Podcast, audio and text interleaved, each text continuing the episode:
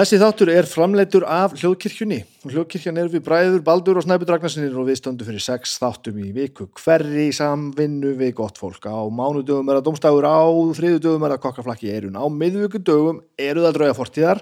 Á förstu dögum eru tveir þættir, það er besta platan og nei, hættu nú alveg. En á fymtudögum í dag er það þátturinn Snæbjörn tala við fólk. Og það er ég. Ég tala við fólk.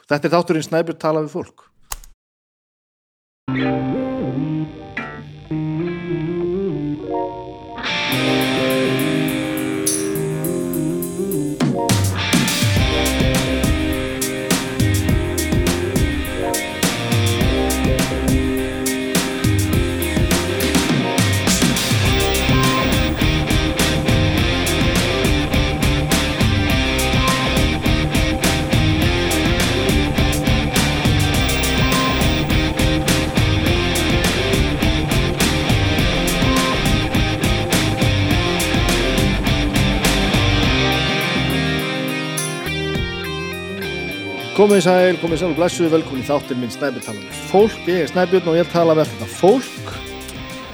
Þetta er nú búin að vera ágættis vika sko, það fer kannski, fyrir utan þetta mjög góða vinnu í, í, í viku í vinnunni, þá fer nú kannski mögulega hægt, að ég kosti klippingu.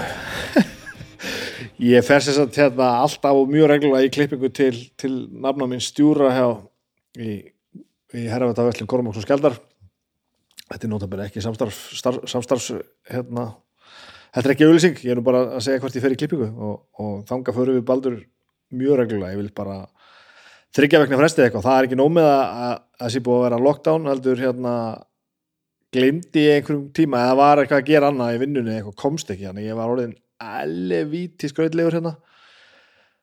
Agnes var nú aðeins búin að taka þetta upp á sína arma sko, að sveita að sveita manna sið og bara, bara klippa mig sko, það versta er sko skeggið sko, ekkert mál með hérna neðri partin, það vext nú bara niður.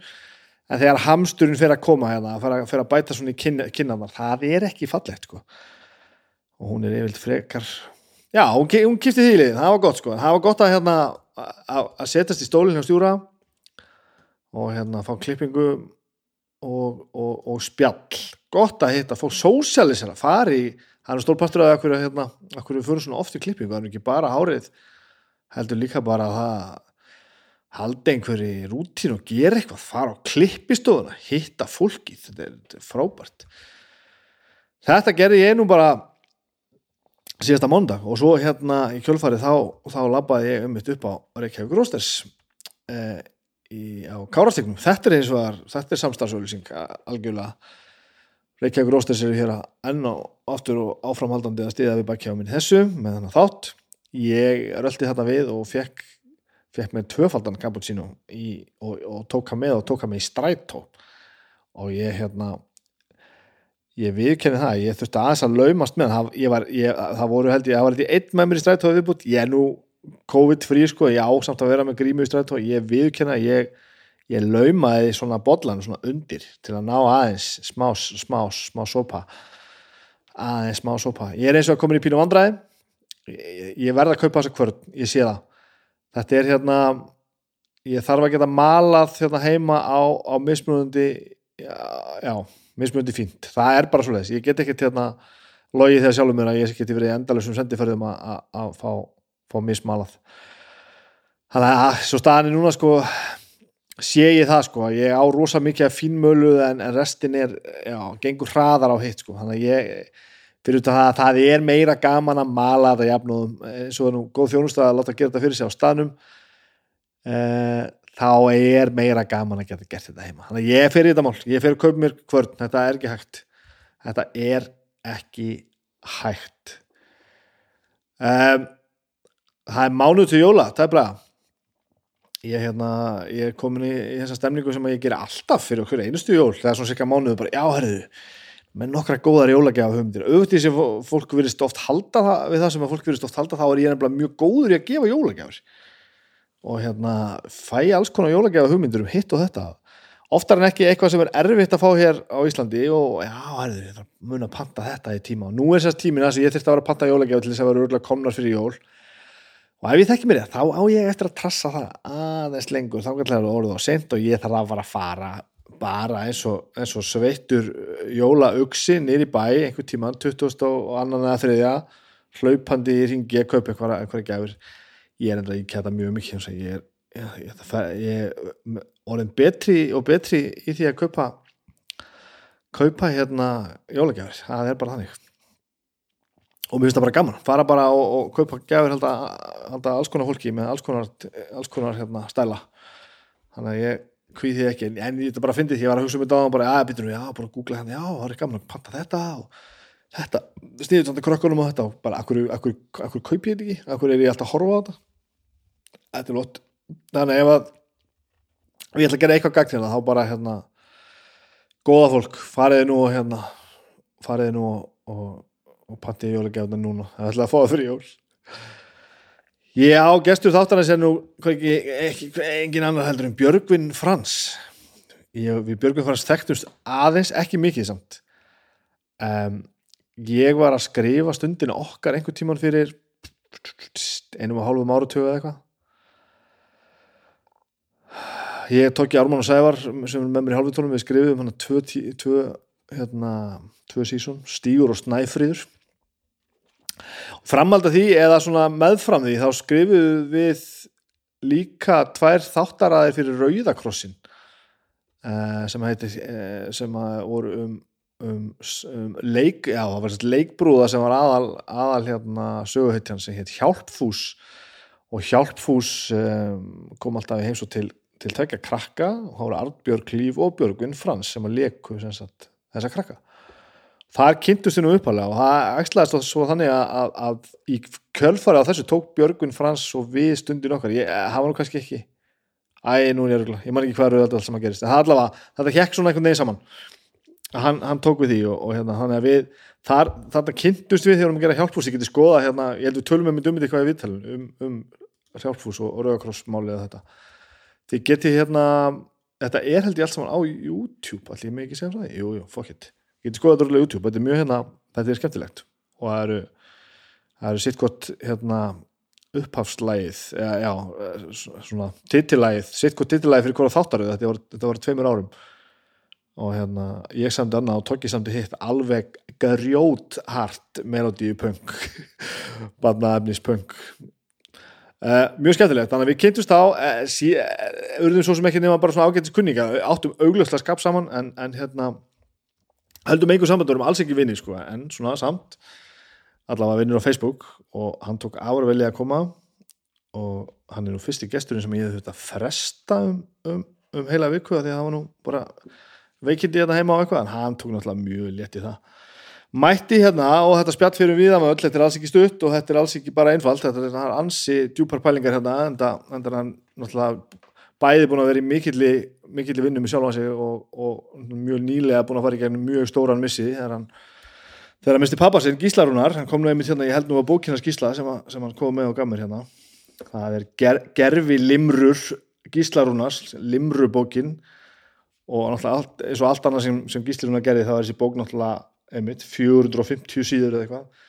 Og þetta eru bara limrur og limrur og fleiri limrur og bara Friends for dinner. Hrollurinn heldtók hann leifarnar er Hannibal mundaðist leifarnar og Íbyggin söng ef þið, eruð, ef þið enn eru svöng getið þá bara leifarnar. Handahóf þetta var handahófi og ég er búin að vera blaði þessu og þetta er ógæðslega mikið fyndið. Um, aðdánavert og ótrúlegt að tala við hann um þetta andlátt, þetta er svo stutt síðan, þetta er örfæði mánuði síðan og, og einhvern veginn þessu tekið á svo ótrúlegum heilindum og, og hérna aðruleysi hvernig þetta allt saman kemur það var bæði átakalegt og furðulega auðvelt að tala um, um þetta við hann. Og þetta spjall var ég segi þetta náttúrulega eiginlega alltaf og, og endalust sko, þetta spjall var frábært. Þetta var, þetta var í alveg algjörlega frábært. Hann er hérna hann er búin að gera einhverju hluti sem ég vissi ekkert að hann hefði gert. Það var frá miklu að segja og, og þetta var bara já, þetta var frábært. Ég ætla að hætta þessu, hérna, við skulum bara fara og hlusta á, á, á spjalli, þetta er ég og Björgvin Frans hérna við eldsporið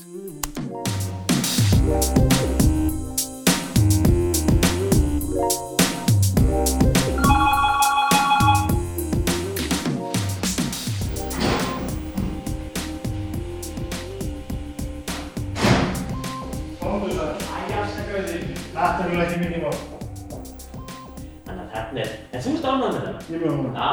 Og ég, þetta Bluetooth mál er bara, þú veist, þetta er svo mikið nóbreyni núna þegar maður hefur prófað þetta, sko. Já, það er algjörlega En þú veist, aftur, þú veist, ég er náttúrulega bara með glorified, þú veist, hérna Bluetooth hátalara, skilur við. Já, einmitt Ég er ekki, þú veist, þessi sem að er með þeirra geðvikt þunga magnara og hátalara staðið og eitthvað.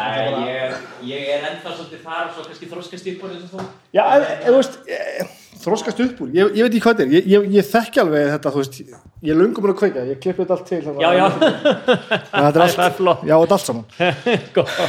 Það er gott, það er gott að maður leggur ekki vanið svona að tala ítlum fólk að þá var það löngu komið þér á band Já, ég skulum ekki gera það. Nei, við sem ekki gera það Þetta er kaffi Heyrðu, aðeinslegt, og þetta er mjög stert kaffi og hér er heitt vatn eða þú vilt minna stert kaffi. Viltu mjólk? Er, ég er enda til í mjölk. En mér stert kaffi, jú, hett mér stert kaffi, sko. Það var nú alveg. Það er... Já, já, já, já, ég er nú að tala saman sig. Ó, guð blessið, þetta er almennilegt, sko.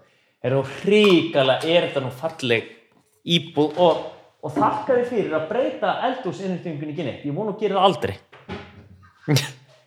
hún er æði, hún er algjört æði, sko. Það er alveg búið að ræða þetta aðeins með eldhúsi, sko. Er það ekki? Já.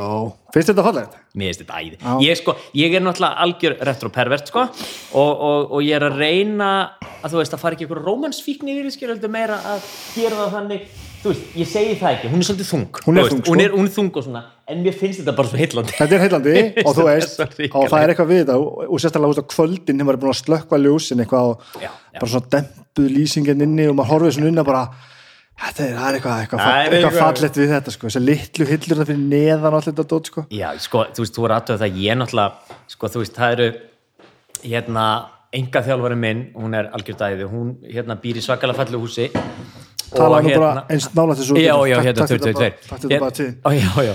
Hún hérna hún bara tók hús sem var bara algjört bara sig, þú veist, það var allt orginal. Þú veist, það voru teppi, það voru þú veist, það hefði selsen panel, það er alla græður og hún, og það var meiri sig að hafði sko fyrir eigundur skilið eftir hérna, hafði skilið eftir sko auka, þannig að það er allt til auka af teppum, af flísum. Og þau eru sko meiri sig að það var einhver sem að vogaði sér að, að modernisera eitt baðherbyggi þau ætla bara að breyta það aftur í, þú veist Já, já, já. bleiku flísarnar og eitthvað skilur Sko, þetta er alltaf lægi ef þetta er praktist. Já, já, já, Ég. Mhm, fatta það sko. Eh, Þegar að þú veist, fólk er að hanga á einhverju gömlu bara þegar gamalt já, já, já, já, eins og þú veist ef er alla en það væru, þú veist, geðveikt liprar og fína, sko, það eru bara létt að breyta það, ég fattar já, en, svona, þú veist, ég er ekki mjög, mjög handy hérna, og það var svona já, þú veist, þetta er pínu bara að rispa og skýpt út að innan og þú veist, eitthvað svona. Var svo pælir í líka. En auðvitað er þetta sjarmirandi maður. Það er það já, það er samt eitt sem er fókt upp, sko. Já, þegar já. maður er, er hérna nútíma ég, Já, já. 1.90 það er alltaf allt og lágt Já, ég ég þarf alltaf að bógra við allt, já, já, já, já, já, í mitt, í mitt, það er eitthvað, þú veist, það er eitthvað off við það sko, það er þetta held ég Já. búið að bæta þarna plötu og hann eldurspökk einhvern tímann en já, ég, ég, það er að hækka um tómu eða eitthvað sko já, já, já, já, já, ég veit það. Svo langar mig líka, ég er svona, ég er svolítið svona ég er búin að vera að leita á húsnæði sem er með, með svona, ég sé að þú ert með það með stóra glugga, þú ert við sjóin og mér langar í opið en mér langar í eldús og stofu flæðandi saman, ég er búin að vera að leita því þannig að, en við erum svona, við erum búin að setja okkur markmið, það eru fjögur ár lefa yngri stelpun að klára grunnskólan og þá eru við erum gömul og vonandi skynnsamur í peningamál og og lefa yngri stelpun að klára grunnskólan Já. hvað er það gamlar? Við, ég á eina 19, það ekki að gæla fyrir og svo eina 11 að vera 12 og vel gert maður Ég veit það, við erum bara búið með þetta sko. Bara, ég er að byrja sko mín, Ertu að byrja mín nú? er 35 ára sko. nei, ok, til hafa með það já, það er, þú veist, frábært já, sko. já en maður á ekki að eignast börn þegar maður er að vera færtugur sko. líkamsklukkan segir bara nei, Nei, bara ekki vera að þessu ég sko. ekki, ég get ekki vaknað, ekki núna Nei. Please, farað að sofa, please og maður er fyrir að vera pínu svona sama maður vaknar bara svona oh. Það er þetta maður það er Það er líka ágætt þegar maður verður svo paranoð ungi fóreldri, maður er svo paranoð sem ungt fóreldri svo slaka maður aðeins meira á með setna svo skilst mér að þriðabarni sé alltaf eins og sjálf bara. Þannig að að ég er hættur sko, það er ekki, ekki meira. Nei, nei, nei, nei, nei, að ég, ég þetta er samt alveg satt sko. Þú veist, ég er alveg fegin að ég, eigna, ég var glórulös í á 20 sko Já, það er nefnilega máli sko. ég hefði ekki verið góður í Nei, ég, ég segi alltaf eldri dóttir mín hún, hún er í lagi þrátt fyrir okkur ekki vegna okkar, það er bara, þú veist þrátt fyrir okkur slapp hún en bara maður sko. hefur satt, þú veist, úttaldi í staðin þá hefur maður úttaldi já, já, já, og einhvern veginn svona, þú. Mhm. veist, spöngið og eitthvað, þú veist en það er líka ákveðið svona það er ákveðið senda með tuttur og maður er líka ákveðin sjálfhverf maður er bara upptekinn Já, að ferlinum og einhverju. Svo þegar sko, þegar þú veist það er voða mikið sko. Og hérna, og ég fyndi að hérna fóreldrar mínu viðkynna það svolítið sko, þau segir bara, æ, við vorum bara svo sjálfhverf og vorum bara að hugsa um ferilina því þá var maður bara likla bann, sko, Já, já. þú veist, það var bara eitthvað opnaði og það var bara eitthvað manneski sem var að, þú veist, sem að tók á móti manni. Þá, þá líka, þú veist, með að hvað maður svona hefur heyrt sko, þá líka var þetta bara þannig, þá var þetta bara í lægi það var, já, þetta var bara kósir skilur, maður bara komið líkilum hálfsjörn opnaði og, og, og það var eitthvað sem maður bara sá um heimilið og passaði mann og eitthvað svona skilur, menn þau var bara í leikúsinu skilur, Já, það var bara þannig. En einmitt, þegar ég egnaði þessu setna barni, hérna yngri dótturinn, þá, þá var maður meira bara svona búin að skipulegja, bara heyrðu, nú er bara reddi og það var þannig hjá okkur allavega, sko, og, bara, og lærið að reynslunni, það er bara hann eldri það bæði Já, bara- við vorum manni, hann alltaf eru, eru, eru þó nokkur ár millið þeirra sko. Hérna uh, sett, uh, svo eldri hérna, eldri fætt 2001 og yngri 2008 Já, sko. það er þannig að við erum allir komið þá með stelpu eldri stelpu sem getur passað yngri það er eitthvað gott kerfi sko. Eins, og, eins, og ég, eins og ég er fegin að hafa gert þetta skart sko. Mhm. þá, þá það er gott kerfi að Það er, á, einmitt, það var þannig hjá mér og eldri sýstu minni, hún er sjónum eldri ég, þannig að hún var bara, þú veist, hún var bara kottnaball og þeim passa, sko, ungbarni, þú veist, fóstrið mig og með þau voru að leika, skilur það var bara þannig var bara, einmitt, já, ég er sex árum eldri heldur en Baldur bróði sko. já, já, já, já, já, já, það var pínuð þannig á mér sko. ég var svolítið fann að passa hann bara akkurat, og svo kemur, þú veist, og maður gerir það í kortir og svo bara, að ég er farin heima. Það var akkurat þannig sko. hérna, ég, hérna, ég er ekki með nettplan ekkert plan. Nei, nei, frábært, það er við skulum ennþá drekka betur kaffi og spjalla. Kaffi og spjall, ég, víst, mér já. langar að ég gleymi því Já. þá langar mér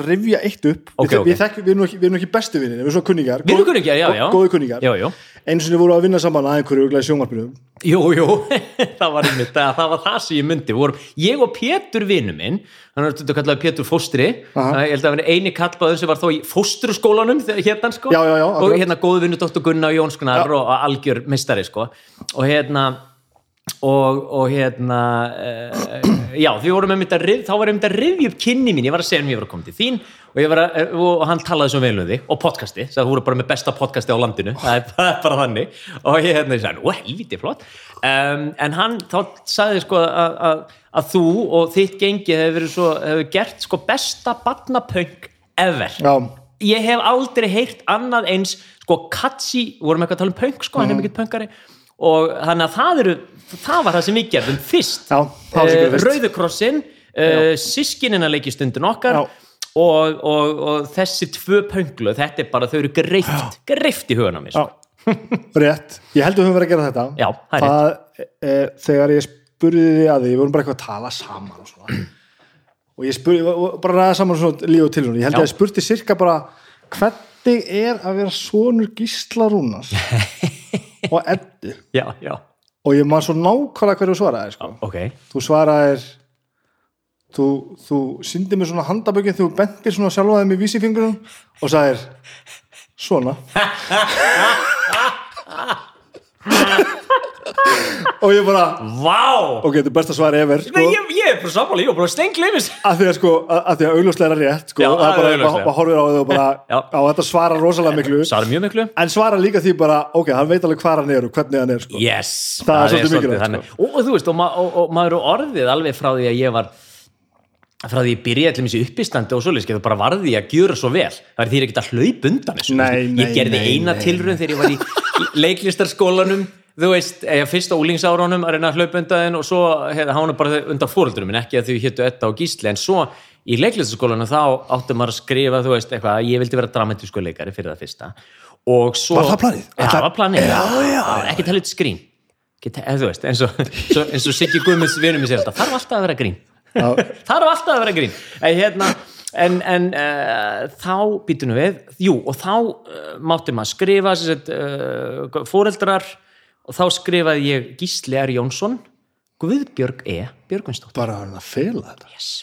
að því að mamma heitir Heitir hún Guðbjörg? hún heitir Guðbjörg ekki. nei, það eru er ekki mjög margir sem vita það Vá. hún, að því að það var það, grínið var alltaf, sko, hún sagði akkur stu skýr Guðbjörg, hvað heitir þau Edda Að því að þau ákveðu fóröldur mínir, ef ég skildi skrolla þá geti ég bara nota Edda þurfti ekki að segja Guðbjörg og hérna og þann, þann, það var skýringin sem fekk og okkur hétt Guðbjörg Edda en manni líður eins og, eins og líf þitt hafi verið smekkfullt af svona gríni alltaf. þetta var svona af því að þetta að nákvæmlega það var, og það var raunverulega þannig svo, við erum náttúrulega, búin að segja veist, eins og við segjum alltaf frá sko, þú veist, þegar hérna við sögum með mitt frá því einum af þessum þáttum sem við mamma erum Já. að gera núna þegar hérna, þú veist, að því að þá fórum við á æsku heimili og fórum að þessi rifju gana minningar og ég man svo vel, veist, það er svo ljóslifandi kjallarinn hjá mamma og pappa sem hitt Grín já, HF já, já. eða EHF og þar var allt gríni sami þar voru bara alltaf Latti og Júli og pappi og mamma og þar voru Margaret Thatcher svona spitting image svona mm, mm, mm, grín og þar voru grímur og þú veist, það voru hárkollur út um allt og þar voru gerfi tennur, það var eins og hérna vinkonu mín sem kom heim til mín og, og, og þú veist, horfði, þú veist, sá þetta heimil og var svo gaman og við með refagrímuna og, og, finnum skýrtuna, syngjum hún heim þú veist, á, á hvít málaða döll heimil og bara Já, já, allt, allt það er ekkert gaman hér. Það, það, það er allt fyndið heima hjá Eddu og Gísla. Það er allt fyndið heima hjá þeim. Ógeðslega reið út í fóreldra sína. Þið ekki verið pínu sínt smá lit hérna? En, en þú veist, var þetta, var allt svona? Þetta var voða mikið sko því að pappi var svo mikill það var ekki bara það var allt fyndið heldur pappi var svo mikill fáránlegur hönnuður hann bara hannaði allt og talandi um það, þú veist, þú sagðir einmitt aðan að þú var ekki mjög hendi rétt upp hönd, sama hér, pappi var það ekki heldur. Nei. þannig að það var alltaf einhverju sko rándýrir yðnamenn að, að sko að, að sko fæ, að hérna svona carrying out his vision sko, það var alltaf bara, já ég vil hafa ég vil hafa sko rómeska súlur hér búna til kúkarörum og svo vil ég hafa sko eh, hérna svona bita hér sem sést hér og þar verður að vera svona eh, ornament og svo hef ég fiðluna hér og svo hef ég alla gömlu ritvilarnar hér. Og þú veist það voru bara, það var endalust af dótrasli sko, það var bara endalust af sem pappi var búin að raða út um allt og svolis voru hans heimili. Þannig að mitt, hei, sko hérna, það búið að taka mig 20 ár að fara í svona að minka við mig skilur Já. og konu mín er svo fegin sko að því hún, hún þú veist þó að það verið rosa gaman að koma heim til pappa sérstaklega í setni tíð að því hann raðaði alltaf svona plötur, bækur. Þú máttir ekkit snúaði við mikið heim á pappa því þá bara rakstu því eitthvað skilur Svo dóminóeffekt allt dóminaeffekt, þú veist alltaf þegar mamma kom í heimsók þá bara leiðbendan henni frá dyrum í sófan, bara svo myndi ekki rindi ykkur um koll, að því hún er seinheppin líka sko, sem er, og svo sem, ein minningar en ég er búin að vera að færa mig svolítið yfir það sem að ég sé þér á þínu heimil allt svolítið snirtilegt, en það er minna Já. svona less is more og þetta er búin að taka mig mörg ár að komast ángað við, sko, við byggum hérna kjallaríbúr sem hliðin á fyrst sko. hún er pínulítil Já. og við ákvaðum þá að skera allt niður sem við áttum sko. Já, ef það komst já. ekki fyrir þar, við vorum með, með sama og enga geimslu sko. Þá ákvaðum við bara að við ætlum ekki að eiga það. Ég skil, já, þetta finnst mér brilljant ég er að færast ángað og þetta er bara svo therapeutic að gera þetta. Já, og svo svo, losaruðu við allt dóti sko. mm -hmm. þetta, þetta var alveg slatti sko. já, já, já, svo losaruðu við þetta. Já. síðasta sem var til að fara voru gildiskarnir mín sko. það var erfiðast. Já, ég er ekki eitthvað búinn. Nei, er ekki en svo bara lætur þetta fara Já. og hugsar aldrei um þetta aftur. Þú pælir Nei, ég- í þessu. Ah, ég veit að ég er búin að hugsa þetta. Ég er nefnilega er með tvær tölfur heima og það er svo mikið myndum og dóti og svo músík og ég er búin að hugsa á ég að láta þetta allt farga, þetta eru líka playback og veist, ég, mér finnst Já, ekki já. alveg ég er svo hrættur um að ég, ef ég læt það flakka þá læt ég eitthvað flakka sem ég veit að ég mun ekki nota aftur. En ég er samt svo hrættur þetta, er- þetta er það sem við erum að díla við. Alltaf sko. Svo flutum við hingað upp sko. Uh, Agnesson er búin að gera mjög vel í nú talsveit skipulegur ég, ég, ég pakka á svona eitthvað. Já, og þessari íbúið fylgir bílskur og eitthvað og þetta er bara hérna milli hæða sko. Næs og frá því að fólki mætti, fyrsti mætti til þess að flytja við, erum, nú að sé góða, góða að þannig að mætti hans í margir sko. Já, já, frá því að fólki mætti til að flytja þá náttúrulega allt var komið Já. hann okkur hingaði niður út í bílskur og 25 minnur nei. Við áttum ekki neitt þetta var bara basic stöð wow, og, og, en núna erum við komist með bílskur og það er milliloft og eitthvað. Já, já, já, og þetta er, maður strax byrjað bara, já ég seti þetta henni upp bara. Bara svona því að pláss ég, ég, ég veit það, ég veit það. Þetta, þetta er rosa gott, ég er nefnilega því að þú ert búin að koma búin, að búa til þitt eigið litla stúdíó hérna inn í stofu. Ég bjóti svona út í geimslu Já. fyrir þú veist hljóðbókalestur og svoleiðis og, og hérna þetta er pínu creepy það er eins og búið eitthvað weirdo eða þú veist, það býr weirdo þarna. Ég er búin að tróða öllum böngsum dóttu minnar upp á vegg til þess að búið til hljóðverðingur og eitthvað svona. Og hérna, en það var svo gott, þá varð ég. Fyrst alveg sagði mömmu, já, mamma mín, ég elska þig en nú verður að taka dótið þitt aftur.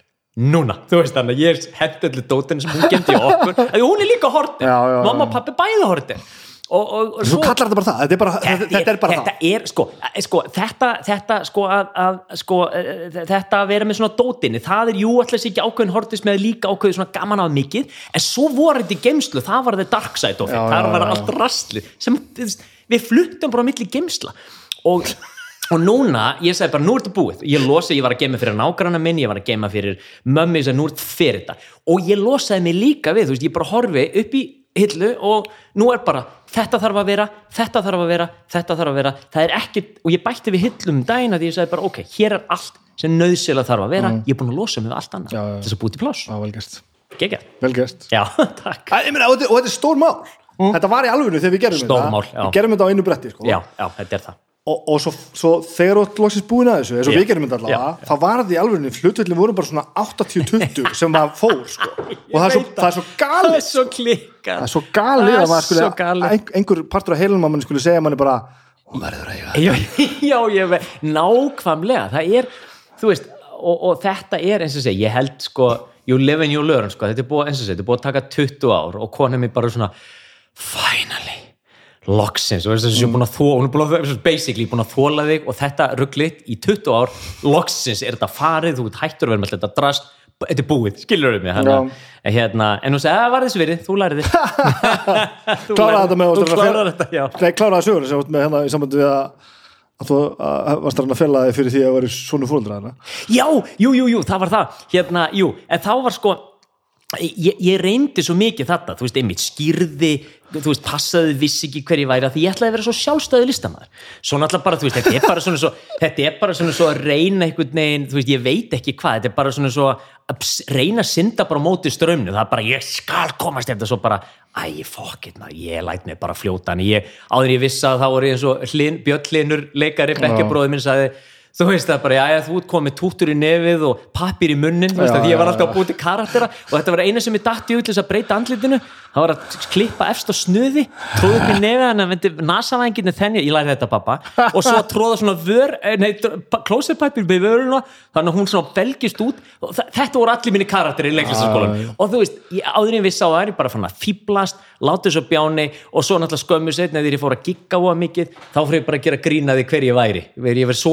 að gera stólpa grína þeim að sjálfu mér verandi sonu þeirra og, og það hefur ekkert hægt sko en ég meina, þetta hlýtur samt að vera leiðin sko. þetta er eina leiðin og ég menna, og það er svo gama líka því að þú veist, hérna er ég komin á 50 aldur og mamma er ennþá að segja, viltu kæra valli, ertu ekki vel ertu, hvaða vítamin ertu að taka? Og svo er hérna svona verja mig og svona, ég skal ta, þú veist, langar, langar ofta að ráða mig í vinnu fyrir mína hönd sko, ég skal, er, þú ættir að vera með svona þú ættir að vera með svona, já, er, ég, ég skal tala hérna við einnig, nei, mammi ekki, þetta er bara skrít, þetta er bara weird. Ég, ég er að vera 50, þú veist, eftir nokkur ár. Ekki, þetta er ekki, ég veit þú vilt mig vel og hún er ennþá að hugsa um okkur litlu börnin sín skilur eins og við séum litlu börnin. Þannig að það er líka ákveði grín. Mér finnst það hrikalega fyndið sko. Og hérna og svo er bara svo eins og við þekkjum í gegnum þetta uppistand og annað þú veist það er svo ógeðslega mikilvægt að taka allt þú veist taka allt sem er weird skrítið hvort sem það er fóreldra mann sem maður sjálfur eða þú veist, Tourette eða ADHD eða what have you og bara gera stólpakir, það er eina leiðin. Og það er líka svo gaman að svo mikið frelsi að því sko fyrir mig veist, ég, ég, ég, svona, ég, ég finn svo til með grínleikurinn sem hafa orðið töffarar. Þú veist eins og Jeff Goldblum var fyrsti, maður stundur honum þegar við laði sér tennundar og, og hann er hann töffar þetta, að er ónáttúrulegt þetta er skrítið, akkur er þetta ekki bara eins og þú varst þú varst weird og quirky, svo reyndar hann orðið það aftur, þú veist, jazz piano leikarinn sem er alltaf weird og leikarinn og alltaf Jeff Goldblum is weirdness. Svo var það hinn, var Chris Pratt sem við mun, þú veist Parks and Recreation, þú veist, hann var bara svona pínu þippin, alltaf eins og hann væri bara, sko greindaði sér talan undir frostmarki en djúvel var hann að fyndi, Já. hann draf mig. Svo bara allt inni kemur, ok, Guardians of the Galaxy minnst það frábæra myndir, ég elska hann í þeim, en frá hann allt inni fann að lifta og, og hann eitthvað töff og ég svona, æ, þá fer allt og svona hann var meira að pínu að reyna að vörka að vera að lúði sko. Á- á- hann var líka að verka að vera lúði sem, sem ég var svo þakkláttu fyrir ég þól ekki, þú veist, þetta er svo ég, ég hef nú búin að gera mikið grína núna að ég er búin að embracea það og búin að taka utan um það að ég er ekki svona ímynd þú veist, eins grjótherða eitraða kallmanns langt í frá. Og ég leið fyrir það þegar ég var sérstaklega verið svona 20 árum þú veist, þegar eins og hérna í leiklistaskólanum þegar ég var með, þú veist Gísla Erni, þú veist, háugst Já, og, og við vorum í ykkurum, við vorum í grísku verkefni, hvað, við vorum í að leika gríkina, það var eitthvað þing og þá var sko vikingur búin að satna skeggi og bjöllinur og hann geðið með skegg og gísli örn þessi geðið ekki maður. Og svo kom ég, ekki með eitt strá, ég gæti ekki satna skeggi sko, ég er svona talskeglingur ég fæ 57 strá á, á, höguna og 27 efst. Og eins og ég segi alltaf, ég er svona svo 14 ára spænskur úlingu þegar ég satna skeggi eða, eða áttræði spænsk kona fyrir eftir í hvora leiðin og fer. Og hérna, það er ekkert kallmannlegt hérna, við mig. Og hérna, allavega, þú veist, ef við tökum ímyndum skamla kallmanns og hérna og þetta var rosa erfitt og geti ekki verið. Og ég var eitthvað fór í leðurföt og var eitthvað að reyna að vera, þú veist, ég átti að leika Agamemnon, konungin, hæ, ég er Agamemnon og hérna, þú veist að reyna að vera, berjast við þessa alfa kallmenn sem ég var með í bekk en svo bara, þú veist fattaði það, veist, fyrir mig að fara eitthvað að lifta lóðum og sapna skeggi, þetta er náttúrulega bara e, Björgun Frans er ekki svona, ég elska bara að fara í spandex, Já. fara í sumpa með hinu meðaldra konunum og það líður mér best já. Já. En æ- varst alveg leiðinni í, þú veist að þú sagði drama á það, bara alvarlega leik. Og, og ætlaðir bara í alvörun að reyna að tekla að vera þessi mattsjókur Já, já, og sko, ekki endilega sko, það, hann kom kannski aðeins setna uh, svo, eh, hérna, fyrra hérna, vera, að vera hann.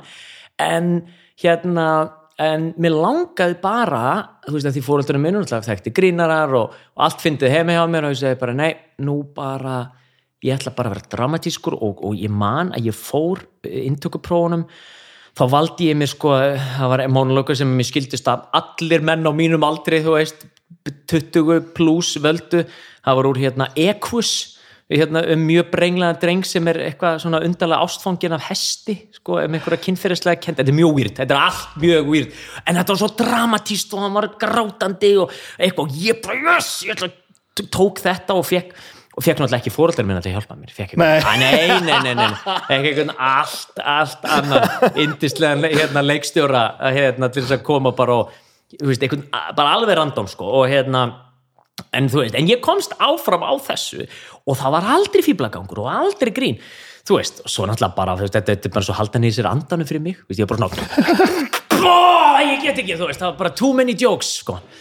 þannig að ég náttúrulega þetta gafst upp á þessu og þú veist, og jújú, jú, ég menna í dag, þú veist, þegar eins og talaðu aftur um þess að þáttaröðu sem ég er þetta er ótrúlega gaman af því þetta er svo, þetta er svo allt önnur líka leik tækni, þú veist, fyrir mig sko, ég, mitt náttúrulega ástand er bara að vera á 110 decibelum, skil og kona minn er alltaf bara Björgun, af hverju viltu tala læri, af hverju talar svona hátt? Ég er ekkert að tala hátt, segir ég, skil ég átti ekki á því og ekki heldur yngri dóttir mín. Og meðan eldri dóttir hún er bara you're so loud. Og ég og yngri dóttir mín við tengjum geðu þetta því við erum bæði svona brjálæðislega manni sko hávær. Og meðan kona mín og eldri dóttir mín aðeins róleri og hérna og þetta er skemmtilegt, skemmtilegt heimilisald. Og hérna og eh, en þú veist þannig að fyrir mig að leika allir þessi sjónvarpi, þetta er fyrir mig eins og bara gera eitthvað sem ég aldrei gert áður. Þú veist að því að eh, le- eins og ég var að leika um daginn og hákonleiksturinn heyrðu, flott, hérna dragðu niður svona 90% já, já, já. ekki 50, ekki 20, nei, nei, nei, 90% ég bara, wow, ok, og mér fannst ekki verið að gera neitt. Svo er bara alltaf rólur, rólur, rólur og hún segi, ok, þú maður draga ennþá meir úr. Og hva- hvað er þetta þá að tala um bara alveg inn í meðutundarleysi, sagði við og þá hlóun og við fórum að, og hérna að því mér fannst þess að ekki að gera finnst ég bara skilst eitthvað sem ég segi. Ég, ég og hérna sérstaklega leikar hann hérna nett svona lúðalega töffara. Og, og þá fór ég að segja einu söguna því þegar mamma og Selma Björns voru undir trénu og það var náttúrulega sama alltaf bara já þetta er flott, bara dragðu niður bara dragðu alveg dragðu niður. Og þá sagði hérna þá sagði mamma við Selma Selma líður þér svolítið eins og sett bara myndur, já finnst þú að vera að gera eitthvað? Nei, ekki nei, mér finnst ég vera alveg bara döið svo náttúrulega horfum ára myndina og því ykkur stjörnur leikur Já, já, þeim já. maður bara, já, en ég skil hvað við, þú veist, mér finnst ég ekki vera að gera neitt, ekki neitt. Og fólk er ekki að fá neittur í peningi sem nefnir ég sé gjössamlega á útopnu já, ég skilji. Þannig er innra lífið á meðan ég, sko, þú veist, ef ég ætti eins og, eins og þau segja í Amerikum if, if, if I had a dime, every time somebody says, Björgvin, less is more. Já, já. gerðu aðeins minna. Og veistu það rétt? Ég veit að það er rétt auðvitað veit ég það ég bara, ég, en ég trú, þú veist, ég veit að en, en mér finnst samt einhvern veginn eins og ég þurfa að gera meira þannig að orkulevelið mitt er þú veist, og það kemur sér vel, þú veist, þegar maður þarf að vera að gigga í þrjá tíma, skilur og meiri segja þar, þú veist, þegar ég er ráðin til þess að vera hress, þá fæ ég stundum Björgvin, ertu alltaf svona hress? já, já, já. Akkur ertu svona hress? En ertu alltaf, ertu alltaf svo ræs? Ég- Yfirleitt er ég það og, og, og þú veist, og ég menna sko, og það er bara einhvern veginn uh, þú veist, fyrir utan sko, fjölskyldu og harmleik þá er ég nú bara yfirleitt mjög hress sko. að, að, og þetta er held ég bara orkulevelið sem að er, þetta er bara náttúrulega orkulevelið mitt og mömmu og einmitt núna dóttur minnar að hérna að eh, en þess vegna finnst mér svo gaman að takast á við þess vegna finnst mér svo gaman að prófa að leika í svona kvikmyndum, mér finnst þetta svo skemmt ég hef aldrei gert þetta eiginlega, sko. Þú veist, ég leik Steli Ólofi svo íslenska draumnum 20 ára setna og svo liðið önnu 20 ára og ég er að leika núna eitthvað skilur, það er bara, ég hef verið mjög lítið í þáttum og bíó, sko. Er þetta fyrir í alveg? ég sé verða, þetta er bara þú getur, það er, þú veist og svo ég held að það veri mest að gera núna ég var alltaf einu óvinnu margar þar sem ég var svona lék svona, um, svona smá hlutverk í nokkrum þátturöðum í röð. Já, já. ótrúlega gaman, allt mjög ólíkt. Og ég var nú einmitt síðast veist, sem var sagaður um batnaný þegar það var alveg vissu það hérna eitt karakterinn Ringum í Björgum Frans. Ringjum í Björgun fræði nákvæmlega, hver passar byrju sem hérna pedofíl, trúður, já Björgun hérna, uh, hérna nei, það var uh, þetta var búið hrikalega gaman að því þetta er svo fyrir mig ónáttúrulegt, en þetta er nástæðin fyrir því að ég fyrir sjö árum síðan til mér uppgötaði þú veist, ég hef búin að tala um, um líkansrætt sko, ég hef búin að reyna að vera alltaf að lifta og ég gafst alltaf upp á því. Það var alltaf sem rak mig áfram var alltaf að fá flotta vöða svo bara held það svo stutt og svo bara glindi þig og ég, meni, ég nefndi ekki að spá í þig og meina, hver er mér ekki sama skilur og, og, og, og, veist maður þegar maður þroskast þá náttúrulega hættir maður algjör og sérstaklega maður giftur, veist, af hverju? Hva, fyrir hvern er að gera, fyrir hvern? Hver í áskopun og þetta er leðilegt og, hérna, og, og þú veist, ég er tilbúin að gera þetta fyrir hlutverk alveg bara allan daginn skilur en þetta er algjörlega ónáttúrulegt. Þannig að svo var, svo var, svo var ég bara alltaf kynntu fyrir jóka og það var svo fyndið. Það var bara eins og ég var komin heim. Mm. þú veist, innan bara leið klukkutími þannig að svo voru ég og það var alltaf bara svona tíu meðaldra konur og ég. Já. ég hef alltaf heini skrýtningkallin og hérna, ekki það er nú kannski fleiri kallmenn sem eru konin í þetta núna sem betur fer. En þetta var alltaf bara ég og hinna konunnar og hérna og ég bara, wow og þetta er bara það sem ég verð að gera alltaf. Því eins og hérna vinur minn sagði þegar ég uppgötaði þetta í bandarækjunum byggum úti og með hérna og hann sagði þegar fólk var eitthvað að spyrja so you do yoga Björgvin? Og þá kom vinur minn að segja yes, yes. Uh, this is very important. There are two types of Björgvin friends the one that does yoga and the one that doesn't. I can have conversations with one of them þú veist, að því að hann, hann segir bara eins og þú ert bara eins og prumpubladra ef þú ert ekki grounded með þetta. En djúvillig fyndi hvað þú meðvitaður um þetta alls já, já, já, þetta er bara taka líka 21 ár. Og, og hefur ekki alltaf verið svona, svona Nei, móttækileg þetta grínast, nei, nei, nei, nei, nei, undir engum kringustöðum það er bara, þú veist, þetta, er- þetta er búið að taka 21 ár að komast ánga og kannski náttúrulega hjálpaði til að ég náttúrulega var brennið sjúkur maður og hætti að drekka. Já. og þá, að því ég bara átti ekki eh, samleið með þessu blessuð en einum hugbrendið efnum, þannig að, og þá náttúrulega fer maður að skoða, líta svolítið meiri í eigin barn. Mm. og, og það er bara nöðsölegt, ef að ná árangri í þessu. Og uh, og þá í leiðinni bara þegar maður aukvölda svo margt og fatta sem að hjálpa manni bæði sem manneskja og svo líka í gríninu. Þú veist, að, að bara, þú veist, þetta er eins og þessi góði vinnu minn segir sem átti þess að fle, fle, fle, flegu setningum Björgun og Jókaðið að hérna, eitthvað tíma þá vorum við vorum að lappa upp að fjalli og ég fekk svona blóðsökusfall sko, ég fekk svona, ég er ég er frá blóðsökusfall og hann náttúrulega, sem ekki kvikindi hann náttúrulega urlaðist og hlátir, hann var svo, svo fyndið að sjá mig sko kveljast. Og hérna, samt, þú veist, allt, allt, allt á góðu nótunum sko. Og hérna og, og, svo, það var endað með því að hann, hann tók mig upp í fangið og hjælt á mér og við náttúrulega byggum grín og ég lag svona, ég lag svona í fangin á honum með húuna eins og fáiðni þú veist, í, og hann, hann er sko hann er tveir með tveir og tuttugu skiluru, risa stór stund að crossfit og hérna, og, og, og er geðhjókunarfræðingur í ónalag hérna, stór greindur nöyt sterkur og hérna, dásalögu maður og hann, og svo var tekið myndað þess að ég lá eins og fávit þú veist, og þá horfði hann á mig og sagði bara já Björgum, það er svo fallit við þig. Það er alltaf comedy over grace Já, Það lýsir svo, svo vel. Það er alltaf alltaf til í það. Alltaf, ef ég, ef ég lít ill út og það er fyndið, alltaf skal ég taka það og þú veist, það er bara og, og, og lít alltaf, alltaf allan daginn því það er svo leiðilegt að vera töffari, skilur það er svo, það er svo leiðilegt. Það er svo djöfelli leiðilegt. Fyrir mig, skilur gaman fyrir þá sem að eru náttúrulega töffar á lappum og eru bara að hafa lítið fyrir því ég þarf að hafa allt og mikið fyrir þess að segja þessu verið, sko. Þú ert alveg búin að þurfa að hafa, hafa þess fyrir hlutunum yfir höfuð. Já, já, já, já, heilmikið, guð minn góður og það er ekkit búið en þá maður, það er, bara, það er end, endalust ferðalag maður að, þú veist, fyrir mann sem er með þessa, þetta öruglega eins og þessi, ég hef aldrei farið í formlega að ég háti greiningu, aldrei, sko, jú, jú, ég hef farið í formlega enda kvíðagreiningu, sko, og svoleið, sko, en ég menna ég veit ekki sko hvað ég væri greindur með við alveg, þetta væri bara tæki, þetta væri bara mikið vinna. Veist, bara, þetta væri margir sálfræðingar, þetta væri dýrt. Veist, ég, ég, bara, ég freka bara geri allt. Já, þú veist, þess að vinna á móti veist, það er bara jóka og sjálfsrækt og líkansrækt og hugrækt og allt sem maður getur gert. Og þá er lífið eh, miklu einfaldara skilur En, en vaknar og alltaf góður bara? Eh, sko ég reyni, ég reyni að taka alltaf eins og þegar ég vakna, þá reyni að taka einhvers konar hugleiðslu þú veist, einhvers konar mindfulness. Þetta er náttúrulega svona eitthvað sem er mjög vinsalt í dag, það er bara svona hvað er þetta núvitund sko. Og ég nota þetta mjög mikið, það er bara svona þú veist, og að því að ég er kannski svona maður sem að hérna uh, var kannski svolítið uh, svona, já, uh, ég var alltaf svo hrættur um að ef mér leið einhvern veginn bara leið einhvern veginn, þú veist þá þurft alltaf að fixa Guðmi góði, Guðmi góði, heyrðu, ú, það var að fólta viðruna bjöldur líka, það var að laga ú, heyrðu, mér lífið vel, býtu, býtu, er það í lagi líka skilur, það var alltaf, bara alltaf þú veist, bara og svo er þessi góði vinnu minn sem ég vitna alltaf hann sagði bara, já, hérna líður svona, já, þú ert sett mannlegur. Já, Já. ég veit að þetta er rosalegt þú, þú verður að gera eitthvað í þessu En þetta er samt góður punktur, það er svolítið verið að stipla í mann að, að hérna, við þurfum alltaf að vera með allt nákvæmlega á teinunum sko. allt ég veit. Og bara leið og er aðeins eitthvað undarlegt við það sko, Já, þá, hefur við að fara að gera eitthvað. Þá, þá verður það að fara að gera eitthvað.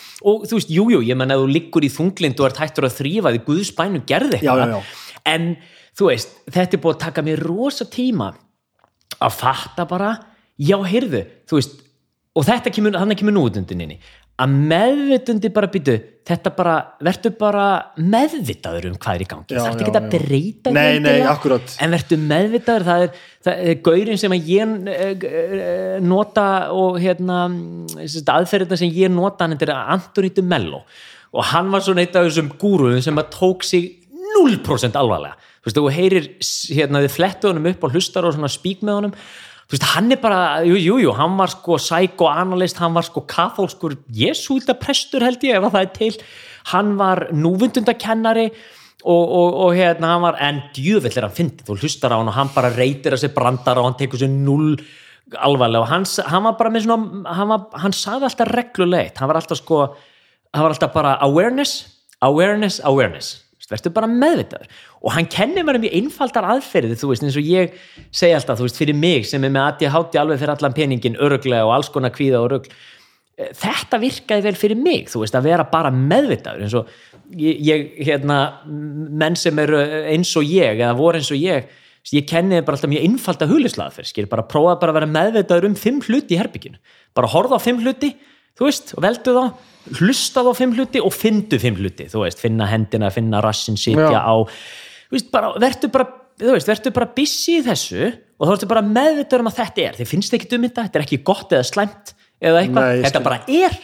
Og þá getur þú farið út í daginn og það er alls konar, jújú, þér líður alls konar, þú veit eitthvað og, og þú veist, en það þarf ekki alltaf að fixa alla hluti, allan daginn endalust, og nú er ég þetta er ég að segja sjálfum mér noti benni, ég er ekki að segja ykkur þetta kæra hlustundur, ég er að segja mér þetta skilur mig hérna. ég tengi samt mjög mikið við þetta sko. já, já, um mitt það er besta sem ég gerir sjálfur mér var til dæmis sko að að, hugsa um það bara hvernig þú ert þú veist, bæði in the long term og short term sko. já, já, já, já, já.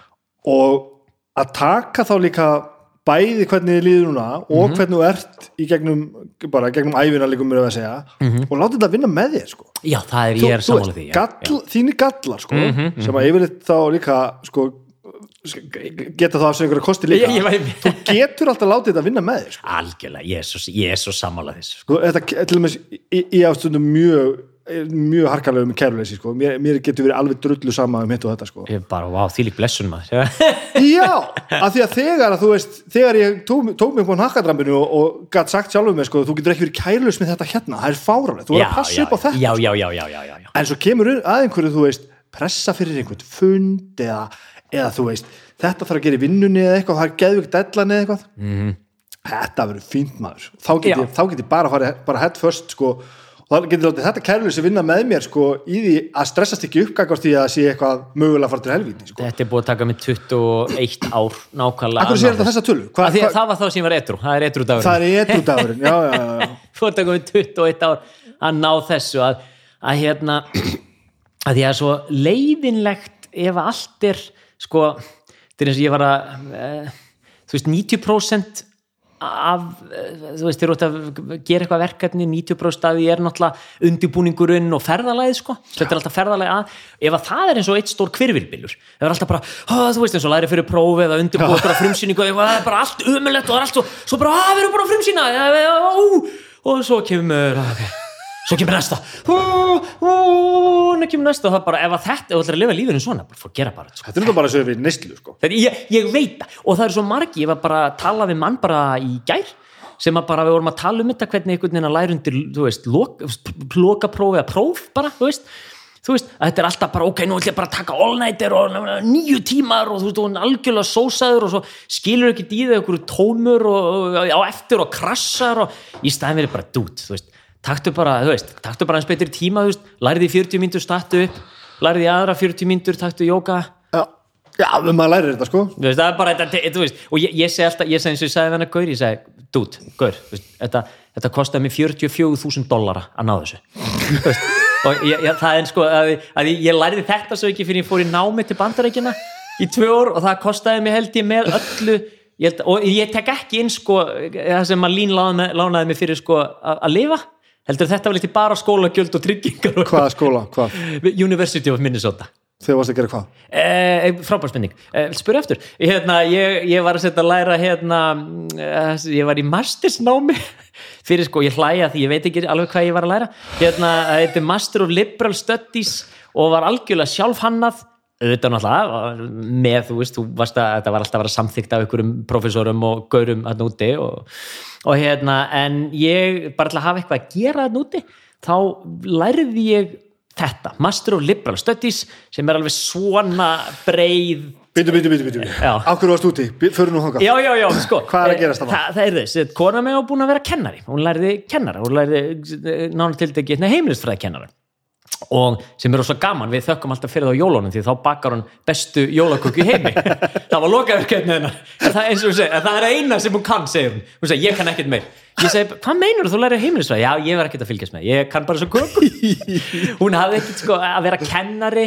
Þó hún elski börn og allt það þá var það bara að vera, var ekki alveg hennar kannski leið í lífinu. Og, og hún komst bara því eins og margir, prófa eitthvað og hún sagði býtunni, hún var eitthvað veltað fyrir sig býtu, hvað er það að gera, ég verði alltaf með langar að gera eitthvað annað og fólk var alltaf sko, það var svo fyndið, hún var svona svo hérna uh, kona mín er svona svo hérna í ævintýrinu um mannin með flautuna og, og hérna allir hérna var ekki allar allar rottur bæinn sem eldan já. sagt, kona mín er þannig, hún bara sest eitthvað niður og fólk byrjar að segja, segja henni æfisöðu sína og, og vandamál og hvað er að. Og hún er bara sest niður, hún er ekki byrjuð að gera neitt. Fólk bara finnur að það er ógeðslega gott að tala við hana hún sagði bara, já, ég ætti kannski að gerast þerapisti sem hún svo gerði. Við Já. fórum út til bandaríkjana hún fór að læra Marriage and Family Therapy. Og starfar þetta er svo, svo ósækjart spurning geta satt alveg sko með sko, hvernig er það fyrir þig? Það gæti verið helviti töff á stundum. Þegar hún var Það að eru geðveikt nóga- um að analæsa þetta Já, Ná, ég sagði hún alltaf í gríni þegar fólk var að segja hérna, já, býtu, hvernig er þetta? Ég segi, já, sko, hjónaböndu okkar, það er sem þetta er uh, það er sem þetta er uh, lokaverkefni eða mastersverkefni og ef það tekst að láta það ganga þá, þá hérna fær hún gráðuna og fólk, ha? Í alvöru? Nei, þetta er ekki alveg, hvað er þetta? Trúður þessu, hvað Þú veist, við varum alltaf með þetta og hérna Þannig að, jú, jú, það gæti alveg verið töff á stundi þegar út með sko nýbakaðan þerapista sem er mjög meðveitur um allt, skilur, Já. þá bara hætta þerapista mig, hættu þessu. Og hérna, nei, nei, svo fyndum við nú balans í því að finna munin á eh, þú veist, á, á makanum Berglindi og svo þerapistanum Berglindi og, og þú veist. Hann er að vonandi. vonandi, hitt væri rosalegt. Rosaskakt sko, já það væri mjög skrítið. Að hérna, um, en þannig að hún fór að læra þetta og ég fór eftir að verið tíu ári í bransunum, þá var ég búin að vera að leika ég var búin að vera með stundin okkar og ég var búin að vera í skaupinu og búin að vera líka gigga ókslega mikið, það var þeirra hérna, rétt fyrir og eftir hrun þegar var rosa mikið að gera þá var ég með eftirhermur og veistlustjórn ásáttíða brjálæði. Ásáttíða brjálæði sko, það var crazy og svo mikið að gera.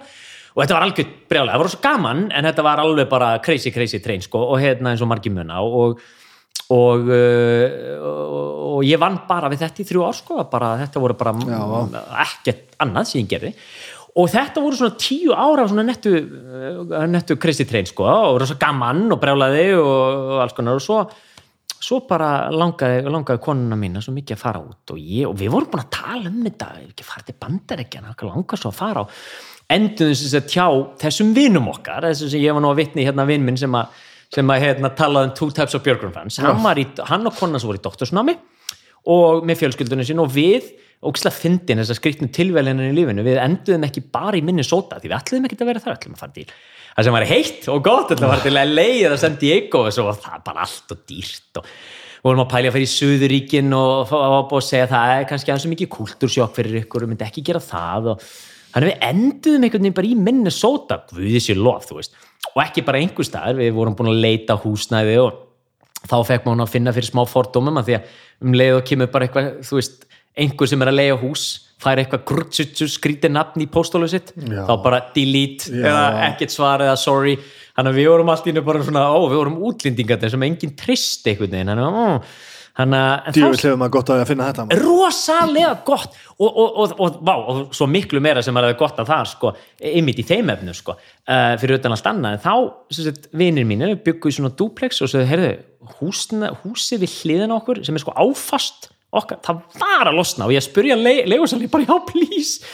Og það var úr, við hérna vorum bara í húsi við hliðin á þeim og byggum bara nánast næstu fjögur árum frá 2011 til 2015 í Jú, ok, svona vá. einni stóri kommunu sko líku við, sko, þú veist, það er náttúrulega verið sikkert húsið, en við bara flökkum á milli og stuttum hvort annað og, og eða, ég veit, þú veist, það er það er erfitt að hugsa ekki tilbaka sko, með rósurðu glerögu og bara af hverju getur ekki allt verið gott og þá en var þetta svona gott? Já, þetta var Já, þetta var bara besti ok. tími alvörinni? þú veist, eh, hérna, auðvitað náttúrulega eru auðvitað náttúrulega ámaður þú veist, já, því þarna voru, þú veist, ámaður marg, marg tímabil og öll misgóð og suðum ekki eins góð og allt það en þetta var uník og, og ég mæli með þessu fyrir alla, ég meina við fórum hérna með eina tveggja og hálsás og eina tíóra Já, vel gert að gera Já, það var, ég finnst maður hugsa tilbaka, það var helviti vel gert, maður var kannski ekki að hugsa það þá, þú veist að því við var svo mikill, mikill fítons að kemur náttúrulega þegar fólk gerir svona, þá kemur svo mikill einhver svona, maður hugsa ekkert skynsana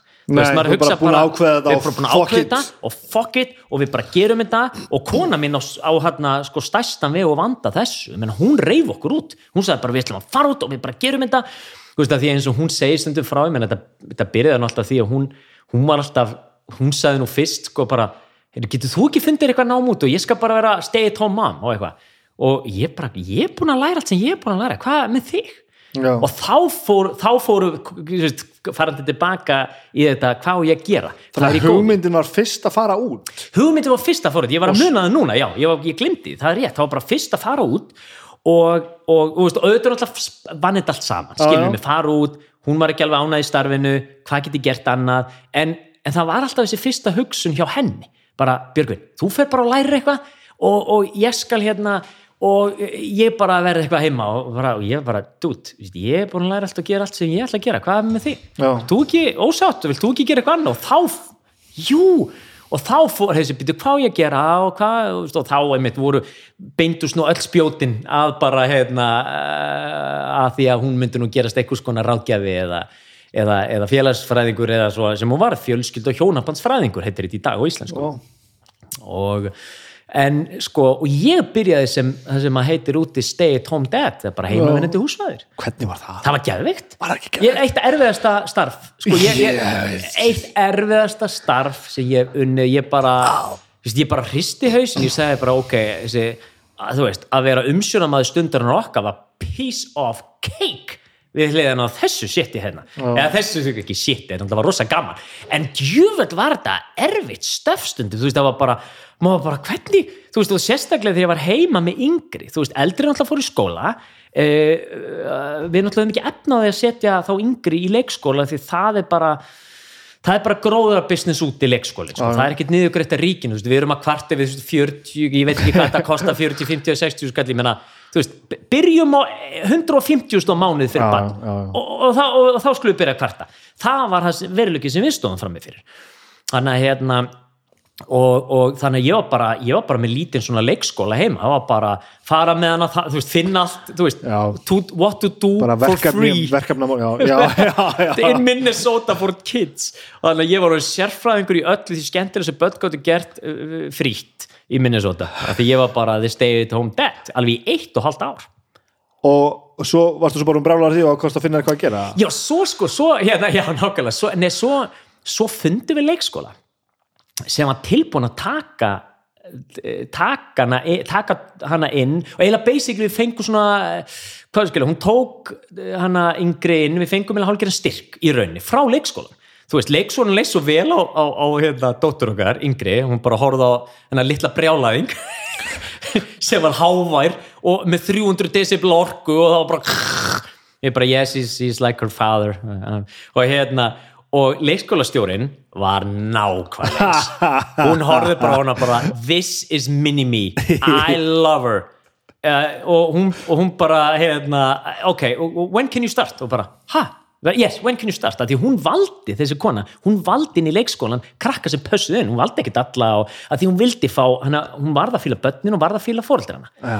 að því þetta var svo mikið líka, þú veist, líka rekið þannig fóreldarnir hjálpuðu og svona og þarna var heill dýragarður og plöntu frumskóur, þetta var allt búið svona svona hippie, joy, playful leikskóli og, og við bara fengum eða svona, einmitt, fengum eða hálfgerðan svona, svona námsmanna styrk, þannig að við borguðum náttúrulega auðvitað, en þú veist kannski helmingin af því sem við hefðum þurft að borga ef við værum bara vinnandi fólk og hefðum haft penning þannig að þarna var hún og þá allt í nú var orðið, þá var allt í nú björgunni farin að leiðast. Og þá, þú veist, þá var ekkert meira að gera og, og, og þá fann ég mig bara, veist, fann ég mér eitthvað nám sem að var sagt, sérstaklega hanna fyrir fólk sem hafði átt starfsferil einhver staðar, skiptingum alveg hvar. Og þú gast bara tekið þetta nám og aðlaða algjörlega að þínu starfi eða þínum starfsferli veist, eða eitthvað sem þú hafði sérstakann áhuga á. Og ég var sko á þeim tíma þá hafði ég rosalega áhuga á samstarfi sko e, íslenskar kvikmyndagerðar og Hollywood-bransans sem á þeim tíma var ekki orðin svona mikill eins og í Já. dag eða veist, var ekki, var ekki orðið þessi international samstarfa sem að leikarar og leikstjórar og þú veist, þetta var ekki og, veist, og krú, þetta var ekki orðið svona veist, allavega ekki á þessum skala sem að við sáum pre-covid sko að hérna, þannig að ég var að hugsa hvernig getum við gert þetta og þetta er spennandi og hvernig getum við fengið meiri styrk frá ríkinu og allt þetta? Svo bara um, sögðu þessir advisorar mínir þessu, já, þetta er ofsalega metnafild verkefni sem þetta fari björgum minni, þetta er doktorsnám sko, þú veist það, þú veist ekki að vera að gera þetta bara okkur um tveimur árum sko. Já, já. já, ég viltu ekki finna eitthvað annað? Þannig að ég er alveg búin að allir kursarnir sem ég er búin að taka allir tímanir voru nú allir einhvern veginn, höfðu eitthvað með kvikmyndagerð og leiklist og eitthvað að gera og þannig að ég bara, ó, þannig að ég þarf einhvern veginn núna svona, svona spýti lóan og finna eitthvað allt annað.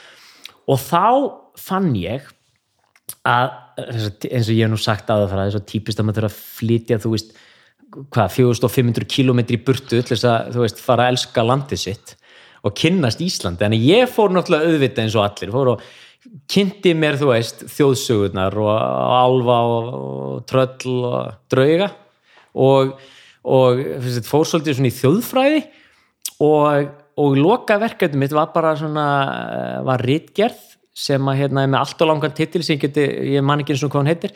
Þetta var eitthvað sem væsurum ég sagði hún ætti að heita, ég bara ok, þetta er rosa fræðilegt. Og en basically ég tók bara nokkrar kvikmyndir Friðrik Stoss ég tók sérgrifu gröf eftir Issu Sigurðar svo tók ég hérna nýjársnóttina hérna eftir Indri Einarsson og skoðaði alvatrú, Íslendinga, draugatrú, ég skoðaði uh, spákonur, allt í gegnum svona íslensk listaverk og, og, og fjallaði bara um það í þessari rítgerð. Já, Þar hafið það. en þú veist af hverju? Já, þetta er frábær spurning. Eða skilur þú, ætlaður þér að gera eitthvað meira við það?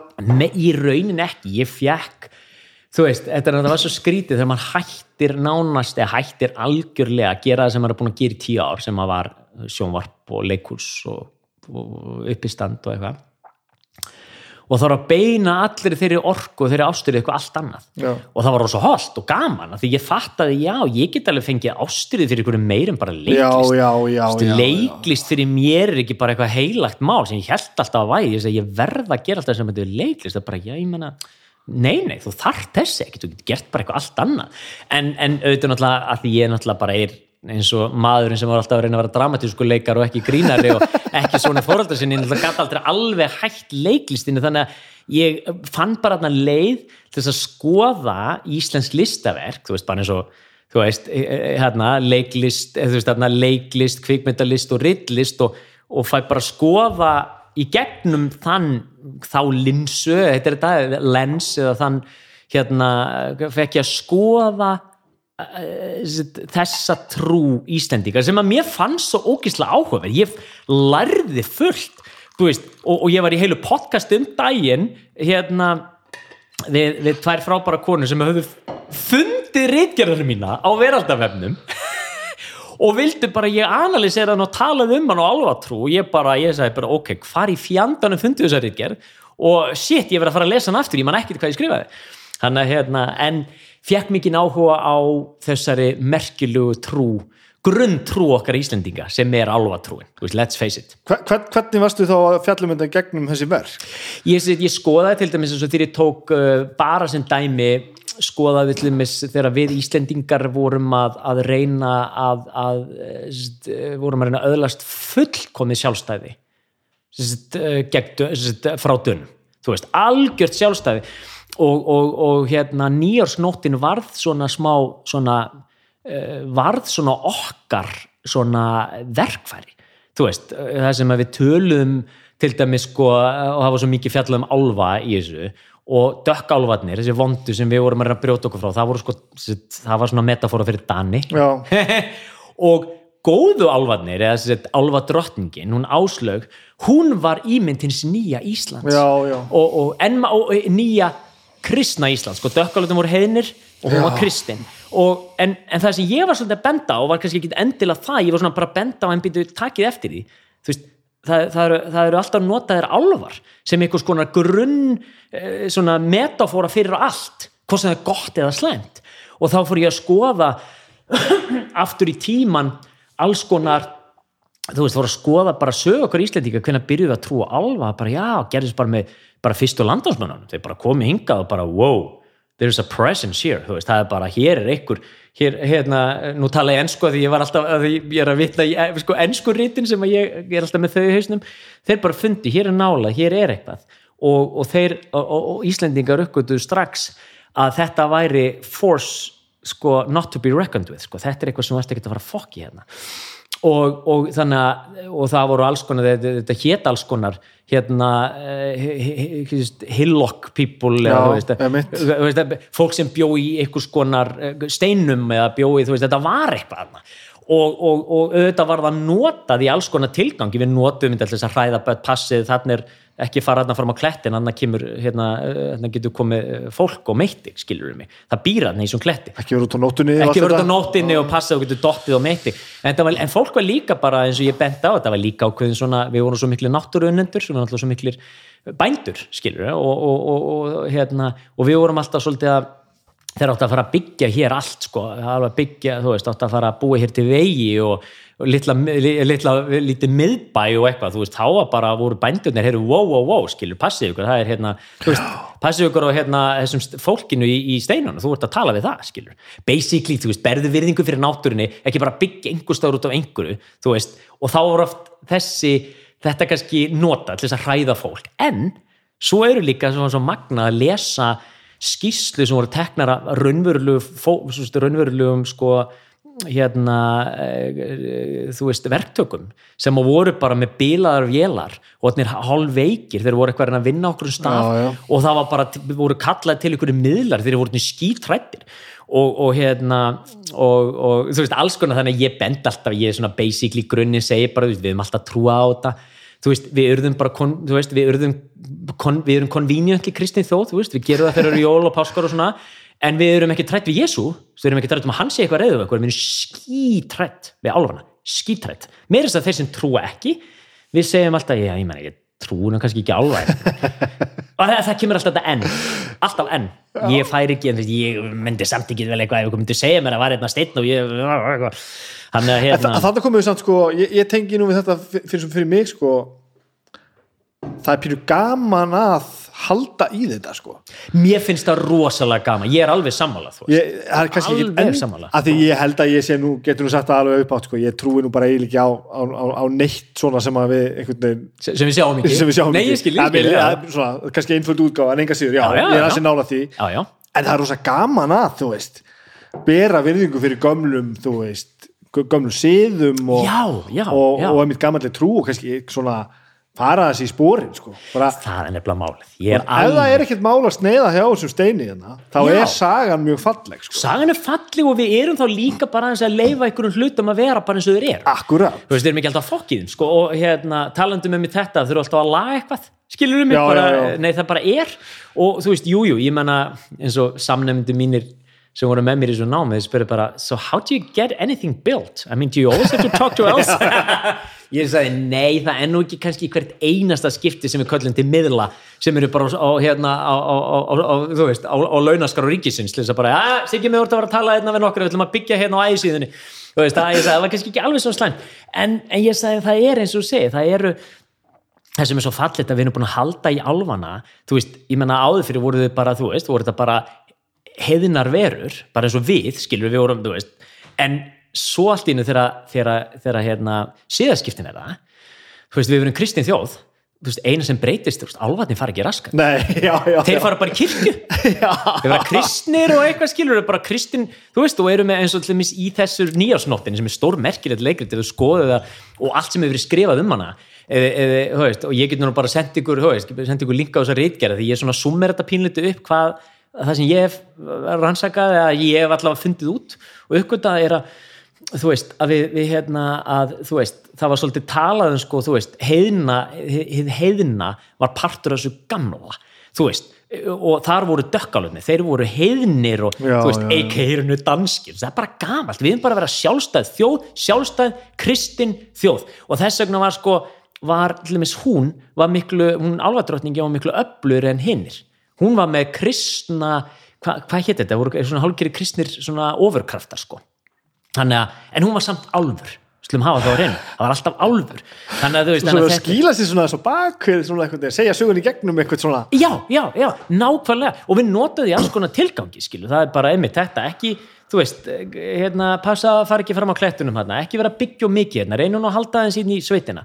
Uh, þú veist, heyrðu, við slum fá sjálfstæðar frá dönum, þú veist, álvar voru alltaf notaðir sem einhvers konar verkfæri til þess að koma hlutum þú veist, til þess að, að- að láta hluti verða veruleika, skilur, eða, eða, eða íti ykkur í gegn eða Varst að skora, skora, skoða þetta út frá þessum verkum, bíómyndunum og sögunum og þessu, ba bara til að hafa einhvern referens, eða varst að skoða hvernig þetta byrtist þar eða? já, já, já, hvernig þetta byrtist þar og líka bara þannig að ég hefði, þú veist þannig að ég hefði líka bara eitthvað tengingu eitthvað sem ég hefði áhugað, þú veist, ég er Já, þig ekki eins og, eins og, eins og hérna leiðbennandi minn í náminu sagði, þú veist, þú ert hvorki trúfræðingur nýja, þjóðfræðingur. Nei, þú veist, nei, nei, en þú ert nei. listamaður. Takt þetta það takt þetta það, leikari. Og, og hann sagði bara never claim stuff. Það er að það er að tala um I claim, þú veist, ég fullir því. Þú veist, það er það sem að sko, við sjáum sko, akademikar að gera eftir á vel aðtúðu máli og löngum rannsóknum. Við getum fullirt að hér er koronavírus, skilur því við erum búin að rannsaka þetta, við við erum nokkur hérna, við, erum, við getum fullirt það núna, en við gátum það ekki fyrir mánuði, skilur það, eða tveimur eða hálfa ári, að skilur vita er ekki að sama og geta fullist að eitthvað geta fullirt og hann sagði bara ekki fullir það neitt. Segðu bara spekulata veist, veldu upp og svona. Og þannig, og mér fannst það nú nógu fjandi flókið, þannig að því sko, virðing mín fyrir akademíinu, hún bara reist töluvert, því að þetta er eitthvað sem ég get aldrei gert, skilur, ég er bara of mikill er eh, of mikill listamaður, skilur, og þá, þá meina ég, ég get ekki verið á fastur í einhverjum Nei. bókstaf. Nei, og, og eins og þegar ég var að segja eitthvað, hérna, some people say eða eitthvað, og hann sagði, what people? just some people, no, no, no, no. What, you have to show me exactly. Og, og hvaða grein, og hver sagði það? Og af hverju sagði það, og eru þe þessi sorsar, eru þetta einhverju vitlýsingar, eru þetta alveg ég bara, "Ah." þú veist, jú, jú ógislega gaman að rannsaka og stendur á. Wikipedia. þetta er stendur- ah, þetta á Wikipedia, er þetta ekki nóg? Er þetta ekki bara skemmtilegt, er alltaf Akkur komið heim? Eh, þetta var bara við höfum bara búið með námið og, og kona mig og búin að vinna eitt ár úti. Hún vann hérna á heimili fyrir, fyrir sem sagt, úlinga sem komið frá þú veist, annarkvort bara mjög brotnum heimilum eða bara, þú veist, hérna, slæmum heimilum skilur, sem var mikið opeldi og mikið ruggli eða þú veist, höfðu sjálf, eða, eða það voru eitthvað geðra vandamáli eða það voru þú veist, það var eitthvað fjandinn og hún bara var tók, stóð bara vaktir eins og herfóringi, skilur og hérna tók á móti þessum krökkum og, og hérna, og hún sagði nú mér veist alltaf að fyndin sagan þegar til að sína hvað hún er mikið nagli kona mér sko, og hérna hún tölust minna ég og svona voða ljúf og blíð og hún er algjör nagli sko. Og hún hérna og hún, eh, einhvern tíman þá voru sko, sko þeggja metra hár, gauð sko, brjálað sem var, sem var sko hendandi stólum einhverjum tíma hjá henni sko, bara þú veist, og hún bara rauk upp á veist, horfði upp, þú veist, fekk hálsrið og þú veist, að horfa svo hátt upp og sem bara, I am not afraid of you, I come from the hood in Iceland. Hún skólst upp í breiðaltunni og Gaurin var svo rættur hann bara, I'm sorry, I'm sorry. Settist nippaðist niður bara svona, fyrir ekki, fyrir ekki, I'm so sorry I, I didn't mean it. Hún var svo fucking hörð sko. Þannig að það er bara, I, I come from the hood in Iceland what's it called, Breiðholtið. Að hérna Hvernig kynntust þið? Uh, við kynntum bara svona getum sameilan félagskap þú veist, við bara, þú veist, við vorum bara eitthvað uh, já, einmitt, bara sameilan félagskap og vorum ofta að hittast og horfa á Friends sætla minninga á þetta er kassettum. gott, það er svo Á kassettum. Hva, við, Hvað er það langt síðan? það, wow, það eru veist, við erum, sjá, við kynntumst 2000 já, 99-2000 byrjuðum allavega saman uh, mars 2000 og, og hérna og við erum búin að gifta í tíu ár þannig að þetta er, já já, þannig að við erum og, og náttúrulega við erum fljótlega ólétt að hérna, að við erum náttúrulega vorum samfærum við getum það ekki, þannig að við vorum ekkert mikið að passa okkur Að þið að þið getur það ekki? nei, við vorum bara, að því að það voru tvær spákonur búin að segja við, það getur ekki að ólétt eins og ég segi, þú veist, þetta, ég, ég, þú veist eins og ég segi, dóttur okkar hún, hún, she turned out all right despite us, sko, þú veist, það var bara, við vorum ekki alveg we were not all there, 20 og eitthvað ára gömur, Og það tak, tak, tók við sensina þegar tvær spákonur höfðu sagt Já, já, hvað er betri getna verður þessu tvær spákonur? Það vita það allir. Þannig að það vorum algjörir fáetar, sko. Algjörir fáetar, sko. Alveg, sko, vill fáetar. Þannig að hérna, það er ótrúlegt að við bara stöndum í dag, bara nokkuð segin. En þetta er búið að taka smá tíma og vinnu að komast hingað, sko. Það er bara svolítið þannig, sko. Við bara, við hlæjum að því, sko. En hún, hérna, en hún starfar uh, í dag sem fjölskyldu hún fræðingur og bara er, eh, þú veist, og bara er með hjón og, og er með einstaklinga og, og stundum úlinga og svona, hún er bara hún er bara alveg smurði þetta, þetta er bara hennar. Eins og þú segir, henni finnst hún ekki verið í vinnunni. Er vinnunni.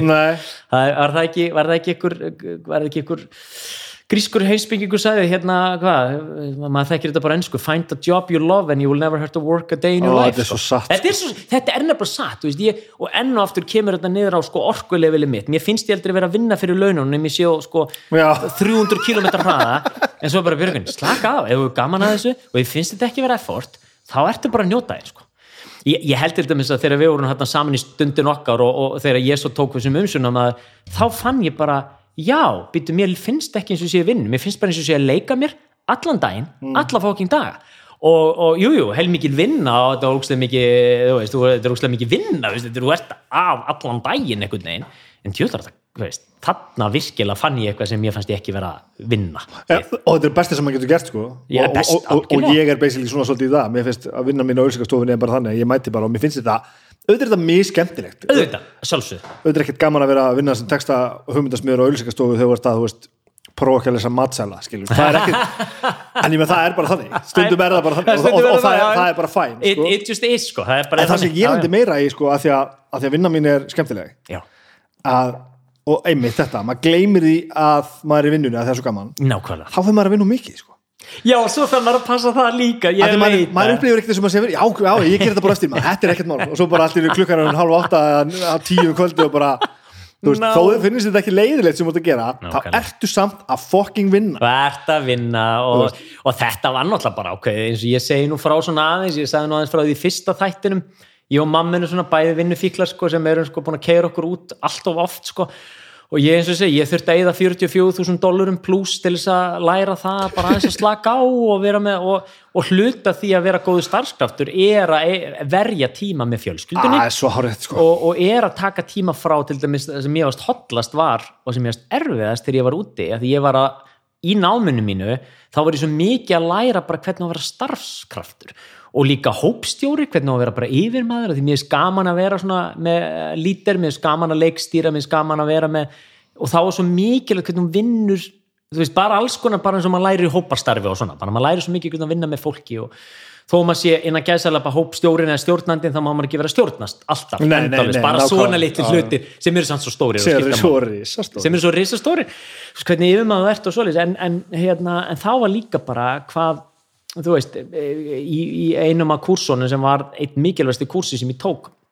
sem að, sem að, hérna, sem að hétt eitthvað Designing Professional Futures þá hérna var einn bókin sem að þeir leta okkur fá var sko, hvað hétta, það? Var Managing Energy, Not Time. Hann í staðin fyrir að vera óksla góður með, með dagbókina þína bara tróða óksla miklu inn í hana þá, jújú, jú, notar hann alveg þú veist, en þú ert aðalega pæliði þú veist, þeir eru búin að vinna ekki smikið að þá verður að taka tíma frá og þú veist og, og ég vil bara brjóta daginn upp í miðandag og fara bara í jóka eða út að skokka eða, eða vera með fjölskyldun eða eitthvað. Og svo máttu aftur kannski fara Ó, á hvað 2 þetta er 4 gott. er gott, Já, þetta, er svona, þetta er þetta basically hnótskuld sem ég lærði. En ég varð að fara pínlít eins og, eins og hann sagði Gauri sem að ég, þegar ég var að skrifa fyrsta drafter rittgerinu minni í þessu þá sagði hann hérna, hann sagði wow, it's, it looks like a confession of an alcoholic sagði hann, hérna, ég sagði bara ég heiti Björgun og ég er fyrir um vinnufíkil sko. Já. og ég uppgötaði svo margt í þessum kurs og þetta við sittum með mér ennþá sko. Ég hef ekki ennþá náð að vinna of mikið og eitthvað sem minnst leiðilegt síðan þetta var sko. en góður í því áður sem sagt. Eh, Já, já, mjög, úf maður. Og þú veist, og, og maður var þetta var líka þetta var svo vandar að maður fann að fela vinnuna fyrir, þú veist, konunum, ég fann að fela að ég var að vinna því þetta var svo þetta var svo, þetta var bara svo fela drikki, þú veist, ég fann að fela hvað er þetta að gera, ekki neitt og varst í tölvun, já, já, bara, svo, svo, sko, skoða. Ég var sko, ég var bara sko klám. Ég er sko klám, nákvæmlega, nákvæmlega. Þú veist að, nú, ok, hjúkett, ég held að vera í vinnunni. Það er allt í læg Ég skal, skal setja mig klámið, en ekki vinnuna. Þetta var bara þannig, sko, þetta var bara orðið slett og, og, og, og ég var bara, ég var bara, þú veist Ég, ég þurfti nú ekki kannski tólspóra samtök fyrir það En ég þurfti virkilega að taka til í mínum ranni þú veist, að því að þetta var bara líka því eins og þeir benda, þú veist, ekkert betur sarfskraftur þú ert að vinna nýju tíma pluss eða tólf tíma pluss þú veist, þú verður að veist, það verður að vera einhvern smá breyk einhver staðar. Um, ef þú þarft að taka tartnir, já þá verður líka bara að gjöra svo vel að, að, þú veist, ég menna eins og eh, sem dæmi, þú veist, að dæmi tekið af manni í þessari bók sem að yfir maður manns sagði bara, heyrðu, þarna er starfkraftur sem hefur svo mikið potential, hann var svo flottur þegar hann kom til okkar. En hann er farin að sko, hann, hann, hann vinnur á mikið mm. hann er farin að drekka óhólega, hann reykir þú veist, og hann er bara orðin bara ekki, hann hugsar ekkert um heilsuna sína. Og, að, og, ég, og hann er hættur að delivera þó hann sé allan sólarhingin ánast í vinnunni hann deliverar ver. Hann að geti þið þetta var eitthvað svona teimi sem, sem, sem hjálpaði og er að hjálpa fólki, byrjaði að hjálpa bara íþróttamönnum. Hvernig á að, þú veist, æfa ógeðslega mikið í tvo tíma og taka góða pásu. Mm. og æfa ógeðslega mikið í tvo tíma og taka pásu, eða hvaða var, skilur, 40 myndur eða eitthvað, þú veist að því að menn halda náttúrulega, þú ætlar að verða atun íþróttamæður þá þurfum bara að æfa í átján tíma pluss, það er bara rugglúst, það bara slítur liðbönd og, veist, það fer allt í rugglúst, það er bara þeir kendu, byrjuðu á íþróttamönnum og síðan fóru þeir að færa þetta yfir í uh, fyrirtæki, þe- þessa aðferð. Og ég hérna, og ég var svo uppnumin ég var svo upp, þetta var svo mikil eins og bara hálfgjör bara eins og bara andleg uppgötun, þetta var svona, wow! Þú veist, ég var bara uppgöta, bara vá mér langaði bara að kenna þetta, sko, þetta var svo mikil upplifun að þú veist, hvernig þú, þú veist og ég held að við Íslendingar, við kannski hérna, við vorum fyrir tíma á COVID, við neittum svolítið til að gera þetta í COVID-inu að vera heima, Já, já. vinna minna. Uh, þú veist, for good or for worse og, og, og, og málið er að þú veist og það saði svo mikið þegar ég fann að aðrir kannski þjáðust og ég er ekki að gera lítið úr þjáningu fólks í þessu eh, hörmulega tímabili. En fyrir til dæmis þegar við að við erum alltaf svo heppin ekki búin að fá COVID og bara, þú veist, knock on wood sko, að hérna, búin að passa okkur og allt það. En uh, þegar þegar fyrsta COVID-bylgjan kom og við vorum alltaf í hennu bara komin bara einhvern veginn, hei, þú veist, það var engin vinna og eitthvað bara, vá, heyrðu, ég þekki þetta. Veist, bara, Já, heyrðu, já. þetta er bara svo námsmannalífi, við erum alltaf saman, það er engin peningur. Og við bara, heyrðu, ég þekki þetta, Já, já. hérna, no money, no work alltaf saman, heyrðu, þetta þekkjum við. Bara, heyrðu, hvað getum við gert hérna, kreatív úr kartöflumús, eða eitthvað skilur Já, við ég, við. Að, ég skilði, þetta er samt rosalega satt sko. og, og máli er, við vorum búin að gera þetta í fjóra ári í bandaríkjunum. Það sem maður, þú veist, maður bara jú, jú, maður var alltaf eitthvað að gera, þú veist, það var skóli og eitthvað, en miklu meiri tíma með fjölskyldunni miklu minni peningur og, og, og maður var að gjöra svo vel að finna út af því hvernig ætla ég að lifa og líka bara vera alltaf saman Já. hvernig ætla ég að vera saman og þá líka, þú veist en ég var samt einhvern veginn að standa maður því, verandi á fullu í aðna, þessu námi mínu veist, sem að þú veist sem að mér fannst bara, ég var bara ég var næstuði bara ég gati ekki sætt mig við minn en A helst A sko, sem er ekki hægt að fara Ertu alveg manneskur í öllu svona þegar þú byrjar? Já. Það er þetta alltaf að vera best og mest. Alltaf, Alltaf, alltaf. Já, já, já. Þannig, og þannig, þannig hefur alltaf verið og ég hef reynt að sem sagt, taka það besta. Því vorum að tala um áðan hvernig gallarnir geta verið kostir. Mhm. taka metnaðinn.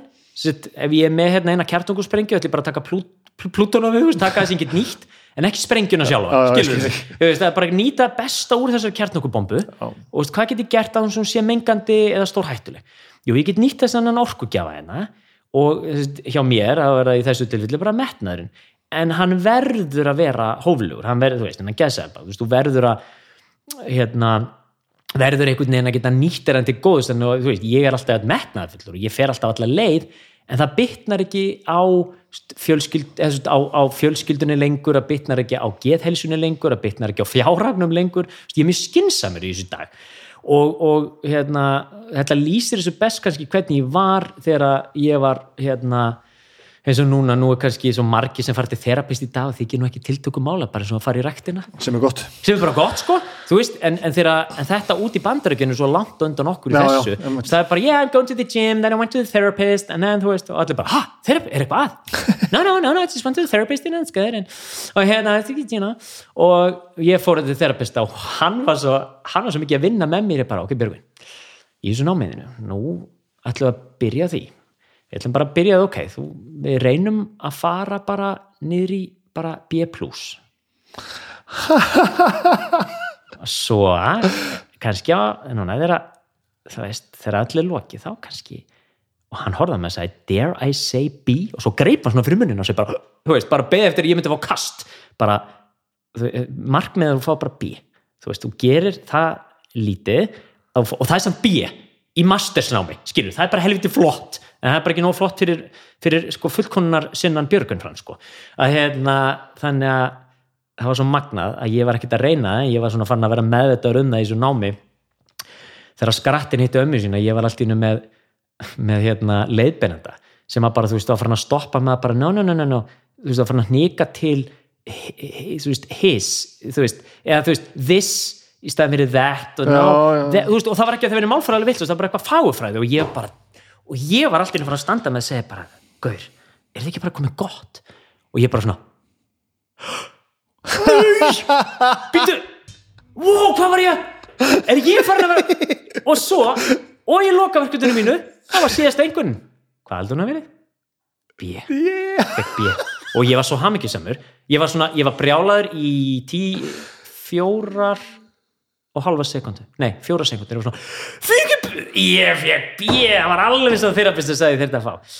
Og þá fattaði ég allt sem ég var búin að leggja vinni það er bara að fara að virka ég, þannig að ég get haldið í metnaðin og allt saman en það er ekki allt hvirvilbilur og dauð og djöfull og þú veist, og kona minn er ekki bara orðin sko, orðin sko buguð af Hver, bara hvernig, á mér. hvernig er konaðin ennþá með þér?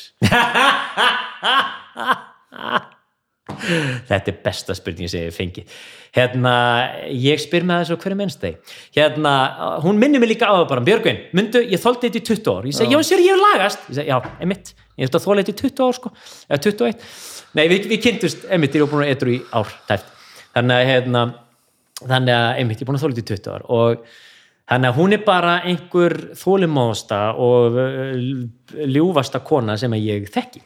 Það er bara þannig. Og þóldi að vera henn, þannig að ég þarf bara að muna það, þegar ég ætla að vera eitthvað pyrraður á henni þá bara, dude þú átt svo það er svo langt í landa að þú getur verið eitthvað pyrraður á þessu gefðu nú henni smá breyk hvað heldur hún svo búin að, þú veist, þú gerir enga grein fyrir hvað hún búin að gefa þeim mikið breyk Björgum Frans, ég bara, á nei þetta eru samræðna sem ég var mig sko. þetta já, mjög. já, já.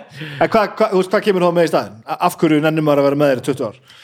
Þetta ég bara allir ég ekki þá bara veitt einhvern afslátt á móti stundum skilur uh, við kannski gátum sko, máli er við kannski á tímabili þá veittum við hvort öðru nei, við, við, jú við veittum hvort öðru ákveðin afslátt. Og það er, ég held að svona, ég held að öll vinasambönd og öll ástáðsambönd eða hvaðas vinnusambönd þú þarft alltaf að veita ákveðin afslátt, þú þarft að gefa ákveði rými. Þú verður hún kannski gaf helsti mikið rými. Og skilur, á tímabili hefur hún orðinlega bara átt að gefast upp á mér, skilur en hún gerði það ekki, já, bara eitthvað sem hún hérna sá í mér og, og var tilbúin að þóla og, og ég er mjög þakkláttur í dag því að nú eigum við bara frábært samband og frábært líf og við, að, veist, og við átt, sko málir það sem að ég held, það sem að held okkur saman alltaf var að við elskuðum alltaf að vera sko, við elskuðum alltaf sko, uh, hérna uh, sko, við elskuðum félagskap hvort annars, við, við, við hlæjum um alltaf hlæjum ekki saman.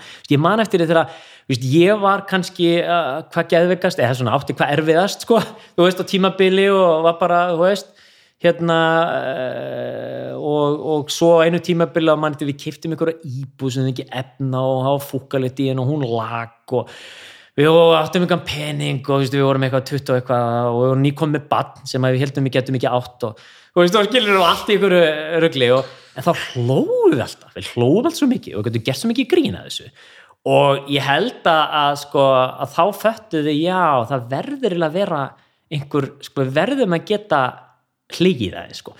Og það hefur verið svolítið okkar grunnum að geta hlegið mikið og þú veist, ef við hættum að hlæja þá er þetta bara búið sko. Og, og, og, og við finnum það þegar við erum hérna, hætt að hlæja og það bara, heyrðu, wow, hvað er í gangi? Það er ekkit, hvað er, ekkit gaman núna við erum að hlæja. Og hérna Veist, við getum alveg grátið saman og við getum veist, verið alvarleg saman og við getum verið ósamala en við getum alltaf held ég fundið eitthvað svona middelgránt og það er svolítið eh, kannski eitthvað sem ég er búin að læra setni tíð að, að því ég þurft alltaf svolítið að hafa rétt fyrir mér sko.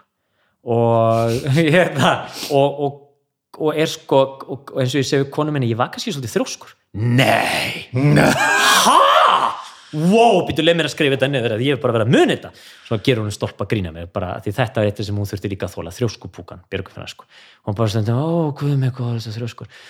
Þannig að það er nú eitt af það sem ég kannski lært í setni tíð, það er verstu staðfastur eða er eitthvað sem þú ert hefur trú á en ekki þú veist þröngu eitthvað í gegn, þú veist, reyndu þá að finna eitthvað svona middle ground sem allir geta verið sátti við. Og þú ert ekki að tapa því, sko, ég er, búin, ég er að segja mér það, sko, ég er búin að fatta það eins og núna, ég er að ég er stundum að hérna, ég og, og hérna uh, með svo ég og leikstjórin minn hérna, leikstjórin í hérna, íspíltrum með mömmu þættirnir okkar mömmu við erum alltaf eftir að klippa þættina sko. og hann náttúrulega aðalega og svo sendir hann mér eitthvað svona klipp og ég er eitthvað ekki sáttu við eitthvað og, og hann er ekki alveg sammála. Og ég var bara og ég er alltaf bara finn, ég heyri mig segja já ég gallharður á þessu. Svo bara býtu býtu, ok, svo bakka ég svona ok, hvaða, og svo kannski er það eitthvað, ok, hvaða middle ground getur við fundið sem við erum báðið sátti, getur við látið þetta vera veruleika en samt hann er ekki að fara að kosta mikið tíma og peninga. Uh -huh. skilur við mig, Já. hann bara já, ég get, ég get, get, get fundið þess ok, frábært. En ég er alveg tilbúin að ít og ít og íta en það er ekki vendil alltaf gott sko. en varstu semst að þannig? Þrjósku púki döðans og vissur ekkert að þú varst rángstæður Nei, nei, nei, nei, mér veist ég bara að rétt verið mér alltaf. Og, og versta var og veistu hvað versta var? Það var þegar það sem ég ítti gegn var gott. Það er eiginlega þá verra. Af því þá fattar maður, þá er maður búin að fá staðfist já, ég hafði rétt fyrir mér. En það sem að þú tapar, og ég tapa á því er að fólk verður fyrst alveg mjög fljótt sko bara þreytt á þér. Nenn, nennir ekki að vera, að vinna kannski með eitt verkefni sem er bara, æ, Björgun, svo þrjóskar ekki hægt að vinna með honum. En ég er ógst ánægð með lokaverkefni, þetta er eins og ég uppgötta í stundin okkar skilur mig, þú veist, ég fattaði bara, heyri, ég, ég, þú veist, ég það var eiginlega sko, hérna, ég get eða þakkað sko, að, hérna, ég er svona, já, ég get ekki þakkað önnu svöðu, Anna Svafa, sem leik með mér frá, hún kendi mér, hún sagði bara, hún eiginlega bara tók eitt kast, hún sagði bara, viltu hætta að stjórna þetta mér og bara, ó, ó, ó, ó, og ég bara, ó, ó, fyrir ekki, fyrir ekki, fyrir ekki, fattaði að ég var búin að valta bara yfir, þú veist, valta og valta bara, ég, þú veist, eitthvað all, og svona ótrúlega mikill, sko, perfektionisti, sko, hún sagði bara, viltu hætta að stjórna þetta mér og ég bara, og ég var ógstlega móka, eða svona ógstlega, bara, heyrðu, þetta, við möttum ekki tala svona við mig, hvað, ógstlega mókaður og, ok, síðan fattaði bara, bítu, bítu, bítu, heyrðu, ég hérna, ég held ég aldrei, ég aldrei sko, jú, ég held að við nú einhvern tíma rætti þetta sko, hérna, hún sagði, já, ég er nú svo frek og eitthvað svona, ég segi, já, en þú samt ég var líka sko, ég líka sko. Við vorum bæði, og það því, við verðum bæði einhvern veginn að finna eitthvað, eitthvað gránd og ég fattaði, þetta lág hjá mér sko, ég var aðeins að lúfa. Heyrðu þá uppgötaði til og með þessum önnus og uppgötaði þetta bara, djöfull er þetta fyndi stelpa maður. Hún fyndi, djöfusins hún og, og, og að því ég hætti bara að hlusta á mínar hugmyndir einverðungu og fór að hlusta á aðeins hennar En er þetta ekki einmitt máli sko? Það sem ég er að læra í gennum tíðina er það sko, ég, ég er nú svolítið svona, mér finnst, finnst ég stundum hafa mjög rétt fyrir mér já, já, og sem betur fyrir hef ég mjög oft rétt fyrir mér sko. Já, ég hef, mjög, já, já. hef oft mjög, það er bara mínu kostum ég hef mjög skýra sína það sem ég er að gera það er veist, bara en það sem að það er að passa sig á er eins og er þó að þín hugmynd sé frábær og það sé rétt hjá þér þá er hinn hugmyndin sem einhver annar kom með, hún er það bara líka sko. Það þetta líka. snýst ekkert um það hvort er rétt eða rá nei, þetta er svo góð punktur já, þú hefur alveg rétt fyrir þér Já, já. en hinn manneskan hefur bara líka nú þurfum við bara að ræða hvernig ætlum við að gera þetta Ná- ekki hvað er best sko. Nei, nákvæmlega og þá finnum við, og ég, það sem ég uppgötaði svo mikið er bara eh, hvað mest er bara, heyrðu, þessi hugmynd sem þú ert með, hún er alveg bara betri já, svo er það sko, einmitt heyrðu, hún er bara, höldum henni bara og þannig að ég segi bara, annars var mín svona vendipunktur. Og ég hef unnið eftir þessu eftir þetta. Og jú, ég hef alveg rekið mig á og allt í, í fremtíðin, en til dæmis þegar ég til dæmis tók þú veist, eh, ég menna ég efast um að Gunnar Helgásson hefði nefnt að vinna með mér í það áfram verið eins og ég var, ég menna þú eru aðtöða það að mamma mín sem ég vann með fyrsta ári í stundin okkar hún kallaði mig Hitler. Þau sagði, já, já, hérna ekki mér Hitler við slum bara hafa það á veist, sa- og hún sagði ekki við mig, hún sagði við, veist, Helgu Brau og vingunum sinna, hún sagði, já, heyrðu, og það var Helga Braga sem sagði mér, já, já, einmitt, þannig að já, já, heyrðu, ég þarf að fara að vinna með Hitler, veist, þetta var bara þannig, ég var bara svo harður bara, þú veist, það var bara mamma var bara, heyrðu, uh, ég þarf að skreppa, hvert er þetta að skreppa? Ég, ég þarf að fara á klóstið, ok, heyrðu, og ég var svo stressaður að það bara, ég næði ekki þú veist, átján tímum pluss til þess að hendu, þú veist 300.000 hugmyndum þú veist, og hérna og þú veist, þetta, svona var ég fyrir. Og svo ætlaði ég, sko, og jújú jú, ég man að margt gott, sem, margt gott sem kom út úr fyrsta ári stundarinn okkar ef ég tek bara það. Þú veist, og bara fullt af flottum hugmyndum en þú veist, ég menna mamma gafst bara fljótlega upp sko, hún sagði, þetta gengur ekki. Svo ætlaði ég reyna þetta vagnu og bara, nei, þetta er ekki fara að gerast. Þannig annars var að tóku að mömmuðin eða? ha, Tók annars, annars var við að mömmuðin í þessu? Já, já, já, hún, Já. þá okkur langaði að breyta til, okkur langaði að eitthvað svona eitt fastan og þá sagði mamma, herrstu múin að tjekka á þessari nýju leikona, hún er geðveik sko. hún er geðveik og ég bara, já. Þú veist, og svo bara eitthvað, þú veist, prófaði hana og bara, wow, okay, hún er með fullt af hugmyndum, ah, ok, cool. Veit, ég, veit annars var þetta? Nei, ég, held sko, ég, ég held að við höfum rætt þetta ekki svona kannski, ekki svona beint út. En þú veist, en, en við vorum svolítið náttúrulega, þú veist, svolítið náttúrulega reyna komast í gegnum þetta, þetta var náttúrulega ákveðin svona, svona ákveðin uh, hindrun í okkar starfi, bara hvernig ég var að vissu leiti og, og við fundum samt, ég menna sko, við fundum einhverja, fundum leið til þess að vinna saman þú veist, að því við vorum bæði svona svolítið svona, eh, ekki, mér svona frek neik, mér svona frek að við vorum bara svona ótrúlega ákveðin hvað okkur fyndist vera Þeir rétt. eru náttúrulega bæði mjög beinskleitt sko. mjög beinskett sko. Og, og, og þarna þurftum við að finna leið og við og við vorum svona bara luffum sikkur læður, ok, ég skal luffa núna og luffa núna og eitthvað svona. Og út úr þessu kom að við gotum alltaf unni til dæmis eins og ég stoltastur af af, af öðru ári að ég er ennþá því að þessu ennþá stórkostlega handrit. Sögurnar eru stórkostlega Já. og það er margt, veist, bara hvernig við uppgöndum eitthvað, já, þetta, þetta, þetta stuð já, byrjuðu að fara alltaf út í game að ná í raketupríku, þetta var svo súrt þetta var svona svo fyndið og bara og svo förum við þarna og gerum þetta og, og, og, og, hérna og við förum í gegnum einhvern, já, töfraspeil og, og hvað þetta er gaman. Og, og, og þetta læði svo mikið grunninn bæði þer, þessi ævindýri heimur og líka hvað ég lærði á þessu samstarfi ég þetta læði svo mikið grunninn hvernig ég vann með fólkið sem eftir var, það er einmitt eins og þú segir. Við höfum ekki bæði, þú veist, við höfum kannski bæði eða báði rétt fyrir okkur. Nú finnum við bara leið. Og, og, og til þess að vinna sama, en ég hugsaði líka oft ok, hlusta hvað þessi aðlega verið að segja. Og eitt sem til þess að mamma bendi mér á þegar hún var að vera brjálu á, á samstörn okkar á fyrsta ári. Hún, því ég var svo, ég nefndi ekki eitthvað svona bullshit, ég var svona, já, mér finnst þetta ekki gott. Já, eh, við gerum þetta svona og, og hérna, hún sagði Björgvin, akkur byrjar alltaf á því að segja sem slæmt? Það er svo, er svo leiðinlegt. Bara hvað meinar, ég bara nenni ekki að vera meðvirkur. Þetta snýst ekki um eitthvað meðvirkni ég er ekki meðvirkur. Byrjaðu náðu að segja hvað finnst gott? Að því þá hlusta ég frekar. Og svo máttu segja mætti gera þetta svona hins ég, oh, ég er alltaf að stoppa með það. Ok, hérna, ok, þetta er rosalega mér finnst þetta skemmtilegt og þetta er gott og, og en ég er ekki að fíla þetta því ég vildi bara komast að vandamálunu og kjarnanum Já. og laga það. Þú veist, beint að sorsinu. Mér finnst hittur svo mikið rugg og svo fattaði ég bara, já, þetta er bara grunnurinn að því að ég er bara góð samskipti við fólk? Ég vissi þetta ekki Þú veist, að, hérna, þannig að ég er bara, þetta er bara standardregli, ég vinn með fólki sem ég bara, heyrðu, ok, það, það sem er bara djúvill er þetta skemmt, djúvill er þetta gott djúvill er þetta skemmtilegt, þetta er briljant. Og ég þarf ekki að ljúga, ég segja það sem ég finnst gott. En það sem mér finnst vanta núna svo held ég áfram og þannig getum við átt saman. Og svo stundum bött hættu við bara nei, ég er ekki sammála þessu. Og það er allt í læja, það er ekki að vera eitthvað veist, en hérna áherslega gott, mér finnst mjög gott eins og dótti mín hérna sem er nú sko, hún nú klárar en við hérna fjölskyldan bara til samans, hún er ógærslega klár.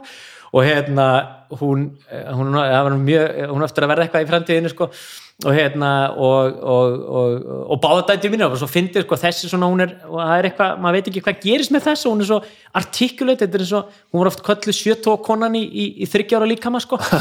Og hérna hvernig hún talar og hvernig hún er sko. Um, en hún sagði, við vorum eitthvað ósámáli ég og kona mín og, og hún sagði, og, við, og svo sögðu við nokkuð ósámáli nei, þú veist, mér finnst þetta ekki lægi þú veist, en, þú veist, en ok en getur við samt verið sammála um að þetta er leiðin? Þú veist, eitthvað, og kona mín sagði já, ok, þú veist, þannig að við fyndum eitthvað svona millgrand og, hún sagði, eru það að rífast? og hún sagði, nei, við erum ekki við erum ekki sammála um ákveðna hluti en við erum búin að finna leið sem við erum bæði sáttið Ógæslega, þetta var góð leksía Þetta er brilliant. Þetta var brilliant, þess vegna vorum við ekkert að fela vorum ekkert að, Nei, nei, já, sagði ekki akkúrat. bara, förum inn í herbyggju og ræði þetta þar Já. og, og, eitthvað, og, og hún fram með, við gerum það aldrei þú veist, við erum yfirleitt ekki njósámála og ef við erum það, þú veist, þá bara fatta ég, ok, ég þarf aðeins að bakka ég má ekki vera, hérna, ég hef rétt fyrir mér að því við höfum bæði rétt fyrir okkur.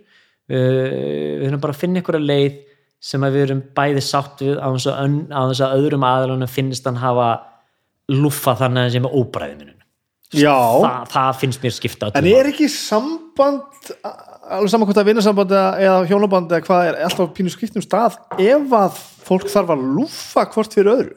Ég sko, kannski ekki lúffeldur svona, þú veist, finna middelgrátt Já, ég er að meina það, það er það frábært. Kannski en- er lúffið ekki rétt orð. Ég, kannski er þetta rétt, það er rétt, já, lúffa er, er neikvægt, það er frekar að finna svona, sko, fyrir mig að bara kannski að bakka aðeins með kannski, sko svona, svona óraunhafar einmitt. þú veist, það er bara svona, ég ætla að fá þetta í gegn, að því finnst þetta rétt. Jújú, jú, það getur vel að vera að segja há rétt. En hinn aðlinn hefur líka ákveðið til, þú veist, að, til síns máls. Getur ekki fundið einhverja leið til þess að hann getur fengið það sem hann langar? Já. og á þess að bytna á einhverju sem þér finnst vera að þér vegið eða eitthvað skilur Einmitt. mig? Bara basically finna út úr þessu. Og, og við finnum það og þannig hefur hafa allt í hefur mitt sko mitt samst mitt hvernig, hvernig ég vinn með fólki uh, hjónaband mitt uh, líka þú veist, samband við börn skilur ekki vera alltaf bara, þú veist, jú, jú, þú veist, að hafa aga fyrir börnin að vera að vera skýr rammi en þú veist, en hlusta líka bara sem þau að segja þau hafa oft, Já, er já. ekki allt bara eitthvað rugg sem þau Nei. segja bara eitthvað, nei ég er rétt fyrir mér og þú er barn og þú veist ekki neitt, skilur mig þú, hérna sérðu þetta alveg sem skurpunkt bara fyrir og eftir meðferð? Uh, hvað þá? þú talar svolítið um það bara veist, að, þetta er búið að vera 20, þú ert takaði 21 ára að læra þetta og svona tókst einhverja uppeyju þarna sem já, að já, já, þá tekið uppeyju það sem ég, sko þá basically, skilu, þú veist þá basically að landi þú veist, ég var bara komin út á eitthvað, eitthvað stórhætlan rúmsjóf og dottin út fyrir skilur mig, þú veist, það var allt í ruggli þannig að ég basically komst bara í land og þar gæti ég farið að vinna alls konar hluti. Að því svo ert að tala um tímabil sko eins og hafið þú veist þurft að læra svo setna sko. Já, já, já, það er líka það, það er náttúrulega hefði ég aldrei, þú veist það er bara verið eitthvað ljósár í burtu ef ég hef verið í sama ruggli og ég var hann 21 ári áður. Þannig að ég hef tækifæri núna uh, til þess að læra ókslega mikið, alveg svo þetta til minnst bara vendipunkturinn, þú veist, milli mín og önnu skilur mig, það er bara, já. svona vinnum maður með fólki, ha who would have thunk it, skilur við mig? Að því að það gengur ekki, skilur við að ég geti bara vaðið uppi, þó að hugmyndi minni séu frábær, Já, já, einmitt. ekki gleyma því eins og þú sagði, þær eru frábærar það eru líka fleiri með frábæra hugmyndir. Já. Hver- hvernig, hvernig var þetta þegar, þegar þú varst allast upp? Hvað, hvað, hvað hérna mamma og pappi eru gift. Mm -hmm. eru þið tveir bræðurnir? Sko, já, við erum uh, ég, mamma á tvær stelpur af fyrra hjónabandi. Já, og uh, set, fimm og sjö árum eldri en ég ég elst upp með annari ef þetta hinn hún Margreðir elst upp með pappa sínum -hmm. og og koni hans og fyrst norður í landi og síðan fyrir austan um, hérna þannig að þú veist sko Róbert kemur ekki fyrir en ég er sko að ég er á 16. ári já, já, já. Veist, þannig að hann er alveg örverfi sko, hann kemur löngu, Hann er svona mikið seinna. seinna, já, þannig að ég og sýsti mín öðlust upp saman sko, og hérna já, þannig að það, og svo náttúrulega auðvitað er margi dýr, hún kemur náttúrulega alltaf aðna svona reglulega eða, eða ef að fer til hennar eða eitthvað svoleið skilur, en það er alltaf, þú veist þannig að hérna, þannig að uh, og, og pappi minn, skilur, hann gengur þeim báðum í föðustad hann er alltaf bara family maður par excellence, elskar sko fjölskylduna bara, þú veist, þetta konsept fjölskyldan, við erum more than merrier og alltaf gaman. Og aldrei og meirist að þegar þau skildu, þetta voru alltaf dætur sem er það svo cool. það hann magnað. var alltaf bara, hann var sko hann bara tóka mjó hann, hann bara reyður, ef ykkur hjælt ykkur öðru fram bara, já, nú, uh, þú veist þú veist, ef það var eitthvað, ef að emitt, ef ykkur hjælt ykkur öðru fram að bara, að þetta verður þá bara ekki lengur dætur hans, bara, ertu að grínast? Þetta verður alltaf dætur mínar. Hvernig samband var þetta mellir fóreldra þetta eru ekki smá mannesku sko. Já, já, já, já, já, það var bæði stormasand og svo æðislegt og allt þar á milli, skilur Já. þetta, já, já, já, bara, og þú veist og við höfum talað mjög opinskátt og sérstaklega mamma tala opinskátt um það og, og, og við náttúrulega tölum ger, tölum svolítið, gerum svolítið grína þessu í þáttunum, náttúrulega alltaf out of respect, Já, en já, tölum, en tölum mikið um þetta, hvað ég var hvað ég, þú veist, eins og mamma sagði þú náttúrulega varst alltaf skrýtna barnið, Björgum mín og hérna, og svo bara hvernig pappi var og hvernig hún var líka og bara hvernig voru, þú veist, það bara eins og við tölum nú um í upp að þess að bara, e- veist, ef eitthvað þú veist, ef eitthvað fara að skammast okkar fyrir einhvern veginn, ekki bara alls ekki. gaman af þessu, Auðvitað. af þessu litla kvörkinu, þessu, þessu ruggli og allt sem við erum, menna, come on, höfum bara gaman að þessu En maður, þetta, er, þetta er mjög heillandi sko, sko eitt er nú að- maður horfður svona mömmun og pappa bæði svona e, þetta er svona fólk sem að maður geti undir einhverjum einhverjum kringustæðum kalla snillinga þú veist, já, já, já, svo við setjum svona ákveðnir, já, það er alveg þetta er svona, er einhver svona, svona snilligáfa sem svona, sem horfir á bara svona, þetta sér maður ekki alls það sko. Nei, nei, ég skilji, akkurat, og akkurat svo ón á það, Mhm. eitt er nú að vera snillingur sko. Annað eru þessir þessi, þessi litla, litla prósenda af snillingunum sem í alvörunni gerir eitthvað með það sko. að þeir bæði eru sko svona óbúsla fró, svona hrikalega mikli talentar og svona. Sjarmirandi og, og veist, ég er náttúrulega að tala um fólk sem þú þekki tala sem mikið já, en en eins og já. maður sér þetta utanfrá sko. Mhm, en svo aktaðu líka svona mikið á það já, já og, það, og, einmitt. og einhvern veginn sko veist þetta fusion á, á milli þessar manneska lítur að hafa bara, maður sér, sér bara fyrir sér bara svona eldur og ís, bara eitthvað svona Þa, það, það, það, það er nefnilega máli það er sko, þetta er svo hérna uh, ég sagði hann ekkert þegar ég var að vinna í uppistandinu mínu þá, þá hugsaði bara hvað var Guð að hugsa þegar hann einhvern veginn setti þau saman Þetta er ekkert eðlilegt. Nei, þú veist, það bara, heyrðu, tökum, e, þú veist, tökum, þú veist, tökum eina alveg brjálaða og svo einn alveg tjúlaðan og bara hendu þið niður og bara, guð, ertu ekki róluð maður, hérna, hvað, ætlar ekki að hafa engar áhugið, þau eru aldrei að fara að enda saman maður, þetta er bara, no worries maður, skil, engar áhugið maður, þetta er bara, bara hafa saman þessi, þessi, þessi sko rosalegt force of nature. Og sko líka sem er svo merkilegt og ég ætlaði nú, við vorum með ógislega gaman um daginn, við vorum með litla hérna, við vorum með lítið útgáfuhóf sem var nú bara mjög stórt útgáfuhóf hérna um, út af bókinans pappa og, og, og að því að náttúrulega má enginn hittast þá settu bara stremdu þessu. Og ákvað bara setjum þetta upp eins og lítið sjónvastátt þú veist, fáum alltaf bestu vini og vinkonur, samstagsmenn og fáum það bara hérna í lítið sett byggundið svona sett sem var bara svona svo veist, þetta var bara eins og heimi á pappa basically, við bara vorum með lampana svo vorum með hlýrauð og allt í einhverjum bókum. Þetta var bara plötur og allt eins og pappi þið vilja hafa. Og ég settist nefnir og spurði bara hvernig kynntust þið, þú veist, Júli og Latti og Otni Blandur og fleiri bara og hvernig var þetta og hvernig, þú veist, og, og þá var ég að rifja upp að sko þegar mamma og pappi kynnast þú veist þá pappi sko þú veist þá er hann búin að gefa út held ég eina ef ekki tvær plötur ég held að hann sé búin að gefa út sko kaffebrúskallana orðin stórstjarnar þú veist bara rétt Já, upp úr. ok.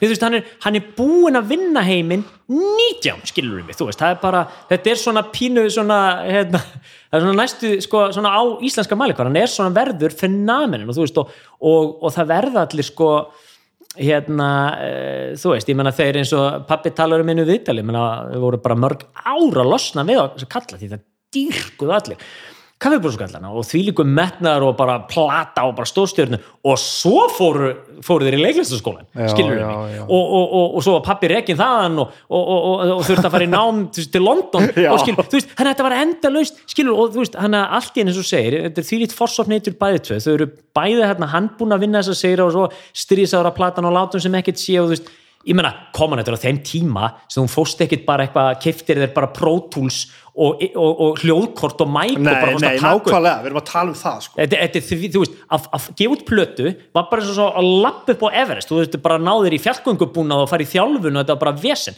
Þú veist, þú veist, að tala við þess að hennan eina útgefanda skilur við mig og sannfara hann um að og svo gaf hann út plötunniðin og hann var sáttur og þú veist, uh, hérna Kosta allt geðveikan pening og... pening og þú veist allt þetta þannig að þú veist, maður hugsa bara já nei þetta var ekkit smá afreg sko. Og síðan alltaf kemur mamma og er svolítið fallegt hérna Bergur Ingolfs hérna leikari sagði svo fallega hluti emitt og þetta var bara eitthvað svona, við vorum eitthvað að spjall um lífið og listin og hann sagði, sko, gerur grein fyrir því að mamma þín, Birgur minn, hún stóð þarna ein með sko hóp af sko kallkinn svona mammúðs í gríni eina konan í gríni og hún skammaði sér ekki einu sinni. Skilur, hún afsakaði sig aldrei. Hún bara stóð í jafnfættis og ég jafn fyndin og, og, og ég bara ætla að vera, þú veist og, og, og, og, og, og ég bara skammaði sér mikið neitt. Og hana nú, og hér er ég með ykkur og ég ætla að vera jafn fyndin og þér og mjög áhugavert svona í retrospekt að maður horfir á þetta, allan með kynja hallan á þetta Mhm. -hmm. maður liður svo að hefði ekki eins og verið sko til umræðu þetta var aldrei til umræð, Þú það er eiginlega klikkast það er eiginlega fallegast það er að fallegast í þessu sko. þetta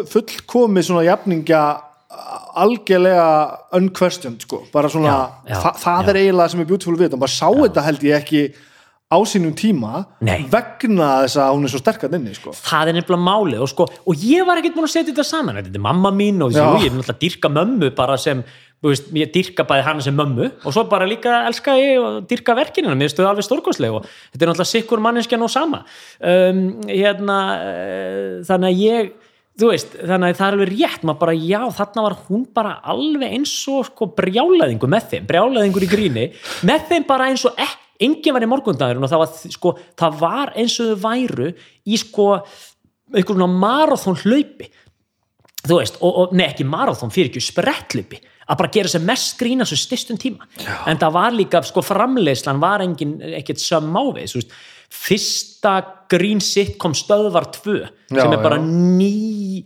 glæni sjónastöð er, þú veist, heilsubæli og það er bara unni dag og nætur og allan sólarhengin og allt brjálaði, skilur og það er búið að vera, það er sjó og sögu og það er, veist, leikrit og það eru önnuleikrit og það eru útastættir og hérna svo er það áramataskaup og svo er það skemmtanir og auglýsingar og, og Jesus Christ, skilur, and the list goes fucking on, sko, og maður er bara svona já, já þetta var þú veist þannig að þetta var svolítið meira en að segja það sko, þannig að það er ekki nema að vona það að við sko skipst á skil og skúri stundum á mínu heimili skilur mig Nei, menn, það er sem að velti fyrir sér það er svona er ég nú að tala um þetta sko. Já, það já, já. hlýtur að hafa verið, þú veist sko, sko var allt þetta offors, var þetta alltaf Já og nei, sko, ekki alltaf. Þú veist, það var alveg stundu bara stundu voru við líka bara þreytt, sko.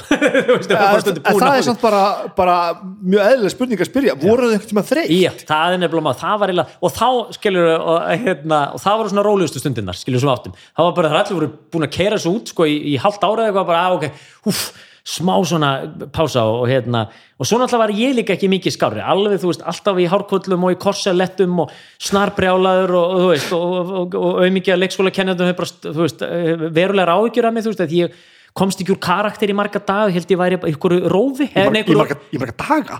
hvað sér Í marga daga? já, í marga daga var ég bara í karakter og hafði ég séð eitthvað í áramöndaskaupinu og ég fekk bara þrá ekki og gæti ekki hætt. Og þau heldur bara, hann er ykkur rofi er ekki, hann næri ekki, ekki sambandi við hann og það bara er eitthvað að, skilur og bara dætti svona rosa inn í karakter.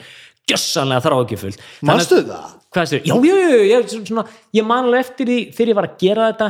Ég man ekkert eftir að mér þætti þetta eitthvað skrítið. Mér finnst þetta fullkomlega eðlilegt. Þú veist, þetta fyrir mér var mín veröld bara algjörlega eðli, var bara einn einhver staðar með hárkollu eða ígildi hárkollu sem ég var alltaf eitthvað að henda af, hnerra af mér til þess að gera eins og áramöndaskaupið 81 þegar mamma var með gula hárkollu. Þú veist, þetta, veist, þetta var svona spesifik algjörlega á einhverju rófi sko. veist, það er í alvöru það er í alvöru það er ótrúlegt sko að ég bara hafi ekki enda með mig? Það er, það bara, þú veist, ef maður fyrir að pæli því af hverju var ég, ég varð hvernig var ég ekki bara okkur heimilistundu? Eða skilur okkur bara hæli eða okkur livjum eða þú veist bara hvernig þú veist. Og ég held sko fóreldrar mín eða sem að þau náttúrulega höfðu svo gaman að þessu litla gerpið þarna að, og, og pappi var sko harð ákveðni því. Að hérna því að fóreldrar hans voru náttúrulega bara gamla skólan og þeim fannst þetta, þarna voru bara allt í einu svona tveir svona nokkuð, bara svona bara, um, tiltöla, bara svona, jú, hressir skemmtilegi bræður, bræður hans pappa og þeir eru það en þetta í dag, stórkostlegi snillingar. En, en, en hérna en pappi skar sig heldur betur úr, þú veist. Bara var alltaf eitthvað að skemmta og leika jólasveina og eitthvað og þú veist, afi kalla þetta bara ónáttúru þú veist, hvað er ætlar, og ætlar að lifa þessu? Hvað er að þér? Og, og þú veist, og, og þannig að sko og, og pappa fannst hann ekki að fengi nú mikið stuðning. Af því þau bara voru, þú veist, bara ótt þú veist, auðvitað bara hrætt. Já. þú veist, þau heldur, hvað, eh, þú þetta er ekki inn í eh, kassan, þetta er ekki inn í norminu. Sem þau voru bara reyna, þú veist þau voru bara að lifa af í norminu. Og þannig kemur eitthvað algjört frík einhver gísli rúna sem bara hefur gaman að þú veist, er, drepur titlinga hérna sko, er alltaf blikkandi á hann sem ekki túrætt og, og út um allt og alltaf giggandi og bara, hvað er að honum, drengnum?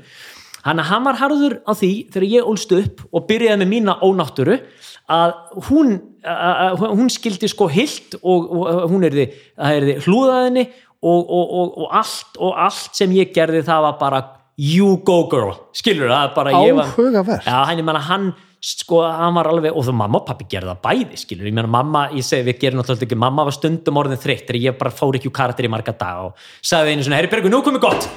Og laði landi bara í borðið og á meðan pappi, nei, leifun drengnum að hann er að uppgöta og er og, og hérna en það er, það er svo gaman að sjá að, að, að því að núna hluta af hluta af því þeir vorum að vinna þessa þætti er sko, sem voru náttúrulega allir unnir eftir að pappi dói, þú veist, postið, klippingin. Við tók, teknir, teknir upp áður en hann dó. Tókum áður en hann dó, unnir eftir. já. og það er svo fríkað að fólk horfir á þetta og heldur bara býtu verði ekki bara tekið eftir hann dó? Er þetta ekki bara tribjutur af pappa, bara Já, nei. já, já. við vorum byrjuð að tribjutur hann áður Svona myndi enginn tala um lifandi mann. Hversu, ég, jú, en, og sko það er það er fílingurinn. það er fílingurinn að við heldum, svo föttuðu við bara nefnbyttu, við tölum á þessu mikill virðing Já, já, og það er gert svo góðlegt grín að öllum, við gerum, svo veist, það er engum hlýft en það er alltaf gert á þessu mikill góðmennsku.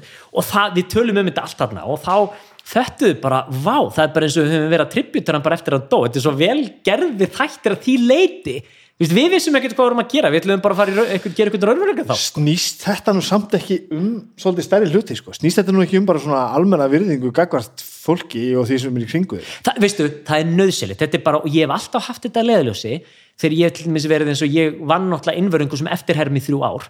Þannig að ég tók náttúrulega bara, þú veist karakter í þrjú ár? Ég, ég, ég bara sko ég gerði ekkert annað. Þetta er eins og Geir Ólafsson sagði bara þú veist, þetta gengur ekki bergum þú er meira að gera sem ég heldur en ég sjálfur maður það er bara ég var ráðið miklu ofta sem Geir Ólafsson ásóttir þannig að hann var að að reyna tróða sér með sko, má ég ekki bara koma einu sinni og vera þessi, jú við verðum að gera eitthvað atrið, bara ég og þú saman. Ég byrja, þú kemur fyrir aftan brjálaður og við gerðum það eitthvað, tvissa, trissa, ógstæð gaman.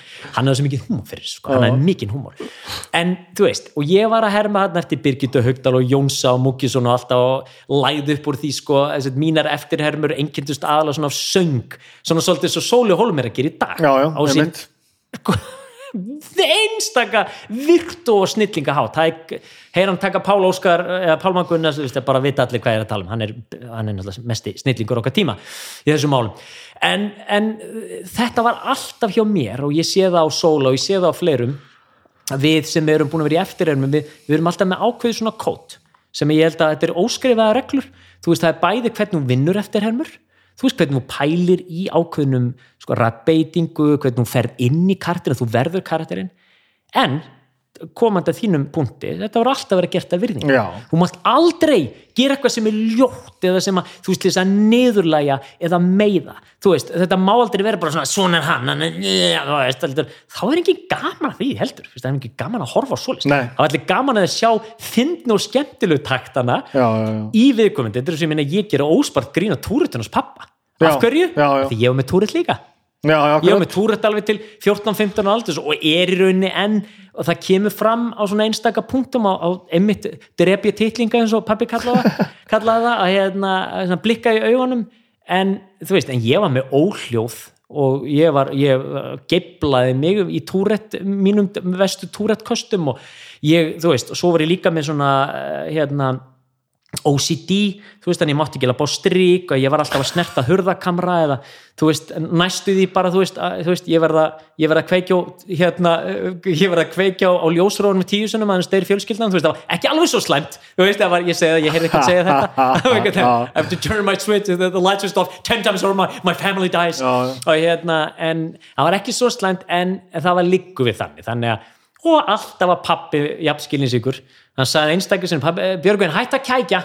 Hætt að kækja núna þegar ég var alveg alveg á miljón sko.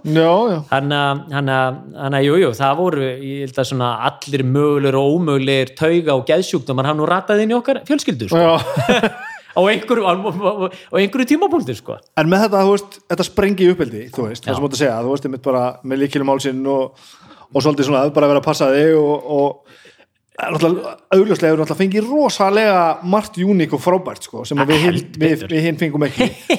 En svona, veist, á, á þess að sem að sé að að tala neitt niður sko Já, já. var ekki eitthvað basic sem líka bara var það bara út undan Sko, það sem að, það sem að varð kannski útundan er það sem að var svolítið útundan hjá mikið af börnum að minni bara kynnslóð, mikið bara minni kynnslóð og, og þess vegna tölum við um liklabörnin sko, við vorum svo mörg þannig sem fóreldrar, og það var ekkert annað í Nei. það voru ekkert allir eitthvað til staðar eitthvað passa það var bara, sérstaklega með tvo, sko hæli, sko, metnaðar fulla leikara Já. og einhverja vinsalust á þeim tíma, það var ekkert annað í bóði en að fara að leika.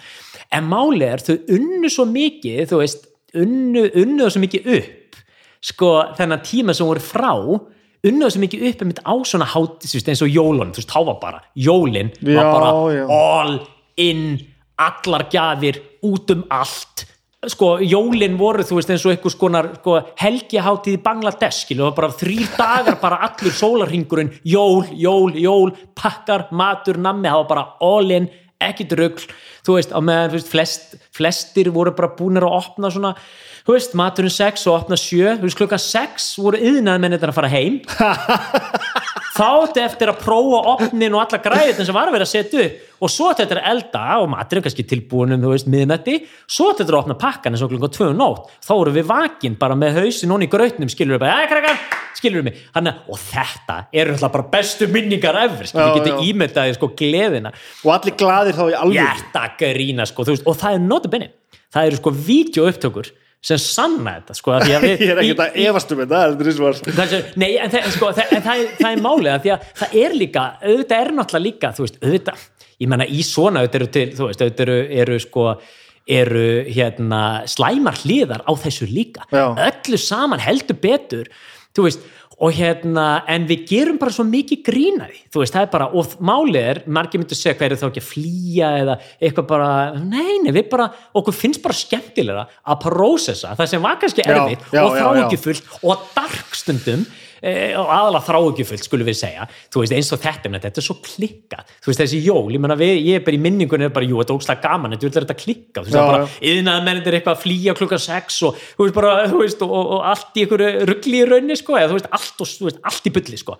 Nema, djúvel gáttu við, þú veist, pappi var svo mikil stemningsmaður, það var bara búindi mega jólastemning. Og þú veist, það var bara, það var bara eins og jólin hefði gubbað yfir húsið okkar, það var bara allt í jólum sko, og tónlistinn og vakað og þetta náttúrulega því auðvitað náttúrulega komið svolítið þunn þú veist, á nýju ári Já. og, og engi jólaljós og allt svolítið svona djútur allt döl núna maður skilur þannig að þú veist, jújú, jú, í dag auðvitað náttúrulega höfum við alltaf þessa jólastemningu en við kannski, við kannski svona kannski reynum að, þú veist, fara pínu fyrir að sofa og bara Já, pínu, já. þú veist, alltaf reynum að hafa pínu, við kannski, sem ég lærði kannski setna mér var bara haltu stemningunni en, en, en hérna við kannski aðeins svona uh, kannski aðeins svona róum sukkið sko. Já, þetta, þetta virkar mjög yfirþrumandi þetta veist, er mjög það, auðvitað er þetta og, veist, og ég fatta það ógislega að finna því veist, þetta var svo gaman sko pappi sko það var alltaf sko það var tekið, það var næstuði bara tekið en elspýtustokkur skilur við mig og pakkaður inn þú veist það var öllu pakkaðinn 300 pakkar út um allt. Og, og einhver tíman þá hérna þá uh, einhvern tíma þegar við, við eignuðumst sko við eigum eigum mann Edulófisu sem er eldri dóttur okkar. Og þá vorum við svona mikið með flakka.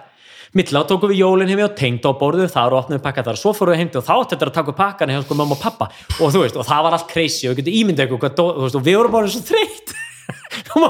Við erum alltaf gömul fyrir þetta. Alltaf var gaman og stemning og svona. Svo þegar við eignuðumst eldri dóttur okkar og ákveðum bara, heyrðu, prófum að hafa jólinn ein og það var bara svona já, svona átt að vera. Og uppgötuði að pappa ólöstuðum og öllum hans sko overwhelming stemnings jól, jólastemningu þá bara, já svona átt að vera.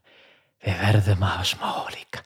Þú veist, þannig að við gátum tekið svona það besta af öllu. Við hefum alltaf verið með nópökkum þú veist, og alltaf verið með jólastemningu og allt þetta, nema við bara svona höfum líka róna já, og það er kannski máli að því það verður líka overwhelming að það er bara alltaf ef allt er á sko suðupunkti og í þá er ég líka að tala um jóla undirbúningin og allt það, þú veist, að því að, að hjá okkur þá höfðu kannski bara tíma það er mikið að gera hjá þeim fólkdurum minnum, tíma hann að rétta þú veist, bara yfir blá jólin til þess að bara fá alltaf út í jólun sem hægt er. Það sem ég kannski búin að búin að, hérna áttam á í dag er að byrja bara einmitt eins og hún hérna, ég var nú að heyri inn í Marentsu hérna sem var ennum hérna með smurbröðs drottning Já, já, já, já, akkurat. landsins að hérna, það er bara að byrja þetta nógu snemma já, og reyna að chilla og hafa gaman og þú veist, ekki, ekki tróðu svo öll á nokkar daga og ekki þetta fucking stress sko. og, og þú veist, og hérna þannig að jú, ætla maður ekki að ná að taka allt það frábæra og setja þetta svona smá kannski normalsi já, ég skilji smá eðliheit og ég, ég segi það af sko fullir virðingu. Og, og, og, enn og aftur eins og, eins og, eins og nýða þú veist, pappi æðist, elskaði af lífun hann gerði jólin sko að þvílíkri tífóli spombum. En það er líka nöðsilegt að taka Þú- þú- þetta er alltaf pappiðin, meira aldrei mamma en allt þetta, já já, mamma fylgdi bara með. Það var svo leiðis að því er svona, alltaf pappi að þess að út, út- út á við sko voruðu bæði svona hyper þú veist, svona sk- skemmtana hyper sko. Já, já, já, já, sko, pappi bara var alltaf sólarhingin, sko, mamma gæti alveg tekið pásu. Já, ég skil, Veist, ég skil. hérna, pappi var alltaf sólarhingin þannig, sko, að hérna, alltaf eins og ég og verið topp alltaf allan daginn, sko. Og hérna, eða þú veist, alltaf bomba, sko alltaf í gangi. Og hérna, og, og á meðan sko, mamma ángat líka og mamma er svona getur alveg tekið rólega og annað, en þú veist, þú veist eins og segir, það er margt, það var margt líkt með okkur, öllum þremur en líka rosalega eins og mamma, hún hefur alltaf getað svona tekið meira rólega heldur en ég, sérstaklega í setni tíð sko. hún er alltaf líka kyrt hún segir það bara, svo við segjum í þáttuna þú veist, það bara, þú veist okkur hans bara, þú veist, þeir vera auðmingjar sem að þú veist, hættu vinnu klukkan 5 á daginn. Já, það er helvítis let er þetta bara halda á við við bara vinnum, þá geta verkefnið búið og hérna en, en við, við vinnum svo svöngi að það bara fá bara eftir. Já, já. Þannig að hérna en við höfum bæðið þurft að kljást við þetta til dæmis og, og, og erum alveg meðvitið um er vindóna þessu. Vindófina þessu? En, en, en þú veist, þe- þegar þú ert nú, þetta er hljóma kannski sem að sé að tala þetta aðeins og ofsvöldlega öfgaföld en samt þe- þegar þú ert bann í svona, skulum við kalla svona aðstöðum, já, svona óvenjulegum aðstæðum. Það er Á, alveg bara. áttar maður sér það á því að þetta er að þetta er ekki, þú veist þetta er veit ekki alveg hvað ég er að segja jú, jú, jú, þetta, sé ekki eðlilegt. Já. já, já, þú veist ég, ég held að ég hafi svona ég montaði allt svolítið að þessu. Já, já, ég, mér varst ég alltaf flottustu jólin og mér, ég var alltaf bara, þú veist, að því ég var að fá eitthvað gjafir sem önnubött voru ekki að fá og svona, oft þú að leikust tengt, þú veist, sér hannaðar hárkollur og eitthvað svona sem önnubött voru ekki að, að fá. Og, og hérna en, en hérna en uh, skal ég segja þér uh, en það var ekki fyrir eftir á já, að við sáum sko hvað þetta var brjá aftur tínum sko mikill sko trillingur. Já, og við höfum geta gert sko fallega en sko oft stólpa grína þessu sko. Og við, við gerðum það bara, það er eitt þáttur sem við gerum núna, ég og mamma sem er þriði þátturinn í spíltum með mömmu sem er okkar allra persónlegasti, því þá förum við gömulum með home-vídeos. Eru fyrir hann á gamla æskuheimilið og hérna og það bara allt í hennu, við löpum inn og þú bara sér þetta bara eins og í draumi bara morfast inn á sama stáðu við stöndum, bara homevídeos af pappa og mér og jólastemning og þetta er algjörlega klikkað að sjá þetta, því að þetta var eitthvað sem leikstjórin gerði, veist, hann komst í homevídeó hjá mér, ég hefði sendt honum eitthvað klekk meðfyllt á homevídeóum og já, getur notað þarna þegar ég er að þú veist, hérna, búið til hérna, eitthvað splatter bíómyndi með, með vini mínum. Þú veist, þetta er alveg í lokin á myndböndinu. Svo fyrir hann bara spólið tilbaka og þá bara fjölskyldumyndum fjölskyldumyndbönd og hann bara tekur þetta inn og ég bara fæ gæsi, ég bara, oh my god, hvað þetta geður þetta að sjá þetta, geður þetta að sjá pappa þarna og, og jólastemningun einmitt, sönnun á þessu, hvað þetta var nú sko gaman, þó þetta verið trillt. Og, og en, eh, en jú, þannig að við gerum náttúrulega stólpa grína þessu eftir og hvað þetta var trillt eftir á. Og, og hérna og þú veist, og ég menna ég var náttúrulega bara eins og og bara eins og við, við hérna Eva Dögg sýstum í Gínu Grína, alveg eins og kallin sko.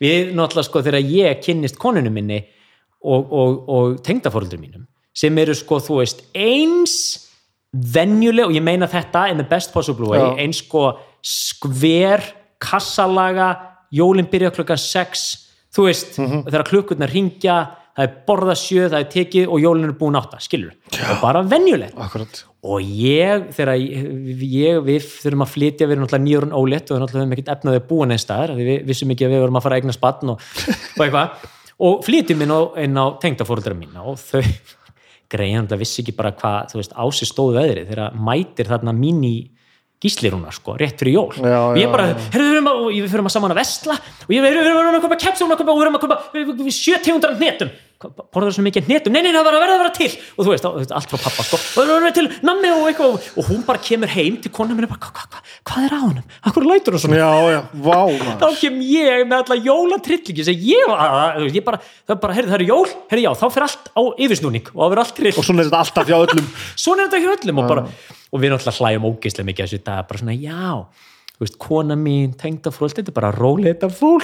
mikið og þannig komum við þessi sko eldur og ís hérna einhvers konar hérna la, einhvers konar hérna, hva- hvað ætlum að segja lava, eldfjálskraftur þú veist, af gríni og, og, og stemningstrillingi.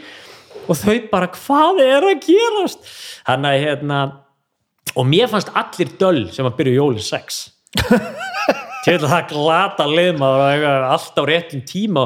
Veist, og það var, ég skildi aldrei þegar ég var veist, að klára sturtunni og tengd á hálf 7-7 þá voru þau búin að býði klukkutíma. Já, hvað já. er stressið, maður er 7 Þú veist, við hefum ekki eins og verið að byrja að elda steikina og þau er lungu tilbúin með allt. já, já, já. þannig að sko ég lærði hægt og rólega bara svona, já ó, gerir þetta ekki allir svona og vantarlega ekkert bara með jólin vantarlega með fleiri hluti með fleiri, fleiri já, já, já, já, já alveg bara og getur rétt ímyndið bara svona, jólin eru bara eitthvað svona koma svona alltaf sterkust upp í hugun þau voru svo trill, þú veist, og sérstaklega þessum tíma núna að, að jú, jú, jú, það voru allars, all, allt sem við gerðum, bara gjörsamlega allt sko, þannig að sko þannig að hérna en jú, það sem að kannski það sem að ég kannski það sem að ég fattaði sjálfur er að þú veist að ég varð að læra að vera svolítið sáttur við sko að því að sko pappi var svo þungur oft. Hann átt svo erfitt með bara skamdegið og átt svo erfitt með allt. Hann að jólin voru líka bara sko ákveðin svona flótti skil og hann bara hafði jólin sem lengst, hann hafði jólaljó sem lengst og jólaskröð sem lengst og byrjaði sem fyrst bara því það var eini ljósi punkturinn hann yfir þessu vestu vetramánuði. Já. og hérna, en ég fattaði kannski fyrir, og ég sem ég þurfti að uppgöta fyrir mig var að ég var að vera sáttu við the mundane, þetta venjulega tók mig mörg við slum segja næstu bara ára tugi sko, ég bara, veist, bara sætta mig að það væri bara ekki sko alltaf bara sko flugeldar og, og, og, og eldfjall og veist, það væri ekki bara alltaf það var ekki normið. Og þú veist, og, enn og aftur ég varð að sætta með að það er ekki alltaf þannig. Og ég man eftir í sko ég er alltaf svo, við pappir er svo kvíðinni þegar jólum voru búin var alltaf að haldi þessu Já, lengst já. alltaf svo hvernig kvíði og, og þú veist, og hérna ég var einhvern veginn að vindu hann ég var einhvern veginn að sætta með það að það bara er ekki alltaf jólin sko. og, og það er bara ekki líka þá bara hættir að vera gaman af jólun Já. jólin er alltaf sólarengin sko. uh, þau verða að vera eitthvað, eitthvað, eitthvað til að hlakka til og eitthvað svona en, en á sama tíma þá má ekki alltaf vera ömulegt í janúar sko. uh, það tók mig svolítið tíma að fatta að það var bara í lægi og tók mig sko að, að því ég er líka svona stemning, svona rómans sko, það er svona rós, rauði, rau, uh, rósöðu gleru á hluti sem voru eða eiga að vera Já, já, já. veist, og, og, og að, en það er, það er er náttúrulega partur af því að þroskast en, en sumi kannski þroskast aldrei upp úr því og eru það bara ómikið samir langt fram eftir aldrei sko. Já, ég held að það sé mjög margir sem gera það því miður, Já, já, því miður sko. og hérna Það að þið var alltaf þessi þingslega móti þá hjá pappa, pappa hennum með það Sko, alltaf já. þetta upp og svo þurfti þetta að koma niður já, aftur já, já, já, já. Og, og pappi var rosalega svona, hann talaði mjög opinskátt um alltaf, hann var aldrei hann var alltaf magna, hann, þú veist tala alltaf mjög opinskátt um bara hvað hann þung og hvað þessi vetramánu væri erfiðir og hvað hann elskaði þegar hann bjó í LA þú veist, með það var Stefán. Kalli heitnum og, og, og. Steinu Nólinu og þegar var það bara, það var bara eða þegar hann fór stundu til Spánar eða eitthvað bara aðeins, veist og tengdi þá þetta bara við myrkrið meira og minna. Já, hann þoldi svo illa skamdi veist, á meðan sko ég hef bara verið lánsamur þú veist, ég fekk sko, ég segi ég fekk manjónans Mm. og trillingin en ég losnaði þunglindið það er ótrúlegt. Það er ótrúlegt, þú veist þetta er eins og einhver sagði bara, Björgun, ertu ekki bara með bæpóla nei, býtu, þú ferð ekki nýri þunglindi ok, þá ertu ekki með bæpóla tvö á- þú veist að því að bara ertu ekki með einhver þú veist, næstu því geðkvæðarsíkju verður ekki en það er samt svakald að sitja hérna og tala við þig. þú veist, þú veist, andlega, sko, orkustíði er svo, er svo ævintýralegt Já, að, þú- nákvæmlega að, þú veist, að bladran skuli ekki springa sko. Ertu að- ertu að segja mér það nærða að halda orkuleifilinu uppi?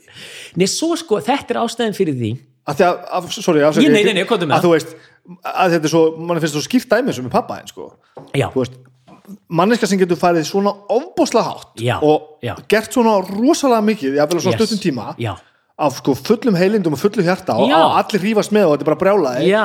maður hugsaður alltaf bara oh shit, þetta hlýtur að þurfa að koma niður aftur Já, já, og það gerði það hjá honum og við sáum alltaf bara undir lokin og bara gjössanlega krassaði og börnaði það Því Og það var miður, sem gerðist, það var já, sem lokin, gerðist já, já. já, og þú veist og, og, og hérna, og, og þú, já, bara hann eh, þú veist já, þetta bara, eh, þetta var bara hann gæti ekki meir, gæti ekki lifa lengur sko. þetta var bara búið, þetta var bara crash and burn game over, sko, þetta var bara og, og, og, og hérna og við kannski, við erum ennþá bara svolítið svona einhvern veginn að átt okkur gjössanlega á því hvað gerist það, því náttúrulega bjóst enginn við því. Samt, samt sem áður. nei, að því þú veist að því sko, að því hérna að því að pappi sagði alltaf bara ég myndi aldrei, aldrei fyrirfæra mér. Já, já, hann var mjög skýr með það. Myndi aldrei gera, þú veist. Og þess vegna það slítur að segja okkur hvað hann var á ofbóðslega sko miklu verri stað en ég mun nokkur sinni gera mig grein fyrir þegar þetta verður loka ákvörunin þú veist, og, og, og, og þú veist þessi, þú veist þessi, þessi sko uh, þessi störlun, þetta er náttúrulega störlun að gera þetta sko, en hérna að þetta verður loka ákvörunin, þannig að þetta er sko, og ég er bara ofsalega, þú veist að ég veit hann barðist við svo ofsalega marga djöfla, þú veist þú veist, eins og hann saði sjálf hann barðist við fíknir, hann barðist við þunglind hann barðist við kvíða, þú veist það var OCD og túr, þú veist það bara, bara, hvað getur þú sett í pókan hjá einu póking manni, skilur þú veist, og móti allt þetta trillingslega hæfileikaríka frábæra, þú veist, eins og þessi gleði sprengja sem bókina sér Já. þessi nýjasta, ég menna come on, þú veist, fólk opnar hann og byrja bara að trillast úr hlátir og maður bara, já ok hann hafði svo mikið gott hann hafði svo mikið að gefa af fyndi, svo mikið fynd hann bara gati ekki. Og þegar það, þú veist, hann bara hann kristi síðasta og fyndið í þessa, Þessa bók já. og ég opna hana og ég bara eins og ég sagði um daginn og svo bókahó ég segi bara ef, að- ef að kemur ykkur útlendingur og sagði how would you describe your dad? How would, nei, how would you describe your dad's humor? Opnaði bókina og hann í hnótskurt það er allt í einhverjum, myndum og grí, skrýtnum karakterum og þú veist, þetta er bara einhver mynda limru veistla sem bara svona, endi minna þetta tók hann sjö ár. Að skrifa þessa bók? já, já, ég menna hann ætlaði aldrei að gefa út bók hann ætlaði bara að skrifa limrur. En þetta er svo líkt því sem maður þekkir að pappa þér já, Þessi bók hérna hún er, hún er 450 síður fokkin eitthvað. 450 síð I know. Þú veist, þetta er svo mikið brjála þetta er svo fjölskyldu sjúkdómur það er ekki alveg nóg. Það er ekki nóg, það er ekki nóg, það er að vera meira er að vera meira. En auðvitað, þú veist, setjum maður þetta svolítið í samingi og það segja með alla erfiðleikana sem þetta setja í eitt póka já, að þú veist, maður sér það svo oft að snillingáan það er bara þú borgar fyrir það sko. bo- já, ég er bara þú borga fyrir það já, eða já, þá, jafnvel, kannski eins og lík- líkur líka við að segja sko, brjálaði og, og sko, erfiðleikandir af vanlíðan er hvað kalla það, knýr svolítið þessa snillingáðu já, og, og ég held að þetta sé rétt og þess vegna því þú vorst að spyrja um sko orkulevel hjá mér ég held, ég held að sko, ég menna ég náttúrulega væri bara eins og ég var náttúrulega sprungin prumpublaðra eins og vinur mig kalla mig ef ég væri ekki að passa upp á að, granda mig með einhvers konar mindfulness, yoga, eitthvað svona Já. að því það sem gerist í yoga en að ég, eins og kona mér sér alltaf bara þannig að teki eitthvað lif og, og please, ekki hætta þessu Nei. þú, ég get ekki ha, ha, þú veist, ég geti ekki ef þú ert ekki stundu að jóka þannig að ég pass upp á þetta að granda mig minnstakosti tvisar í viku, þú veist, það er bara má ef ég, þú veist, tvisar í viku er svona lámar En þetta er ekki eitthvað svona mumbo jumbo jóka brjálaði, þú ert bara svona að taka einhverja frekar basic hluti og bara svona já, já, já. staðsitja það eitthvað Já, stað ég meina, ég, einmitt nákvæmlega, ég er ekki komin, þú veist, eh, var- komin í jókakerrar, annar kennar nám og, og, og hérna, Nei. komin í hörfött og eitthvað, nú er ekki að gera grína fólki sem er í því, það er frábært fyrir, fyrir ykkur sem að fíli það. Ég- hérna, En þú ert ekki að tala um þetta? Nei, ég er ekki komin þanga, ég bara byrjaði, ég bara fann þetta eins og eitthvað skonar geðlif, það var bara svona svona svona crash and burn út í bandaríkjunum enn eitt svona crash and burn eða eitthvað. Veist, það var náttúrulega eins dramatíst eins og að hætta að drekka eða eitthvað svona veist, það var smá svona vendipunktur en sé bara, ok, nú verð ég. Veist, ég bara, ég verð. Hætta að vinna svona mikið ég verð að fara að stunda að jóka og ég, ég, ég var búin að vita því langan tíma. Menna hvað heldur að margir verið búin að segja mér þú veist, bara Björgvin, þú veist, faraðu stunda að jóka gerðu jóka, ég, sagði, já, ég, en ég er ekki alveg að tengja þetta, svo bara einhvern veginn neittist ég til þess að einhverjum svona, einhverjum dimmum degi þú veist, ég bara ok, þetta gengur ekki veist, og þá bara svona fór ég og þá bara loksins verið bara komin heim. Og það sem ég var kent að gera og það sem að ég bara lifað eftir komdu, þú veist, þú getur vanið á allan anskotan, komdu bara jóka, þú veist, eða hvað sem þú gerir komdu, þú veist, huglist jóka stundinni, líkamstaræktinni komdu svo bara í rútínu. Gerðu þetta alltaf á sama tíma. Veist, á nákvæmlega sama tíma á sömu dögum, ef þú gerir það ekki þá fokkar þessu upp, það er bara þannig og ég sé alla gera þetta, þú veist, um leið á COVID kom þú veist, þá bara þeir voru alltaf á sama stað á sama tíma og fokka þessu margt upp. Og það var svo mikilvægt og ég vissi alveg bara ok, þetta getur verið mjög slengt fyrir mig. Þannig að ég og enga þjálfur minn við bara, ok, hvað, við förum bara út. Við bara hittust á nákvæmlega sama tíma og, og, og við, þú veist, og nákvæmlega sama. Ekki drugl, þú veist, jújú, jú, við kannski þurfum að hnika til dögum einhverstað, en alltaf, klukkan tíu á þessum dögum, þrísari viku við förum, því að þú veist, annars var ég bara svolítið til hátis ný alvöru, ég, ég var að segja, veistu hvað ég var oft búin að réttlæta, hvað ég væri búin að réttlæta ofta svo til hátis og segja ég er að syrkja, má ég ekki bara svo til hátis sem er fólki En síðan nú ert þú til dæmis samt sko, svolítið finnst mér að tala um gegn því sem þú ert að, ert að predika sko. að þú ert að tala um að þú ert að vinna móti vanlíðan hjá þér þú ert að tala um tíman þegar og siglir í eitthvað strand. Já, já, ert ekki bara með fæðis fleiri vopn á hendi eða hefnari heldur en pappiðir með það að þú veist að þú ert í alveg að vinna gegn þessu? Jú, jú, jú, gætur jú, ekki bara verið að fara sömu leið og hefðu bara ekki puttan á púlsinum? Í sko, þetta er mjög góð, þetta er mjög legit spurning en ég hef meiri segð þegar ég átti hvað erfiðast, þegar ég drakk sem mest og var í sem mesta rugli þá náði ég aldrei að fara í þetta svartasta þunglindi Nei. sem ég sá að pappi sko, ég náttúrulega mun aldrei geta skili hvað hann fór í gegnum, þú veist að því hann var bara með sinn djöful sem var þetta rosalega þunglindi og skamtiðsþunglindi og kvíða og þú veist maður bara, wow en ég var bara lánsamur í kannski fekk ekki þetta sem að við köllum eða við, sem, jú, við köllum klínist þunglindi, Nei. sem er bara þú veist hvað þetta heitir, serotonin skortur eða whatever, sko. Já, já, já. jú, ég hef náð að vinna gegn, og sérstaklega því ég, þú veist, það er nú talað þunglind og kvíði sín og bara sikkur hliðin á sama peningnum. Mhm. bara hvor er upp, ertu kvíðin og þunglindur þetta er nákvæmlega sama stöffi ég er oftast kvíðin, sko, þannig að ég hef þurft að vinna gegn svo mörgu svona ofsa kvíða, þú veist, við erum að tala um bara legit, svaka kvíða. Ég veit ekki, svona, og við, við, hérna, við þegar bara kemur hæð, þegar bara kemur, maður er bara tekin sem, sem fang, sem gísl. Það er bara hijackara sem bara kvíða hijackari sem bara og við hvað aðstæðu kemur taka, það er við alls konar það, eða voru við alls konar, það er ekki lengur það var oft tengt vinnu, eiginlega aðalega tengt vinnu og eitthvað performance og svoleiðis þegar þú ert að fara svið eða eitthvað Já, frá svið, eða fa- fara þegar ég var að fara að gigga, ég var bara svo fekk svona ofsakvíðakast. Já. og ég var bara hrættur um að, hérna, að bara, veist, ég, og þetta var algjörlega óröggrétt þetta gerðist aldrei, ég var alltaf hrættur um að nú er þið allt, er, ég er, þú veist, þessuna var ég líka alltaf, eitt af því sem að fjúlaði mína fullkonunar árat og bara allt er það að vera fullkomið og fyndið og frábært áður en ég færi á svið. Það var gott, en það var líka rosalega vond, því að þá þorði ég ekki ofta að vera spontant. Þú veist, eh, ég þorði ekki til að byrja með, svo glendi ég mér, ég var komin á sviðið og þá fór allir kvíðin og allt, skil, ég fór á sviðið og ógslag gaman og ég fór á fýblast og svo kom ég eftir hennar sviðinu og bara, vá, hvað þetta var gaman og svo bara, ógveð, það er eftir gík á morgun. Það er eftir gík á morgun.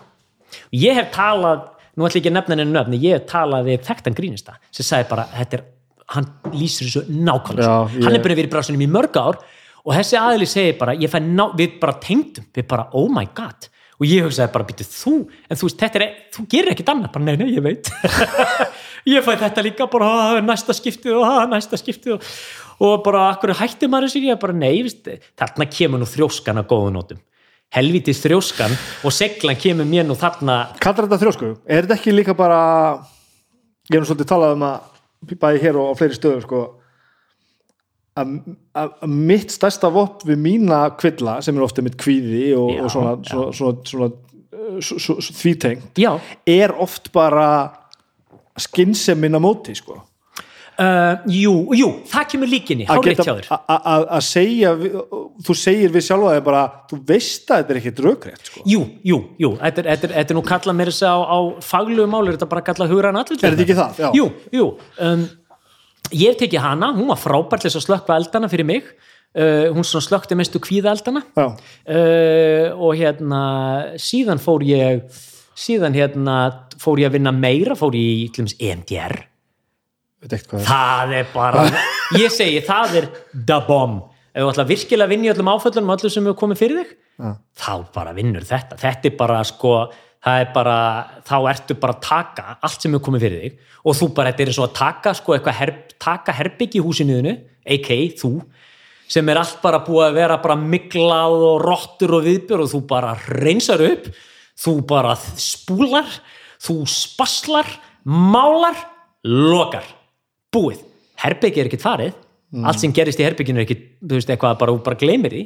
En það hefur ekki söma áhrif. Þú farið ekki þetta lí- líkanlega þú veist, eitthvað sem minnir mögulega á skilur mig, þetta er oft talað um þú veist, þú farið áfallastreituröskun þá, uh, og þetta er oftast talað um sko þegar hermenn kannski fara fara einhver staðar, sem svo þú veist bara eitt dæmi, þú veist, þeir eru í Bagdad farin í eitthvað hús, þeir farin í eldús um, þar springur sprengja. Þeir fá bara náttúrulega alveg trámaðið og sjokkið og síðan, þú veist, svo bara eftir það bara koma þeir inn í eh, veist, eldhús eða eitthvað sem minnir það á. Já, já, já. og þeir rökrétt hugsaðir ekkit það er engin sprengja að fara að springa Nei. hér. Þeir bara, þú veist, þú fær bara eitthvað viðbjóðslega, þú veist, þú fær bara kast og allt. Mér aftur hvað þessi meðferð heitir. EMDR Ok. og ég gæti ekki, sko, for the life of me eitthvað, eye movement ra- hérna, dissociation eitthvað, ég, hérna, þetta er um, þetta er sett eina af þessum áfallameðförum sem eru uh, not, notaða sko sérstaklega við þá á, einmitt áfallastreitur öskun og þá ert að taka einmitt þessa minningu þegar sprengjan sprakk eldhúsinu eða þegar eitthvað kom fyrir því þarna eða eitthvað. Og þetta er og þetta er alveg nöðsöld því þú munt aldrei, þú gleymir aldrei því sem kom fyrir skilur eða hérna, en, en þú getur losað allar vanleðinina þú veist, eins og allir ég gleym aldrei það var ógæslega magna, bara eitt dæmi. Þú veist, ég var eins og ég var 14 ára gammal ég var að koma hljónsveitaræfingu þegar maður var, þegar hvítu lífagsbuksunar og og gulu og bleiku voru allsvæðandi 501 og ég heyri að þú tengir það eitthvað þetta við munum þetta. Og um, þá hérna sem gerist er að ég ákveð að stýtta mig leiði gegnum bústæðakverfi og þar eru náttúrulega hinn er jafnaldri mínir að fagna því að hafa, þú veist, allir fallið á bróðunum skilur voru bara blinda fyllir í. Þú veist, eins og 14 rúlingar gerðu nú á þeim tíma, ég vona þetta hafa nú lagast eitthvað þetta, já, já.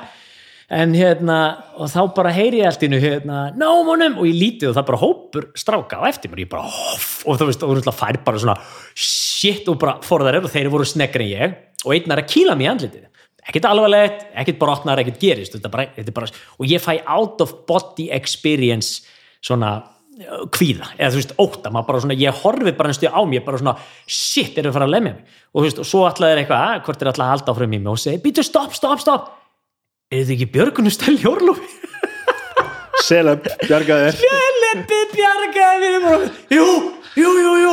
Þú veist, ég var samt ekki viss bara, ég, ég treysti þið bara að það væri gott Það ekki gott svar, og hann bara, ei strákan maður, er láta það vera maður eitthvað, og ég var Jesus Christ maður, allan slappið maður og ég, þú veist, og ég ringd alveg í sjokki í vinni mér, veitir hvað gerðist það og ráðist á mig maður eitthvað. Fannst þetta svona, svolítið svona cool reynsla en samt skeri svo bara, þú veist, held ég áfram með limit og eitthvað, svo skildi ég ekki því svo fór ég, svo, þú veist, alltaf ég, allt sem gerðist eftir það mín sambönd, þú veist, ég var byrjaður náttúrulega að deyta, þú veist, að byrjaður að, maður byrjaður að kærustöðna 14, 15, 16 ég man alltaf þegar hún vildi að fara upp út og lífið að fyrir bíó þá þorðið ekki, þess að bara, við slum bara vera heima.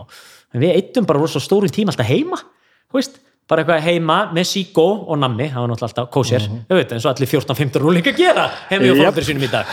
Með síkó og öskubakka og fylgta nammi og, og horfa á vídeo sem að leiði. Og, og þá uh, og ég meikaði ekki eitthvað fyrir meika, eitthvað meikaði ekki verið í kringum fólk og eitthvað svo fari ég verna alltaf og svo liðu ára og ég, alltaf þegar ég var eitthvað staðar, það var eitthvað húsasund eða það var eitthvað staðar, það er dimmt og hópur manna kom þú veist, þá fór ég alltaf að lappa undan fólkinu sem ég var með þetta er svo vandræðilegt, skilur, sérstaklega með konuðinni og allt inni bara byrja Björgun að lappa bara, bara hvað er þetta að gera? Ha- ekkert og það var svo hrættur er að hópur manna þú veist, þá var þetta bara eitthvað í líkamann og bara hópur manna komin og þá bara líkaminn uh, heilinn, skilur, tengir bara, já, nú er að fara nú er að fara að eiga sérst ofbeldi. Og tengdur þetta við þetta? Heyrðu, ekki fyrir löngu setna löngu setna þegar ég fór að vinna í þessu MDR og eitthvað, það var bara já, heyrðu það var ráðist á mig. Ég hef ekkert verið með eitthvað ofbeldis óta fyrir það. Ég verið ekki trættur um að hi- hitta hóp manna eða krakka eða eitthvað staðar. En eftir þetta þá bara meikaði ekki að hitta þú veist, bara alltaf er að koma hópur manna eða eitthvað staðar, þú bara valdi þú veist, bara, þú fekk ekki bara panikast og alltaf að hlaupa bara í, þú veist, bílastafhúsið þú veist, frá einu stað til annars.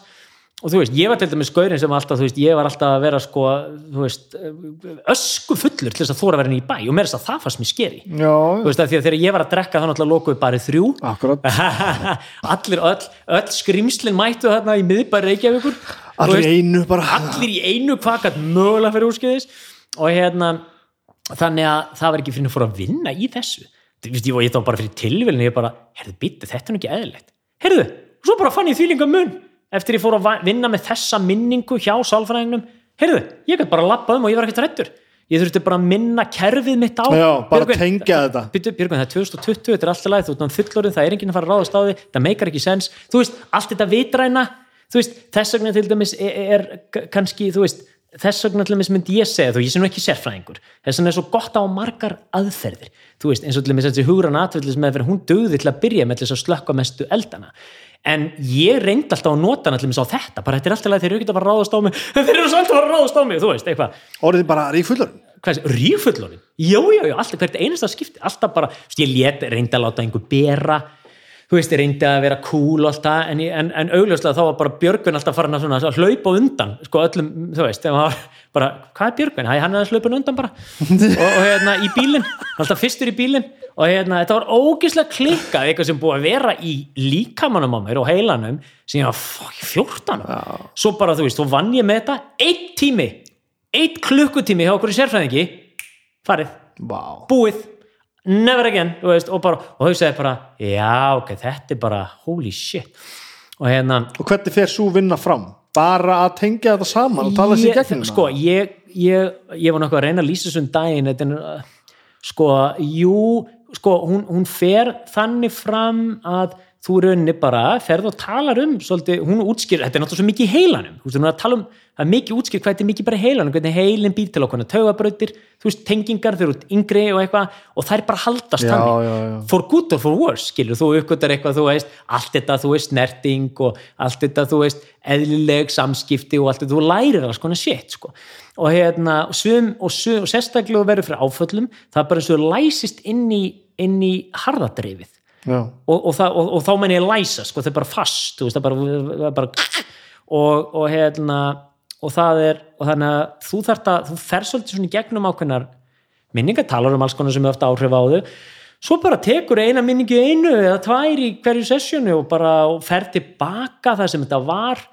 Og svo er þetta svona sambland af svona, þú veist, þú ert að slá í lærin á þér og svo gerir hérna sérfræðingurinn, lætur að horfa á fingurnar á sér, færi fingurnar fram og tilbaka, þetta er svona svo hál virkar svo dálisla en, en, ég, hún, en þetta er ekki dálisla samt, þetta er bara og þeir sem eru nú í MDR vita hvað ég er að tala um þetta er bara einhver, einhver örfun fyrir heilan að, að takast á við eitthvað svoleiðis, eitthvað svona en á leiðinu þá fyrir að aftengja minninguna og. Þú veist, þetta er alveg fárulegt sko. Og, og þú veist, en nota bene, þú veist þetta er, þú er aðferð sem við dugum fyrir mig svo eru aðri, Já, já. svo eru aðri sem kona mín til dæmis, hún vinnur með allt aðra aðferð og þær virka fyrir sum og þú veist, þetta er bara, þetta er bara alls konar fyrir alla sko, en, en ég var búin að prófa svo margt sko, ég var búin að prófa hami og ég var búin að prófa ákveðna narrativ, eitthvað, ég man ekki hvað þetta heitir út í bandaríkjunum, svo kem ég heim og, og fer að vinna með þetta. Og þetta er algjörlega bilað, þú veist, þá bara fer ég að ná að losna mikið af þessu ruggl og ymmi, þú veist, þegar þú tengir eitthvað svona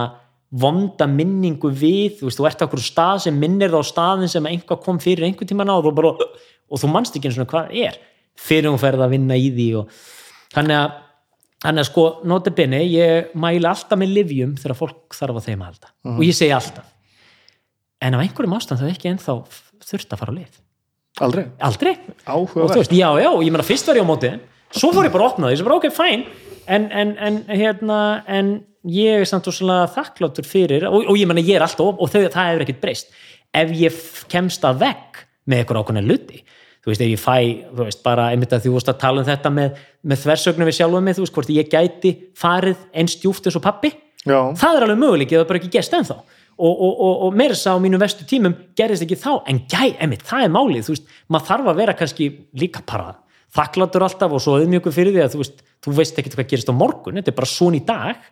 Og, og, og þú þarf bara að mæta nýjum veruleika á eftir eða á morgun þannig að hérna, já, þannig að, að, að þú veist, þannig að ef það er eitthvað, ef ég fæ skyndilegt og verð greindu með mjög klínist tunglindi, skilur og bara, og það verður alveg augljóst þá sjálfsög fer ég á lif ef ég þarf að því halda, já, já, já og se- og segja sem og þú hefur búin að prófa þetta á hitt. Hve- hvenær fórstu að gera grein fyrir og þyrftir að gera eitthvað í að liði þannig og þyrftir að gera eitthvað í Sko, eh, ég- þegar ég var kannski, þú veist, um, ég held að ég hafi, þú veist, maður náttúrulega alltaf vita, þú veist, að það náttúrulega, eins og við gerum allt grína, skilur mig, þú veist, mamma kallaði mig skrýtnabatni, skilur og þú veist, og ég var alltaf náttúrulega bara ekkert alveg eðlilegur sem bat, let's face it, for good or for worse, alls konar gott sem kom út úr því en ekki svo gott, líka, og hérna, en, en hérna, en, en, en svo þegar fóra sérstaklega þegar þú veist að því það náttúrulega gerist alls konar þú veist, þegar þú veist, þú bara ferð og, og hérna, bæði alltaf sem bat gerist eitthvað, þú fattar kannski bat fattar að gerist eitthvað fyrir þau bara, já, byrja, þetta var ekki alveg eðlilegt, það er ekki að vera eitthvað risa, skilur, það er ekki að vera eitthvað stæ, eitthvað bara, þú veist, að dó heil fjölskylda, skilur, það er ekki að vera, þú veist, að við tengjum oft sko áfalla, ég, eða ég tengjum oft áfalla streituröskun við bara, já, því við segjum alltaf hermenn og PTSD, þú veist hérna í gamla þetta var að kalla að vera sjálfsjótt, þú veist, það bara menn komu heim, skemmtir og það vissi enginn af hverju og enginn gerir neitt í því. Um, en svo eru bara búin að uppgöta að þú getur fengið áfallastreitur öskun við alls konar hluti og ég meina, yfirleitt þarf eitthvað auðvitað alveglegt að hafa gerst. Þú veist, ég meina menn með, þú veist hérna uh, veist, já, menn sem voru fyrir þú veist bara þú veist, við nefnum alltaf vestast þetta er allt áföll skilur við mig og, og hérna, en svo getur það bara verið, þú veist, eitthvað, einhver reglulega, þú veist, bara einelti til dæmis skilur, sem er alltaf mjög alvarlegt skilur við mig. Þú verður að vinna úr því, skilur við mig uh, hérna, ég var svo heppin að vera ekki fyrir miklu einelti sem batni eða svoleiðis en, en hérna um, uh, hérna, en bara þú veist, allt sem að þú finnur að til dæmis þú veist, einhver gerði eitthvað einhver og reglulega kannski gerði eitthvað þú veist, uh, hérna annarkvort shame, eitthvað sem bara tökur fyrir skömmina, þú veist, ef einhver til dæmis í fjölskyldunni þinni beitir í skömm þú veist, þú horfi, þú veist, einhver skömm og hérna og hérna, e, og þú ert alltaf með einhver þú vá, eitthvað skilur um mig. Og svo um leið og einhver horfir einhvern veginn á þig þá verður svona lítill líð, skilur um og það er svolítið þetta, þá bara, heyrði, ég er að vinna með þessa skömm. En þú gerti grein fyrir að þú þurftir að vinna með eitthvað? Já, já, já, og þetta var oftast eitthvað sem að ég var kannski að vera að gerast í dag Býtu, af hverju líður mér svona illa þegar einhver horfður svona á mig?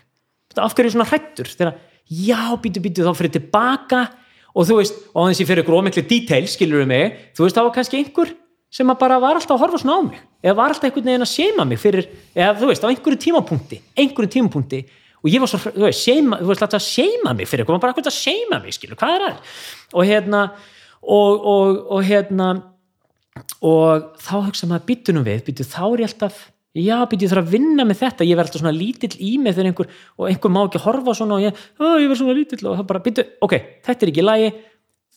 Þetta þýðir ekki, ég þarf að vinna með eitthvað núna í dag, ég þarf að vinna með eitthvað sem gerist áður. Og, og, hérna, og þá er oft þannig, þú byrja kannski að vinna með eitthvað sem gerðist í dag, veist, eitthvað áfall sem bara gerðist um daginn, en þá fer að uppgöta að það er rosa mikið tenging veist, það er rosa mikið að draslinu sem er að gerast núna á kannski einhverja rætur er ekki langt aftur í barna sko.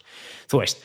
Og, og hérna, og mér finnst magnað, þú veist, eins og segi ég hérna, mér finnst magnað af að uppgöta þetta, að ég get unni með svo margt bæði það sem kannski þú veist gerðist þegar maður 20 ára, skilur um mig? Já, já, veist, 20 ára, en það mál hvernig ég brást hvað ég lendi í þegar ég var 20 ára og hvernig ég var í þeim aðstæðum tengdust í hvernig ég hafði orðið fyrir einhverju sem batni skilur þú veist, þetta er alveg enda laust og þetta eru, þetta eru heilmikil svona vísindi. En málið er, sko eh, sko, það er mjög mikilvægt að, maður, að fólk sé ekki heima og hugsa bara, hvað, er ég fókt upp, þú veist, það er ég, þú veist, þú veist mér líður nú ágætlega, þú veist, það er ég kannski að fara að skoða eitthvað aftur, þú veist, og jú, jú frábært að menn gera það.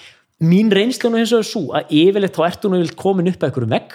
Þú veist, þegar þú fattar ok, býti, ég verði mitt eins og við erum búin að tala um. Ég verði að hætta að drekka, ég verði aðeins að endur skoða hvernig ég vinn með fólki, ég verði að endur skoða hvernig ég bara vinn, punktur, skilur um mig býti, ég verði að endur skoða, býti, af hverju hleypi ég alltaf undan fólki, hérna, þegar ég er bara, þú veist, að lappa út á bílastæði? En þú er, þú er lent svona reglulega á okkur svona veggjum sem sagt. ah, já, já, já, þetta Þú, er þú alltaf stoppar ekki fyrir að kemur á veggjum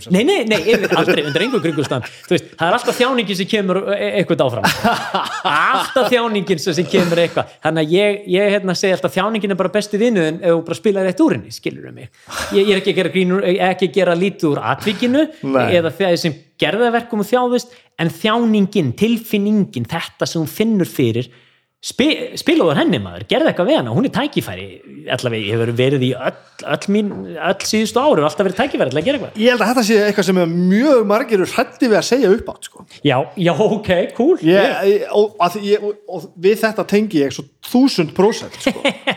ekki nóg með þú veist að sé vera að, að, sko, að henda til einhverju orku sko. Já, alveg já. saman þú hvort hún er jákvæð að neikvæð Já, upplifun og fara einhvern svona við þetta, já, sko. heldur sko líka ertu oftar en ekki að upplifa eitthvað sko já, er meiri mjölkandar sko. Já, Sjá hvað er til.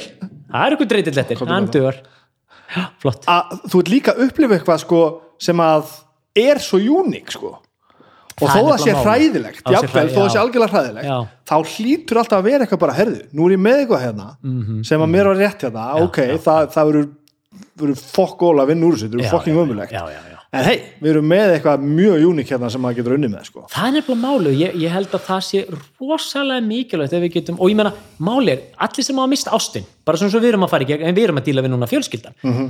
þú neyðist til þú veist, þér er bara ítt upp á fucking vegnum já, þú komst þér ekki dangað þér var bara ítt upp á það, það var bara BOOM, deal with it. Þú veist, þú ert að fara í gegnum sorgin og það er rosa oft sem að, og maður heyri það ofta sem að þetta kalla fram það besta og versta hjá fólki, Já, já. skilur ég vil nú segja að þetta kallað besta hjá okkur. Við bara, við bara þú veist, þetta kallaði það allra bara, þetta var svo það er svo mjög, við bara þú veist, auðvitað kom upp einhverja tilfinningar og alls konar við, þú veist, við hérna kannski tókum stundum á eitthvað svona skilur við í ferlinu, Já. en það var svo lítið. Þú veist, það eru einhverju 2% af 98% bara djúl gerðu þetta vel. Já, en ég meina við þjá, við þurftum öll eitthvað staðar að lítið einn barn Já. öll að stoppa eitthvað og gera okkar. Ég þurfti að sko að byrja hvar og ég held að svona áföll eins og ástunamissir og eitthvað svona eh, það spæði rekum að áfram þú veist, til að gera eitthvað en það líka segir þér hvar þú ert stattur akkurat núna. Þú veist, eins og ég fattaði bara þú veist, þegar pappit og ég bara byrju ég á bara nokkuð góðum stað meða við. Skilur mig, þú veist, þetta þetta, þetta er þjáning þetta er ógeðs, þetta er viðbjóður að fara í gegnum þetta algjör viðbjóður. Og hérna en djöfull, eh, þú veist er, sáum við margt gott, þú veist, við fjölskyldanum bara sjálfdaverðins náin og sjálfdaverðins miklu sambandi, þú Nei. veist ég menna, þú veist, að hérna um, uh, og þú veist búin að vinna svo mörgum fallegum verkefnum fyrir pappa saman veist að og, og, og hérna og e, þú veist þannig að ég held um öll þurft að fara eitthvað svona og vinna. Öll þurftum eitthvað svona að vinna en spyrir býtu hvað og það er algjörlega ólíkt á hverju hverju einu okkar. Og allir er einhvern veginn til að gera það? Allir til í það, já, já, já, já, það er mjög magna það er svo magna það er magna já. Já, og þú veist, og aðeins ég ætla að fara eitthvað að segja hvað hinn gerðu í fjölskylduna, allir bara upplöðu þetta og sinn hátt en, en þú veist, bara svo ég tali fyrir mig þú veist, þá ég segi bara, býtu, ok ég er þá allavega þetta góðum stað, ha, ok þetta var þó komið, þú veist, að því að ég held að hversu er vel getur hann haldið? Og, og minn veggur var nú bara helvít sterkur og þú veist, en á sama tíma þú veist, þá var svo margt og þess vegna er svo margt gott og jákvæmt sem kom út úr þessu. Um, þannig að ég er úrstæðilega þakkláttur þú veist, fyrir allavega þessa eh, veist, ég óska engum þessa reynslu mér finnst þetta ekki eitthvað sem ég óskaninum en ég einhvern veginn búin að, er búin að, upp, búin að sjá það jákvæð út úr því og eiginlega strax. Við, og við gerðum eiginlega öll, við vorum ekkert vá, bara vá falleg. Og, ég menn eins og fólk talar um það að missir einhvern náinn fyrir að hugsa um alltaf fallega og jákvæða og skemmtilega.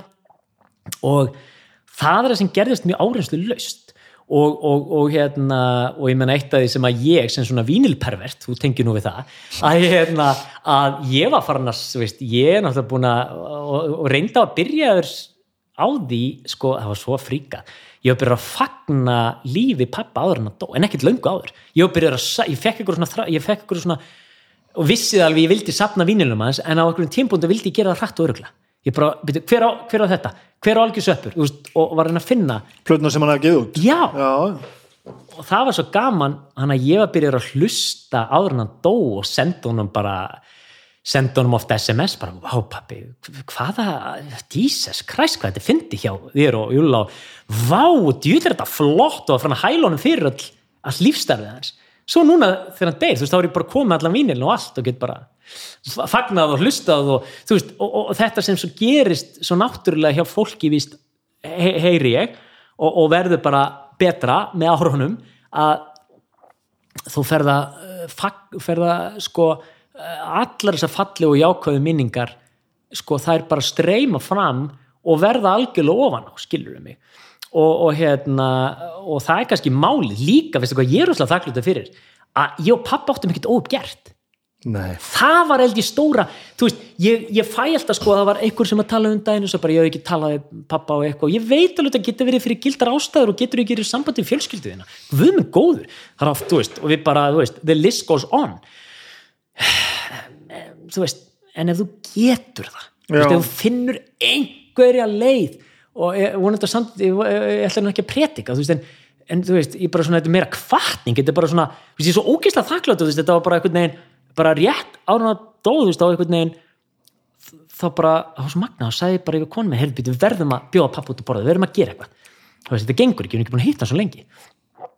Við fórum saman í kringluna og hann var, hann var mér þess að þú veist, veist hérna, hann var hann náttúrulega bara orðið með veikur undir lokin, mjög veikur bara, þú veist, af þunglindi og, og kvíða. bara sjáanlega veikur já, já, já, já. Það, og það bara, hann var mjög bara, já, sa- hann var bara ofsalega þjáður maður, hann var þjáður en hann var svo fallið þessi síðasta minning, þá var hann að þá var hann að gera hluti sem hann ekki sé hann gera lengi þá var hann að grínast og tæmingarnar voru þú veist, hann alltaf var meistar í tæmingarna, tala nú allir um það sko. náttúrulega ótrúlegur hæfileik hæfileik, ég veit ekki hvað að kalla ég þetta. bæði sko hæfileikin svo líka bara laðið svo mikið uppi. Hann bara, hann þjálfaði þetta upp. Ok. Þú veist, og Júli Brján sagði mig það bara hann sko satt og það var bara hvert einasta orð hjá kaffibróðskotlanum aftur og aftur og aftur og aftur og aftur þá til að væri sko þú veist, þá til að vera svo tónverk. þannig að meðfætt my ass. Já, að það já, bara sko- fucking æfa þetta Ég, drast sko, líka. já, það er nefnilega máli meðfætt klárlega, jú, ég það þú verður að þjálfa, þú veist, þú bara þú alveg eins og allt, þú getur verið náttúrulega íþróttamæður en þú verður nú að fara á, á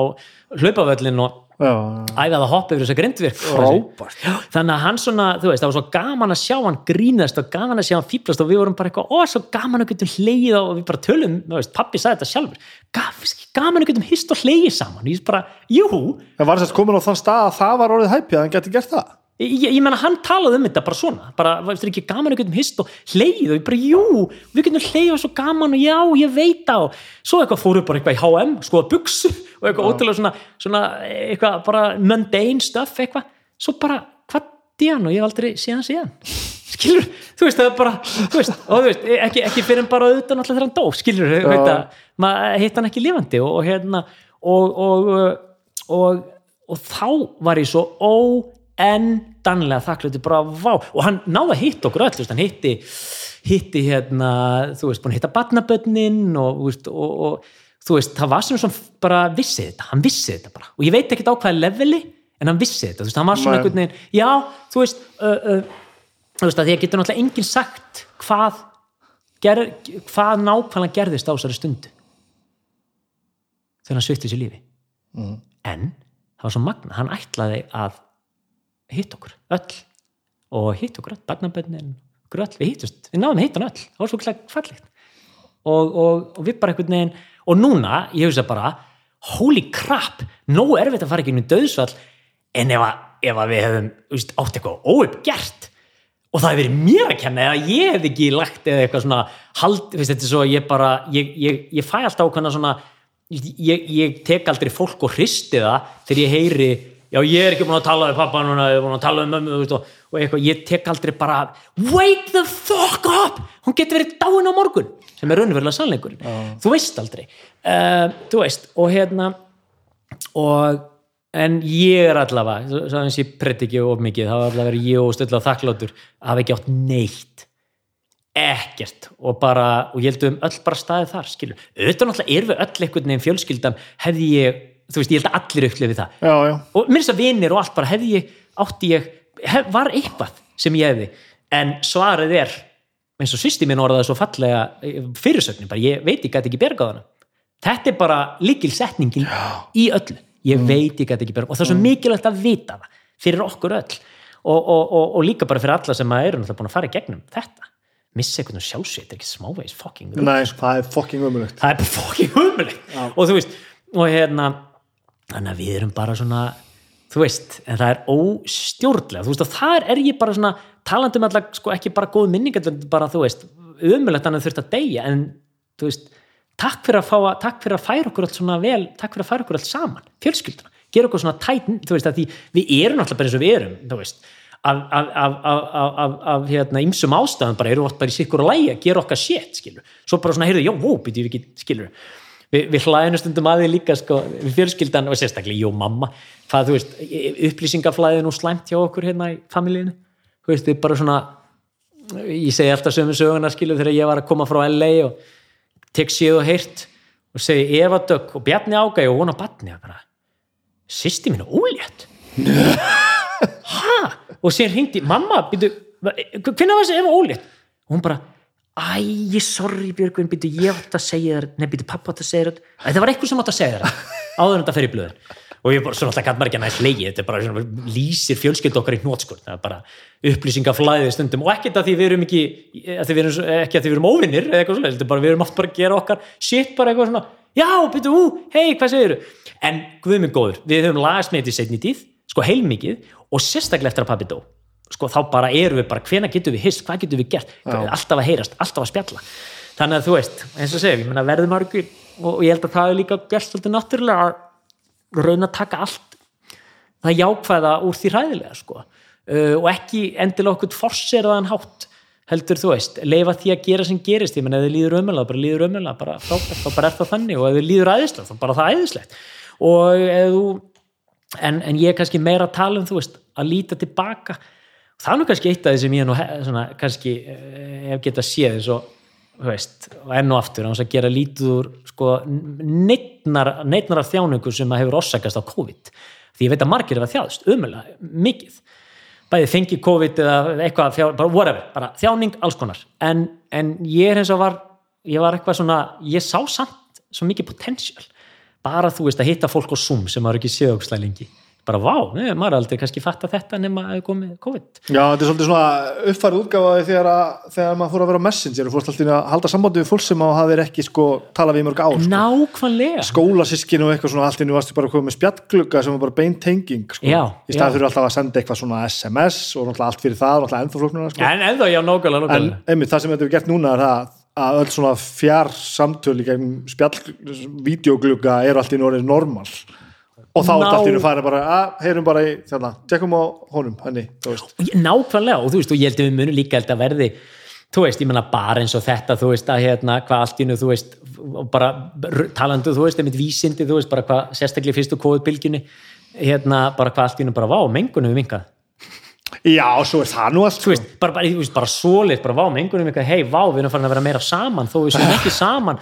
Býtu við erum bara, já, býtu maður að farin að þú veist, og ég held að við erum eftir að setja uppi með það, þú veist, býtu við getum raunverulega unnið fullt af hlutum og svo senda alltaf alla til útlanda þú veist, hérna með tilherandi kostaði og mengun og ruggli sko, heldur sko bara já, veist, við fullt, þannig að þú veist það er kannski sem að, ég veit ekki hvort að ég hafi, hvort það er eitthvað sem hefur gerst með tímanum eða hvort að maður er bara lært að ég veit ekki, en ég sýt allavega uppi með það núna að svona eitthvað ná að sjá ljósið í myrkrinu, það er þetta orðað þannig klísu getur það hljómar. Stutt síðan dó, bara Já, 28. júli Hafðu það? Já, júli, águst, september, oktober, november, já, vá þetta er að, já það er þú veist ekki já, það er þrýr og kannski halvu mánuður Mjög rauðu þráður í gegnum allt sem þú segir bæðið saman við þetta andlát og Mhm. bara allt sem þú tala um já, að það er ekkert í þér sem að er eitthvað að skamma sín fyrir að fela eitt eða neitt bæðið þetta Mhm. -hmm. og, og ég sé þetta líka ég sé, man alltaf eftir hérna einhverjum skets ég man ekkert hvað var, hjá mömmuðin og pappa já, þar sem hún er eitthvað að banka upp á hjá honum og hann er að loka hann úti og, og gríni er eitthvað þú veist, við erum skilin. Já, já, já, þú veist, nú ert já. að tala sko um sjálfsvíð, þú ert að tala um hjónaskil að tala um sko geðrana kvilla að tala um sko óhefbundu uppeldi þú ert að tala um já. alkoholism þú ert að tala um alls konar fokkin raskanir sem að fólk ber sko með sér á sálinni og alltaf deyr sko. Já, já, já, af skömm og kvíða og voða. En einhvern veginn uh, mjög og einmitt, bara örfum mánum eftir að pappiðin sko fyrir fyrir sér eftir samt bara að tala um þetta svona og þetta er? Já, vá, cool, ég hef ekki sett þetta í þetta sammingin, já, vá, það er mitt, takk fyrir að benda þetta, þetta er, já, einmitt, það er, það er kannski, ég held að alltaf það sé ekki bara, alltaf það sé ekki bara öll, þú veist svona, þessi sjálfsarækt sem að var nú tilneittur til þess að gera upp af við, þú veist eins og fyrir mig þegar maður hættir að drekka, mann er tilneittur eins og að lítið einn barm og breyta aðeins kursunum á lífið sinu, ekki bara skoða, hei, vá, ég drekka mikið, heldur bara að býta af hverju ég drekka svona mikið, hvað er að mér, eða skilur já, fyrir já. grunninn, og, og, og þú veist, þá fara maður aukvöldu svo margt annað og svo er maður bara, og þá er komið plattform til þess að læra og græða og gera og, og núna sittir kannski uppi með einmitt eins og, eins og ég sagði á hún sko, býtu, já, heyrðu, ok það er margt sem að stenda með, bara margt gott sem á, sem ég hef gert sem að gera verkum í næja tækla þetta ömulega ástand að pappi sér dáin og sérstaklega dáin sko, uh, sko að þeirra falli fyrir einn hendi sem er svona ennþá dramatískara og svona, þú veist á þess að gera lítið úr neyrum öðrum dötum en þú veist, þetta er bara ákveð shit að fara í gegnum og þeir þekkja það sem að, að fara í gegnum það. Umulegt, umulegt í allast það og svona, en, en það er svo magnað og eins og ég segja, það er eitthvað sem hefur kannski gerst með tíman það er bara, uh, og líka því náttúrulega eitt af því sem að maður lærir eh, í svona ákveðni þegar maður er að læra sjálfsrækt og svona, það er bara sjálfsvorkun, þú veist, þó er sér alltaf að líða illa á að vera sorgmættur en, en að vorkina sjálfum sér hérna er náttúrulega eitthvað sem að þú veist, er mjög skamgóðu vermir bara svo piss í skóin, það er hlýtt í smá tíma og svo er það bara kallt sko. Og þeir eru vantarlega ekki verið tamið þetta eins og ég segja, þú veist, fóreldræðinni sko, snúaði upp í sko, grín fyrir þjóðina þessu skili já, já, já, og, þú sko, aftur, og, aftur og segja að pabbiðin að tala mjög opiskátt um að það er þunglindur, þú veist. Já, já, rétt. Já, þau hefur, ég held að held líka að þú verður sko að því maður sér þú, þú, auðvitað, hérna, þetta er oft maður sér þetta oft sérstaklega svona með svona, svona því mér finnst að tala um sko að vera seleb á Íslandi, þetta er náttúrulega bara eiga en hérna, en, en hérna það sem að enginn er sko miljónamæringur á því að vera það e, e, þetta er bara hérna, að vera þekktur. En en úti þá er svo oft sem að seleb og ég er en, en nú aftur örgulega miklu flóknar að vera seleb í bandaríkjunu út með einhverja paparazzi og allt í einhverju fokki og ég bara I just wanna have private life og eitthvað. Ég sagði bara, já ég menna en þú valdir þér svolítið sérstaka mm, starfsgrein að vera prívat. Starfsgreinin er að þú ert svolítið útopnu þú ert mjög opinbið persóna og þú verður bara einhvern veginn að gera eitthvað úr því. Því það ekki meira prívatlíf ég sjálfsögð, ég menna ég, ég íbúð og ég og ég þarf ekki að svara símanum alltaf, skilur, ég get bara valið þú veist, ég reyni alltaf að hafa hann opinn og alltaf, en, en, en point being jú, ég get alveg haft prívat líf og ég hef þurft að hafa mitt líf prívat sérstaklega meðan ég er að vinna úr alls konar shiti. En svo þegar ég finn að ég get talað um það eins og ég talaði um það núna þá fer ég að tala um það. En það getur orðið öðrum eitthvað gagni þú veist eins og núna, ég, ég vonast til þess að það sem ég segja þannig að ég sem eitthvað kannski jú, ég, vona þetta verði eitthvað um að gagni og þetta er svona gagn og, til gags og gamans, aðalega gags að, að það sem ég hef gengið í gegnum og, og, og mér finnst það skipta máli að ef þú færð eitthvað svona veganesti sem eins hvort sem það er hvort sem að pakningin er ömuleg eins og sjálfsvíg er þá bara byrja okkur, hvað get ég gert? Já, mikið er ég sammála þessu mikið Já, er ég óskaplega sammála Já. þessu ég tengi svo grjóthart við þetta. ok, Þetta er svo nákvæmlega bara fyrst, og sérstaklega með slæmumáli sko. fyrst að þetta þurfti nú að gerast sko. Já, já, make the most of it, taktu þá það sem að þetta gerði þú breytir þessu ekki, þetta er svona Nei, nei. Í staðan fyrir að láta bara slæmu hlutina við þetta skipta máli Já. taktu þá allt þetta sem getur nýttir úr því og, og farið áfram með það sko. bara heldur betur sko, vá, og það er einmitt, og ég veit alveg, þetta er ekkert auðvelt, ég er ekki að segja að það sé bara eitthvað svona, að fara nú að þú veist, hérna, girtu því brók og, og hættu rugli, Nei, skilur þetta er fokk- eins og ég segi, þetta fucking umulegt þetta er fucking umulegt og, og, og hérna, en þú veist, enn og aftur það er oft sko sem er svona skipsbrott ákveðin, hvort þau eru stóri eða lítil þau eru skipta máli, þú veist eins og ég hef átt mörg, stór og lítil en öll hafa þau skipt máli. Og ég hef reynt bara að því maður lærið það strax þegar maður ætlum að sætt að drekka þá bara geta nýtt það úrslega vel og bara býtu getur ekki nýtt fleiri skipsbrot alltaf þegar þau komu og maður fór í, alltaf að fara í og bara, nei býtu, býtu, nei býtu, býtu, heyrðu þetta er frábært, ég get nýtt þetta. Já, já. og, og meiri segja, einhver vinur minn sagði, hann sagði, ekki sættaði við örlögin elskaðu örlögin og ég bara, ok, það er svolítið stretchingit fyrir mér núna. En ok, ég get alveg, ég, get, ég, ég skil konsepti, ok, elskaðu örlögin að því þá ertu, ertu ekki bara búin að þið, heldur bara elskaðu að því og svo get ég, jú, ég get gert tenginguna að því, jú, ég get lagt eitthvað og, og fengið eitthvað út úr því. Þetta er svona svolítið skáldlega útgáða raunveruleikanum Þetta er svolítið, já, nákvæmlega, þú veist. En þetta er svona, mér er svolítið, mér finnst þessi pæling cool, ekki, bara, ekki sættu ekki bara veruleikan elskaðu bara veruleikan eða, eða örlögin eða hvað þú vilt kalla þetta og ég segi bara, já, er það ekki bara svona svolítið sama bara að sætta sig við, veist, það sem að færi ekki breytt, sko, og síðan bara einmitt eins og, hérna, eh, þessi þekta bæn hérna, eh, þú veist sættu sig sem að færi ekki breytt kjark til að breyta því sem að getur breytt og vitalega greina þurfa á milli. Já, já. mér finnst þetta svona að vera, þú veist, bursið frá hvort að þú trúir Já, já, þetta er bara- totally beside the point. Þetta er bara Eh, þetta er bara full- svona fullkomin skynsemi. þetta er bara fullkomin skynsemi. Skynsemi, þú veist, það er bara annarkvort velur og þú getur alltaf valið, ég held að, þú veist, ég var alltaf ég, að, ég var alltaf svolítið örlaðatrúar veist, og, og það sat alltaf svolítið í mér að ég bara, óbyrju, nú er þetta að gerast og hvað er ég að læra því og eitthvað, jú, jú, frábært að hugsa þannig.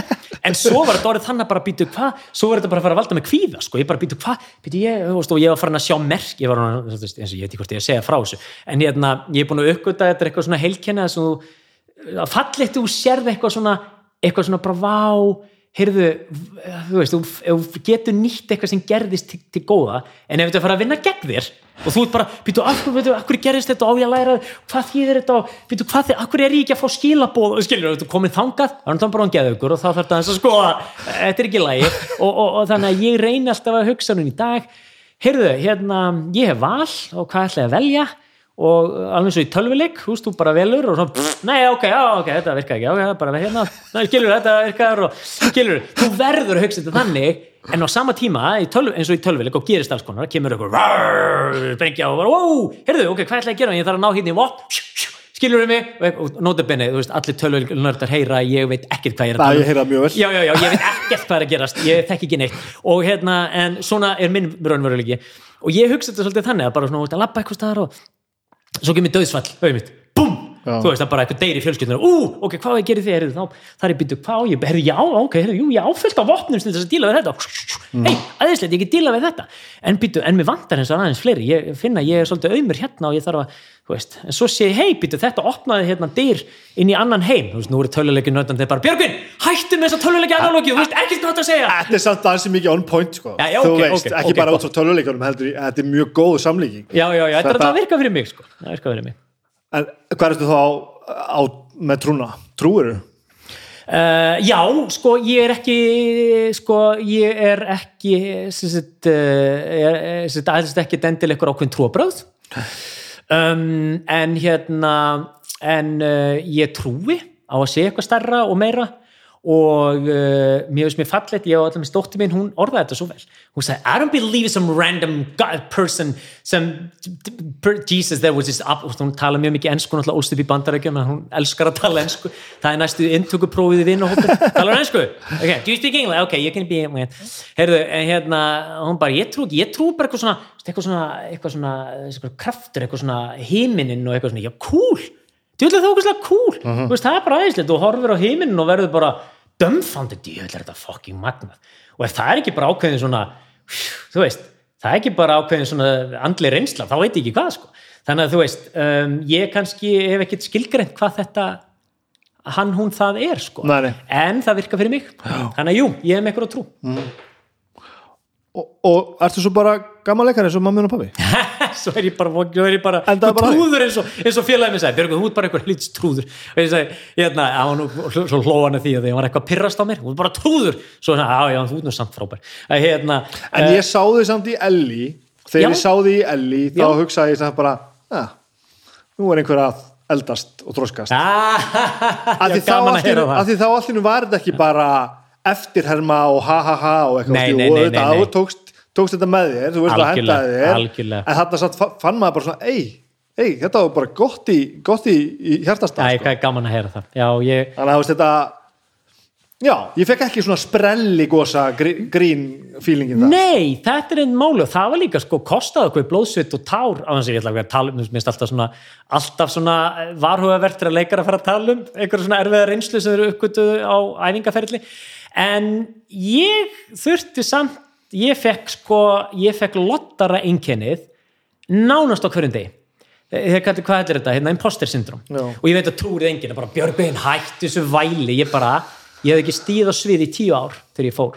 What? Ég veit það, ég hef búin að vera bara eitthvað í stundin okkar og skemmta og svo fór ég til útlandi í fjögur ár. Af hverju hugsu við um því sem leikara? Þú er aldrei leikið í bíómynda sjóa Nei, ég veit stíða á svið? hún er aldrei stíða á svið, ég veit það, hvað er rögglega það? Bara þessu svona fólkdraðin og, og við fýblast nokkur sem í stundin okkar. Nei, hérna, um, nei, ég hafði raunni, ég, þú veist, þegar ég útskrifaðist úr leiklisskólan, hérna einn ólansami kynskiptingur Hedvig var hérna fyrsta útskriftaverkefni í leikvæli í Ísland og svo var alltaf Bendit Búlur, þetta var svona tvö stór hlutverk og svo var þjólikúsið sem ég bara svona var að vinna í gegnum svona já, fór bara alls konar hlutverk stór, lítil, smá, þú veist, leiðilega skemmtileg, bara allt þar á milli. Svo bara nei, heyrðu, svo bara fatt að ég bara vil ekki leika mér og hérna, og ætlaði bara að fara að skemmta. Og fór og skemmti og var bara skemmt í þrjú ár og þá þá var mitt hitt, þá lágu leiður okkar saman og við fórum að vinna þessi stundur okkar og ég bara, váka, þetta er fucking gaman maður. Og svo bara fekk ég síndar hvort ég vildi ekki taka við stundur okkar og ég bara, e, jú. Og hérna og svo bara þegar ég var búið með stundin okkar þá vorum við undirbúið þess að ferð út förum út hann að einmitt. Bara spóla hratt fram í tíman tíu ár liðu, ég er ekki búin að stíða á leiksvið. Og hérna þannig að þegar ég fæ símtali þá er ég bara, vá, jú, cool,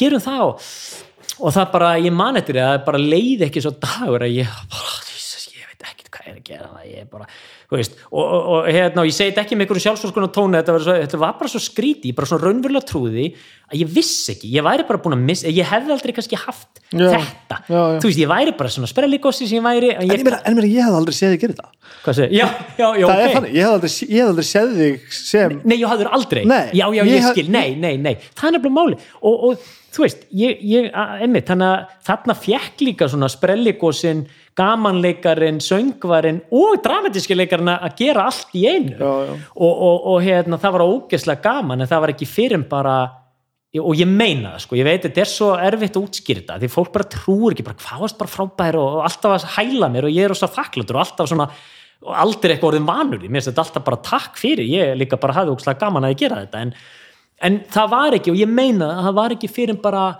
þú veist, við vorum búin að æfa, æfa, æfa, æfa það var ekki fyrir vikunni fyrir frumsýningu þegar ég sá viðbröð fólks, eða sko sérstaklega þú veist, þú veist þú veist, ég segi nátt söguna þegar pappi sko, gaggrinasti leikusmaður sko, land, gaggrinasti gaur landsin sko, mætti.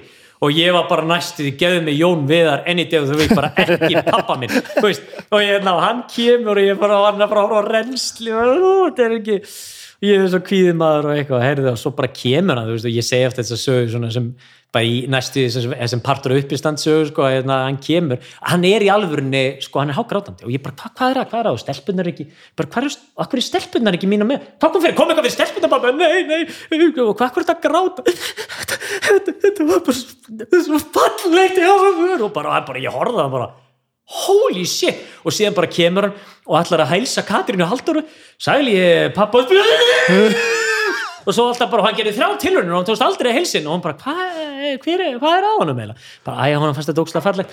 Og hérna heyrðu, þá fattaði ég bara, já, fokk við erum með eitthvað sjúklega flott í höndum. Og, þú veist, og, ég, og ég er ekki grínast og þetta er ekki eitthvað líi, þetta er ekki eitthvað saga sem ég segi.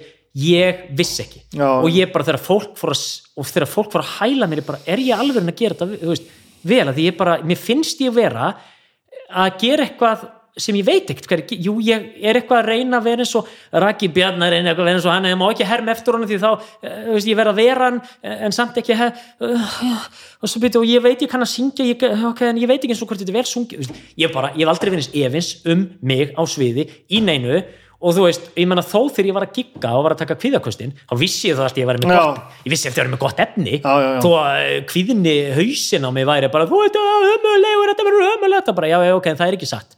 En þarna var ég bara hverju minnst þetta er bara, þetta er, ég er ekki alveg þetta er bara ömulegt, sko og, og svona, vissi ekki alveg, hvernig á ég að þú veist þú veist, og það var meira að sko hérna, ég var svo meira þess að þurfti Selma Björs sem var þá aðstofulegstöri mm. sem ég veist bara mesti töffar í heimi sko. Hún, hún rífið mig fram á gang. Svo við erum alveg eitthvað, hlappa eitthvað. Hún bara, Björgvin, viltu hætta að afsaka þig upp á sviði og, og, og, og segja mér líkamannum afsakið mig ef mig skildi kalla? Viltu gjöra svo að taka sviðið og taka bara, "Ég- ég- ég- ég- ok, ok, já, já, já, skal gera það, já og þú veist, svo bara fór ég og þurfti bara eitthvað svona mm, að bóla mig fram og þóra þessu að því ég var svo hrættur, ég væri þá bara fyrir að þau voru vera, þú veist, þarna var bara, þú veist, ég var bara fyrir öðrum leikurum og, og, og eitthvað, þannig að þetta var þannig að þú veist, ferlið var þess að var svo, svo þakkláttur fyrir að fólks, að hrósið. Mm. að því þetta er ekki bara okkur, þú veist, eitthvað svona, já takk ég veit. Skilur, þetta var alls ekki það, þetta er bara þetta imposter syndrom sem að ég fæl við ennþanda í dag. Veist, stundum lappa ég inn í aðstæður þú veist, ég lapp inn í aðstæður sem ég bara veit þetta verður gott, ég bara veit þú veist, það er bara, ég er búin að sjá það, ég er búin að visionisera, ég er bara að sé að þetta verður fullkomið og ég er bara að gera það allar leið og ég veit það. Getur komið efasemtir á leiðinni en ég veit alltaf. En svo, svo hafa stundum sko, þú veist, eins og ég hef alltaf trúa mér sem einhverjum svona kvikmyndaleikara. En eins og þegar ég mætti á svæðum daginn ég bara, "Ó, ég bara ég veit ekkert hvað ég er að gera ég veit ekkert. Og ég bara, upp, ég bara, ég veit ekkert, ég veit ekki neitt. Og það var ekki fyrir hennar loksin sko þegar hún var búin að segja við mig, herrðu, hún var að draga um 90% ég "Ó, ég er að gera mikið, hvað býtu, hvað er ég að gera? Er ég ólega, er ég ekki, hvernig er ekki, býtu, ég er búin að gera þetta. Ok, býtu, býtu, býtu, og svo var ekki fyrir henn bara, herrðu, flott. Hún bara, ok, hún haldi, ok, ok, þetta er flott. Ok, hún haldi mér, þetta er gott, þetta er gott. Ú, ok, ég getur örugur, því að þú veist eins og segja, og, og, og þetta er líka partur af challenge-inu, það er að sko að verða ekki svo auðvitað á maður að vera örugur í sér og skinninu sínu og starfinu sínu og allt það en ekki fara að vera svo örugar að þú bara, eh, whatever, skilur heldur bara, þess vegna fannst mér þetta svo mikið challenge fyrir mig, veist, þetta var svo mikið challenge að fara aftur á svið, ég bara vissi það ekki ég var svo spenntur fyrir hlutverkinu, ég pældi ekki í hvað þetta myndi kosta mig, þú veist það var að fara, þú veist þessi, þjáning og efasemdir og allt þetta eh, þú veist, bara mitt, kvíðinn og já, bara þjáningin sem ég Þú þú veist þessi vinna er að vera þú maður þetta er endalastu vissin upplifði en það verður æðuveldara Já, það er eins og það er gaman. Það verður æðuveldara, það er alveg rétt. Það er djúfis vesen og ég er bara Jesus Christ, hvernig Var þetta ekki þrættið að missa brotinni ef þetta voru öðra Eh, ég, sko, það er það sem ég, alltaf, ég held alltaf en svo náttúrulega kemst ég, það er náttúrulega djúfis rögl þetta er það er ég, hérna, þú veist, ég er allavega sko, sem að límit þó ég sé svona hæ, þó ég sé svona eins og þú veist, hérna, eins og einhvers konar kjartnokku bombastundum sko, þá er þá finnst mér samt svo gaman að vera í ég í dag.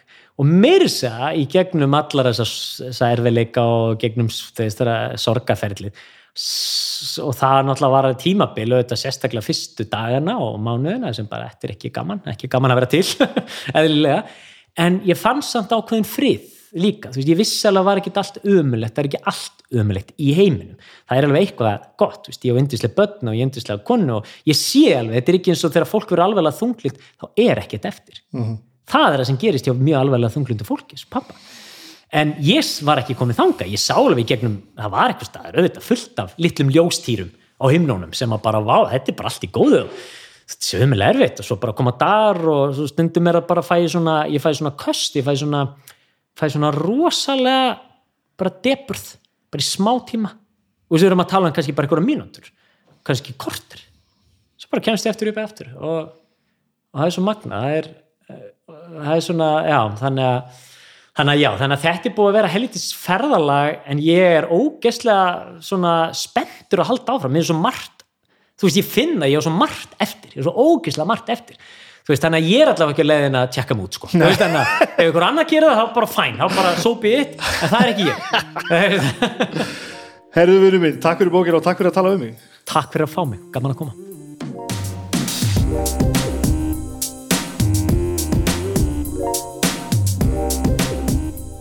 Björgvin Frans, hvað viljið þið segja um þetta? Hvað viljið þið segja um þetta? Þetta var, þetta er einhvern veginn Þetta er eitt af þessu vittur sem tók sér bara svona loft. Og það er eitthvað svo magna þegar það gerist. Þetta bara flög á stað og við höfum aldrei þurft að hætta. Svo finnum maður einhvern veginn bara svona að þetta kemur hérna kemur bara heim, heim aftur. Það er mikið búið að ræða hérna hefur séð alls konar, alls konar á internetinu og ég er bara að skila búið frá hinum á þessum. Sem er lengdin á þáttunum. Ég einhvern veginn held fyrst að ég myndi hafa þetta einhverjum, einhverjum skorðum svo bara, bara þetta bara hljóp frá mér sko. Ég finn það núna bara þessi, þessi spjöll þau hafa bara sinn tíma sem eru bara lengri en önnur og ekkert, það er ekkert, ekkert slæmt að gott um það að segja, það er bara þannig. En þetta var svona eitt af því sem bara hljópa á stað og þetta er rosalega margt. Það er hansi margt að melda hana farið og tekja á, á hérna bókinas gísla. Gerfi limur gísla rúnas þetta það væri einhver það var einhver fallegur það var eitthvað fallegur svanasöng, svanasöngur í því að þetta er, í- í söluhesta bókin fyrir jólin mjög gott. Áður en ég hætti þessu þá ætla ég nú aðeins að tala um, um hljóðkirkjuna. Þetta eru sex þættir í viku. Og það var mondaginn síðasta var, var dómstafur nummer 113 Birna í góðu stuði, ég get sagt ykkur það að það þurfi ekki hlusta nema svona, já, svona fjóra mínútur inn í, inn í þennan þátt. Og þá er hún búin að gera alveg glórulösa hluti, búin að segja eitthvað sem enginn á að segja neinstaðar, það sem upptöku tækir í gangi. Mjög fyndið, alveg afar fyndið kokkaflækið, gestur hans Óla er Björn Steinar Jónsson. Uh, hann er verkfræðingur sem bjóð í Danmörku og sem kannski ekki er stóra málið en hann er hann er bæði einn eigenda veit ekki hvað sé skál skálar, skál, skál. Þetta er auðvitað svona, ei, skál. Hann á, hann og fleiri eiga skál á lemmi og svo var hérna heldsölu sem flyttur í náttúruvín og eitthvað svo leiðis en kannski svona það sem mér finnst mest, mest spennandi við þetta hann er, eh, hann, hann er salt, saltgerðamaður. Hann framleiðir hágeða salt fyrir með og, og þar ræður um fyrirtæki saltverk. Afar áhugavert mikið og skemmtilegt. Eh, blam, blam, blam, gær ég er, ætla að játa núna nú er ég að fara að tala um drauga fórstíðar, ég er alveg búin að missa hérna, ég er alveg búin að missa tötsið sko, ég held ég sé að þetta er nummer 23 núna, þetta er, ég er í ruglinu. Að nú er ég bara að þylja upp eitthvað sem að ég er ekkert búin að hlusta á en ég held að þátturinn heiti Góði nasistinn og í lýsingu þáttarinn segir stundum fellir gott fólki þá grefi að hrífast af varhugaverðri hugmyndafræði. Það hendi mannin sem við fjöllum um í þessum þetti í heimanandi sínu er hann er óþektur en í stóru og fjölminu ríki langt frá heimkynum hans. Er hann þjóðhetja sem bjargaði þúsundum mannslífa verður að vara við óhugnaði í þettinum. Blim, blim, blim.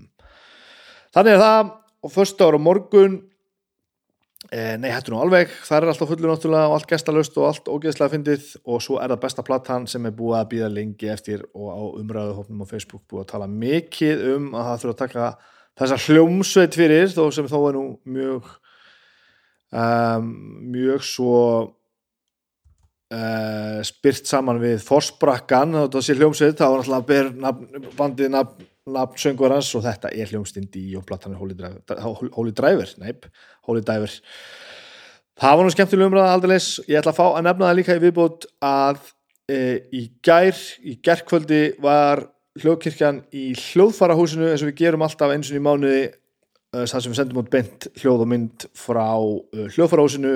Og það sem ég tek við töl við tónlistar tengt fólk. Og í þetta sinn var ég að tala við mannin sem hefur kannski talað við flest tónlistarfólk á Íslandi í þessu formæti og mjög áhugavert. Ég var að tala við Jón Ólafsson sem er náttúrulega búin að vera með að fingra fram í 1002 ár þannig að þetta var áhugavert að fá hann hinn með við að fá hann hinn með við borðið.